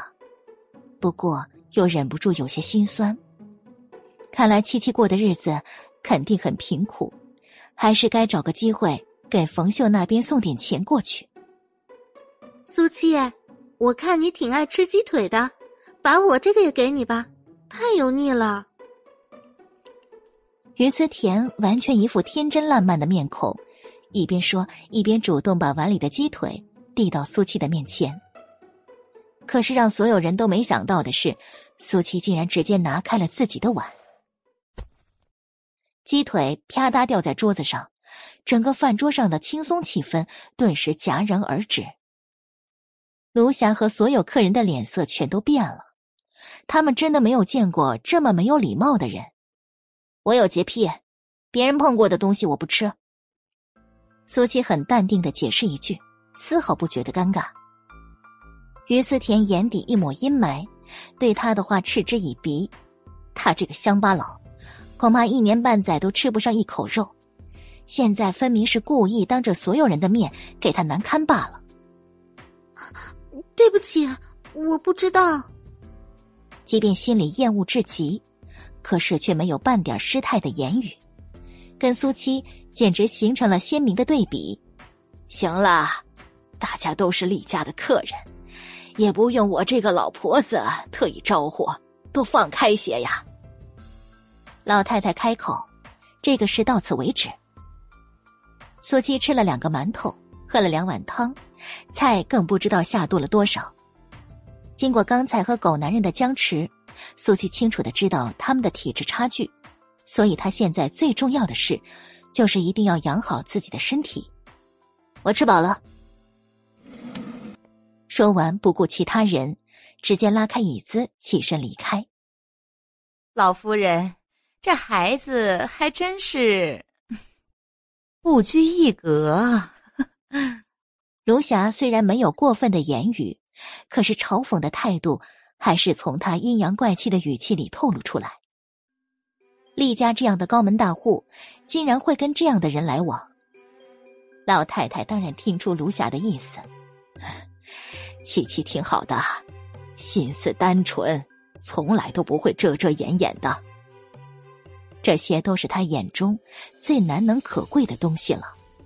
老夫人，您说的的确有理，但他的粗俗无礼也是真的，还是应该。旁边另外的人也看不下去了，他没有卢霞那样的圆润，直接实话实说。不过他的话才说了一半便被立业放下的筷子声音打断。我吃饱了，各位继续。那你去陪七七待一会儿吧。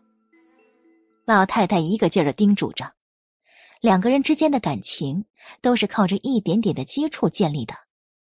自己这个孙子又是块木头，真是让他操碎了心。立业离开之后，饭桌上的气氛又轻松了不少。卢霞很快递给于思甜一个眼神，于思甜也马上起身。奶奶，各位阿姨，我也吃饱了。苏七没有形象的倚靠在沙发上，划拉着自己的肚子。虽然狗男人不怎么样，可是他家厨子的做饭手艺还是不错的。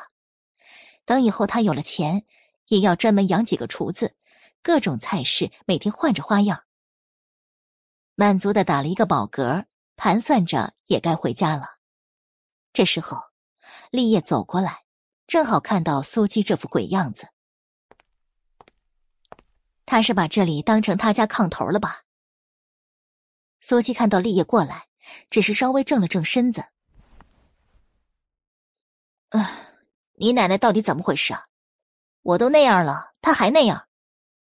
为了避免立业再提洗澡的事情。苏七决定主动开口，岔开他的注意力。立业脸颊的线条绷得紧紧的，其实就连他也低估了老太太对苏七的接受度。他是爱屋及乌，绝对不是因为他这个人。爱屋及乌，什么意思？苏七疑惑了神色，难道还有什么他不知道的？就是厉哥哥，你们在聊什么？于思甜娇嗔的声音打断立业的话。苏七挑眉，还真是让人讨厌呢。没聊什么。果然，立业直接结束了刚刚的话题。苏七从沙发上站起来，他实在不愿意看于思甜这副腻腻歪歪的模样。你跟奶奶打声招呼，就说我先回去了。甚至不等立业说话，苏七头也不回的离开。于思甜看着他离开的背影，撇了撇嘴：“切也太没礼貌了。”说完，忍不住朝着立业看过去，他什么反应都没有。厉哥哥，苏七到底是什么人啊？怎么奶奶那么喜欢他？小心翼翼的询问着。立业终于正眼看向他，可是那个冷漠的眼神却让于思甜心头一颤。对，对不起。几乎是道歉的话，几乎是下意识脱口而出。立业起身，径直从他身边走过去。于思甜紧抿着嘴角，双手猛然收紧。苏七回到大院。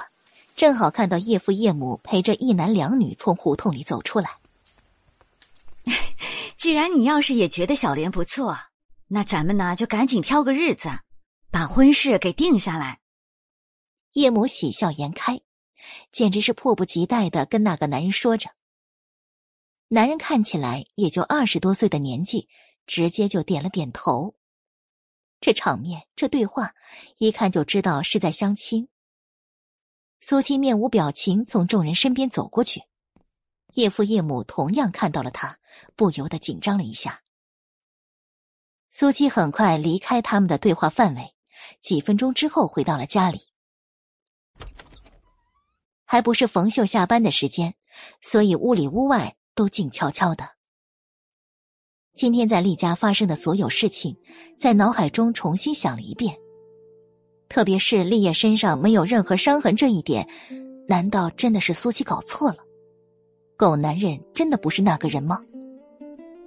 心情突然就变得说不出的奇怪。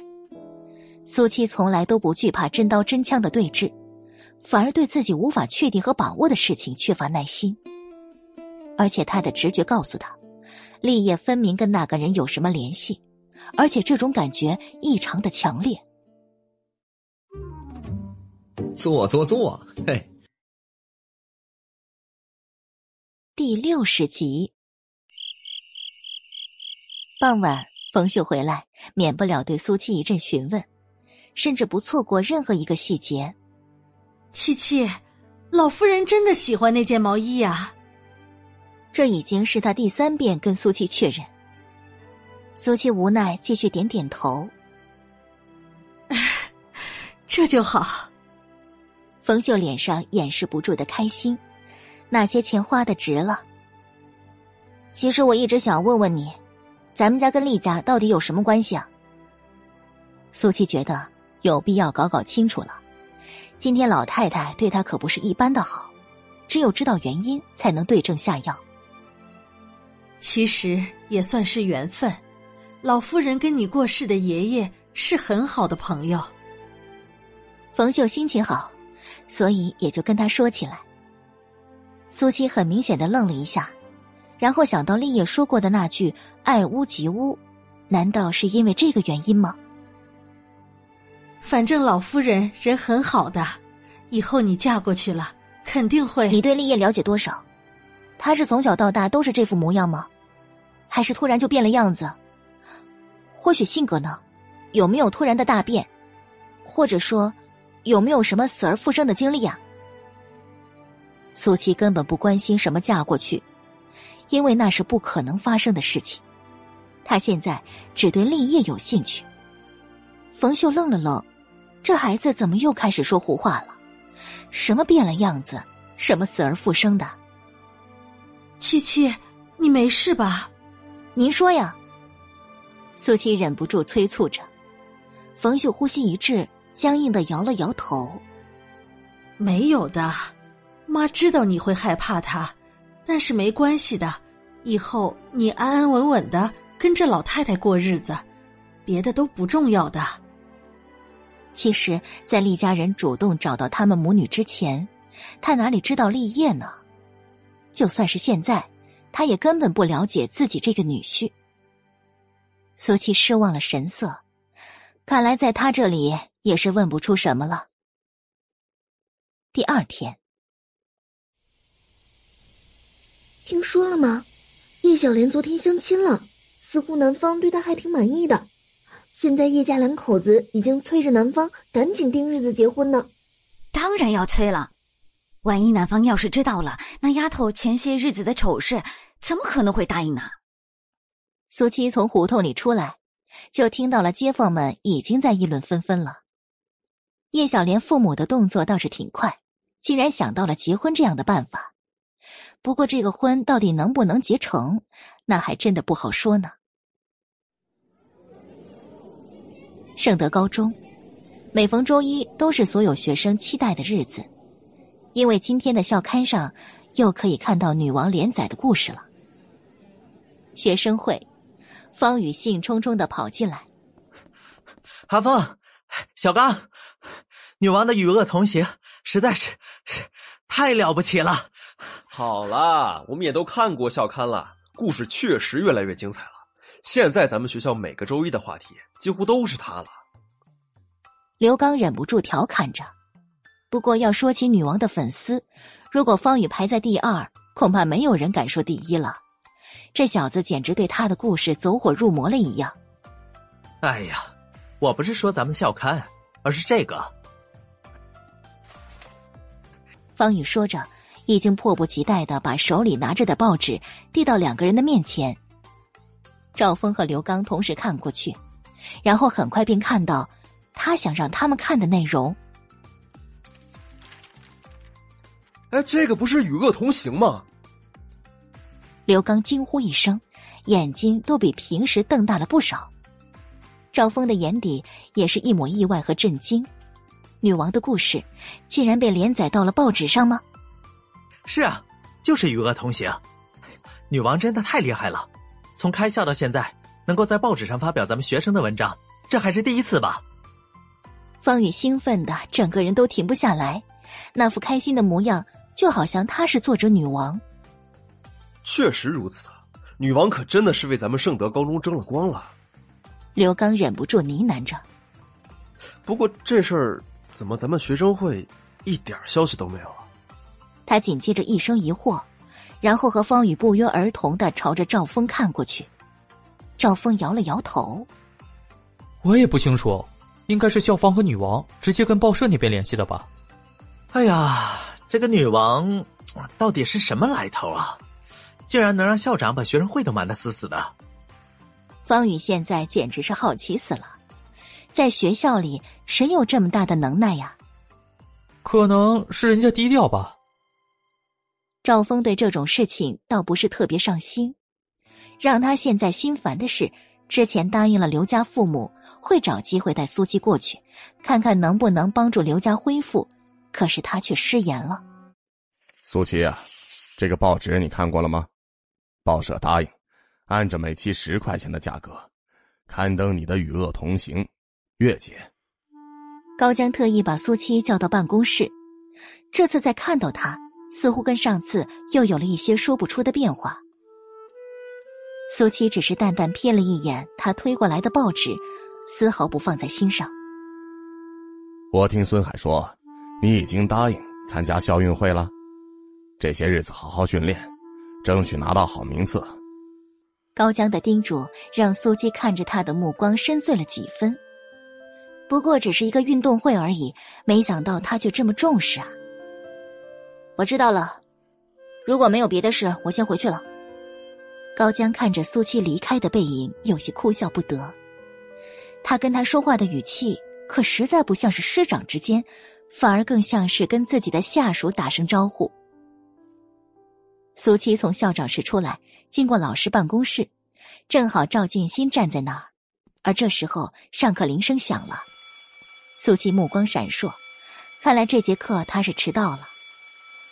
赵建新看了他一眼，去校长室了。因为前面只有校长室。是。苏七回答的也很干脆。赵建新神色复杂，但也没有继续追问下去。走吧。苏七有些诧异，听他这个语气，似乎并没有跟他计较的意思。两人一前一后朝着教室的方向走过去。起立。赵建新先走上讲台，苏七紧接着从后面走进来。教室里的学生齐刷刷的看着他。上课迟到了，可是班主任却没有让他罚站。苏七面无表情，在经过李周山的时候，清楚的感觉到他投过来恶毒的目光。李周山眼底隐隐压抑着一抹说不出的兴奋。苏七径直走到自己的座位，都坐下吧，拿出语文书，今天我们来继续学习新的课程。赵建新的话语响起，苏七才有动作，就又看到李周山扭头看过来，眉头微微皱起，探究了眼神。本集播讲完毕。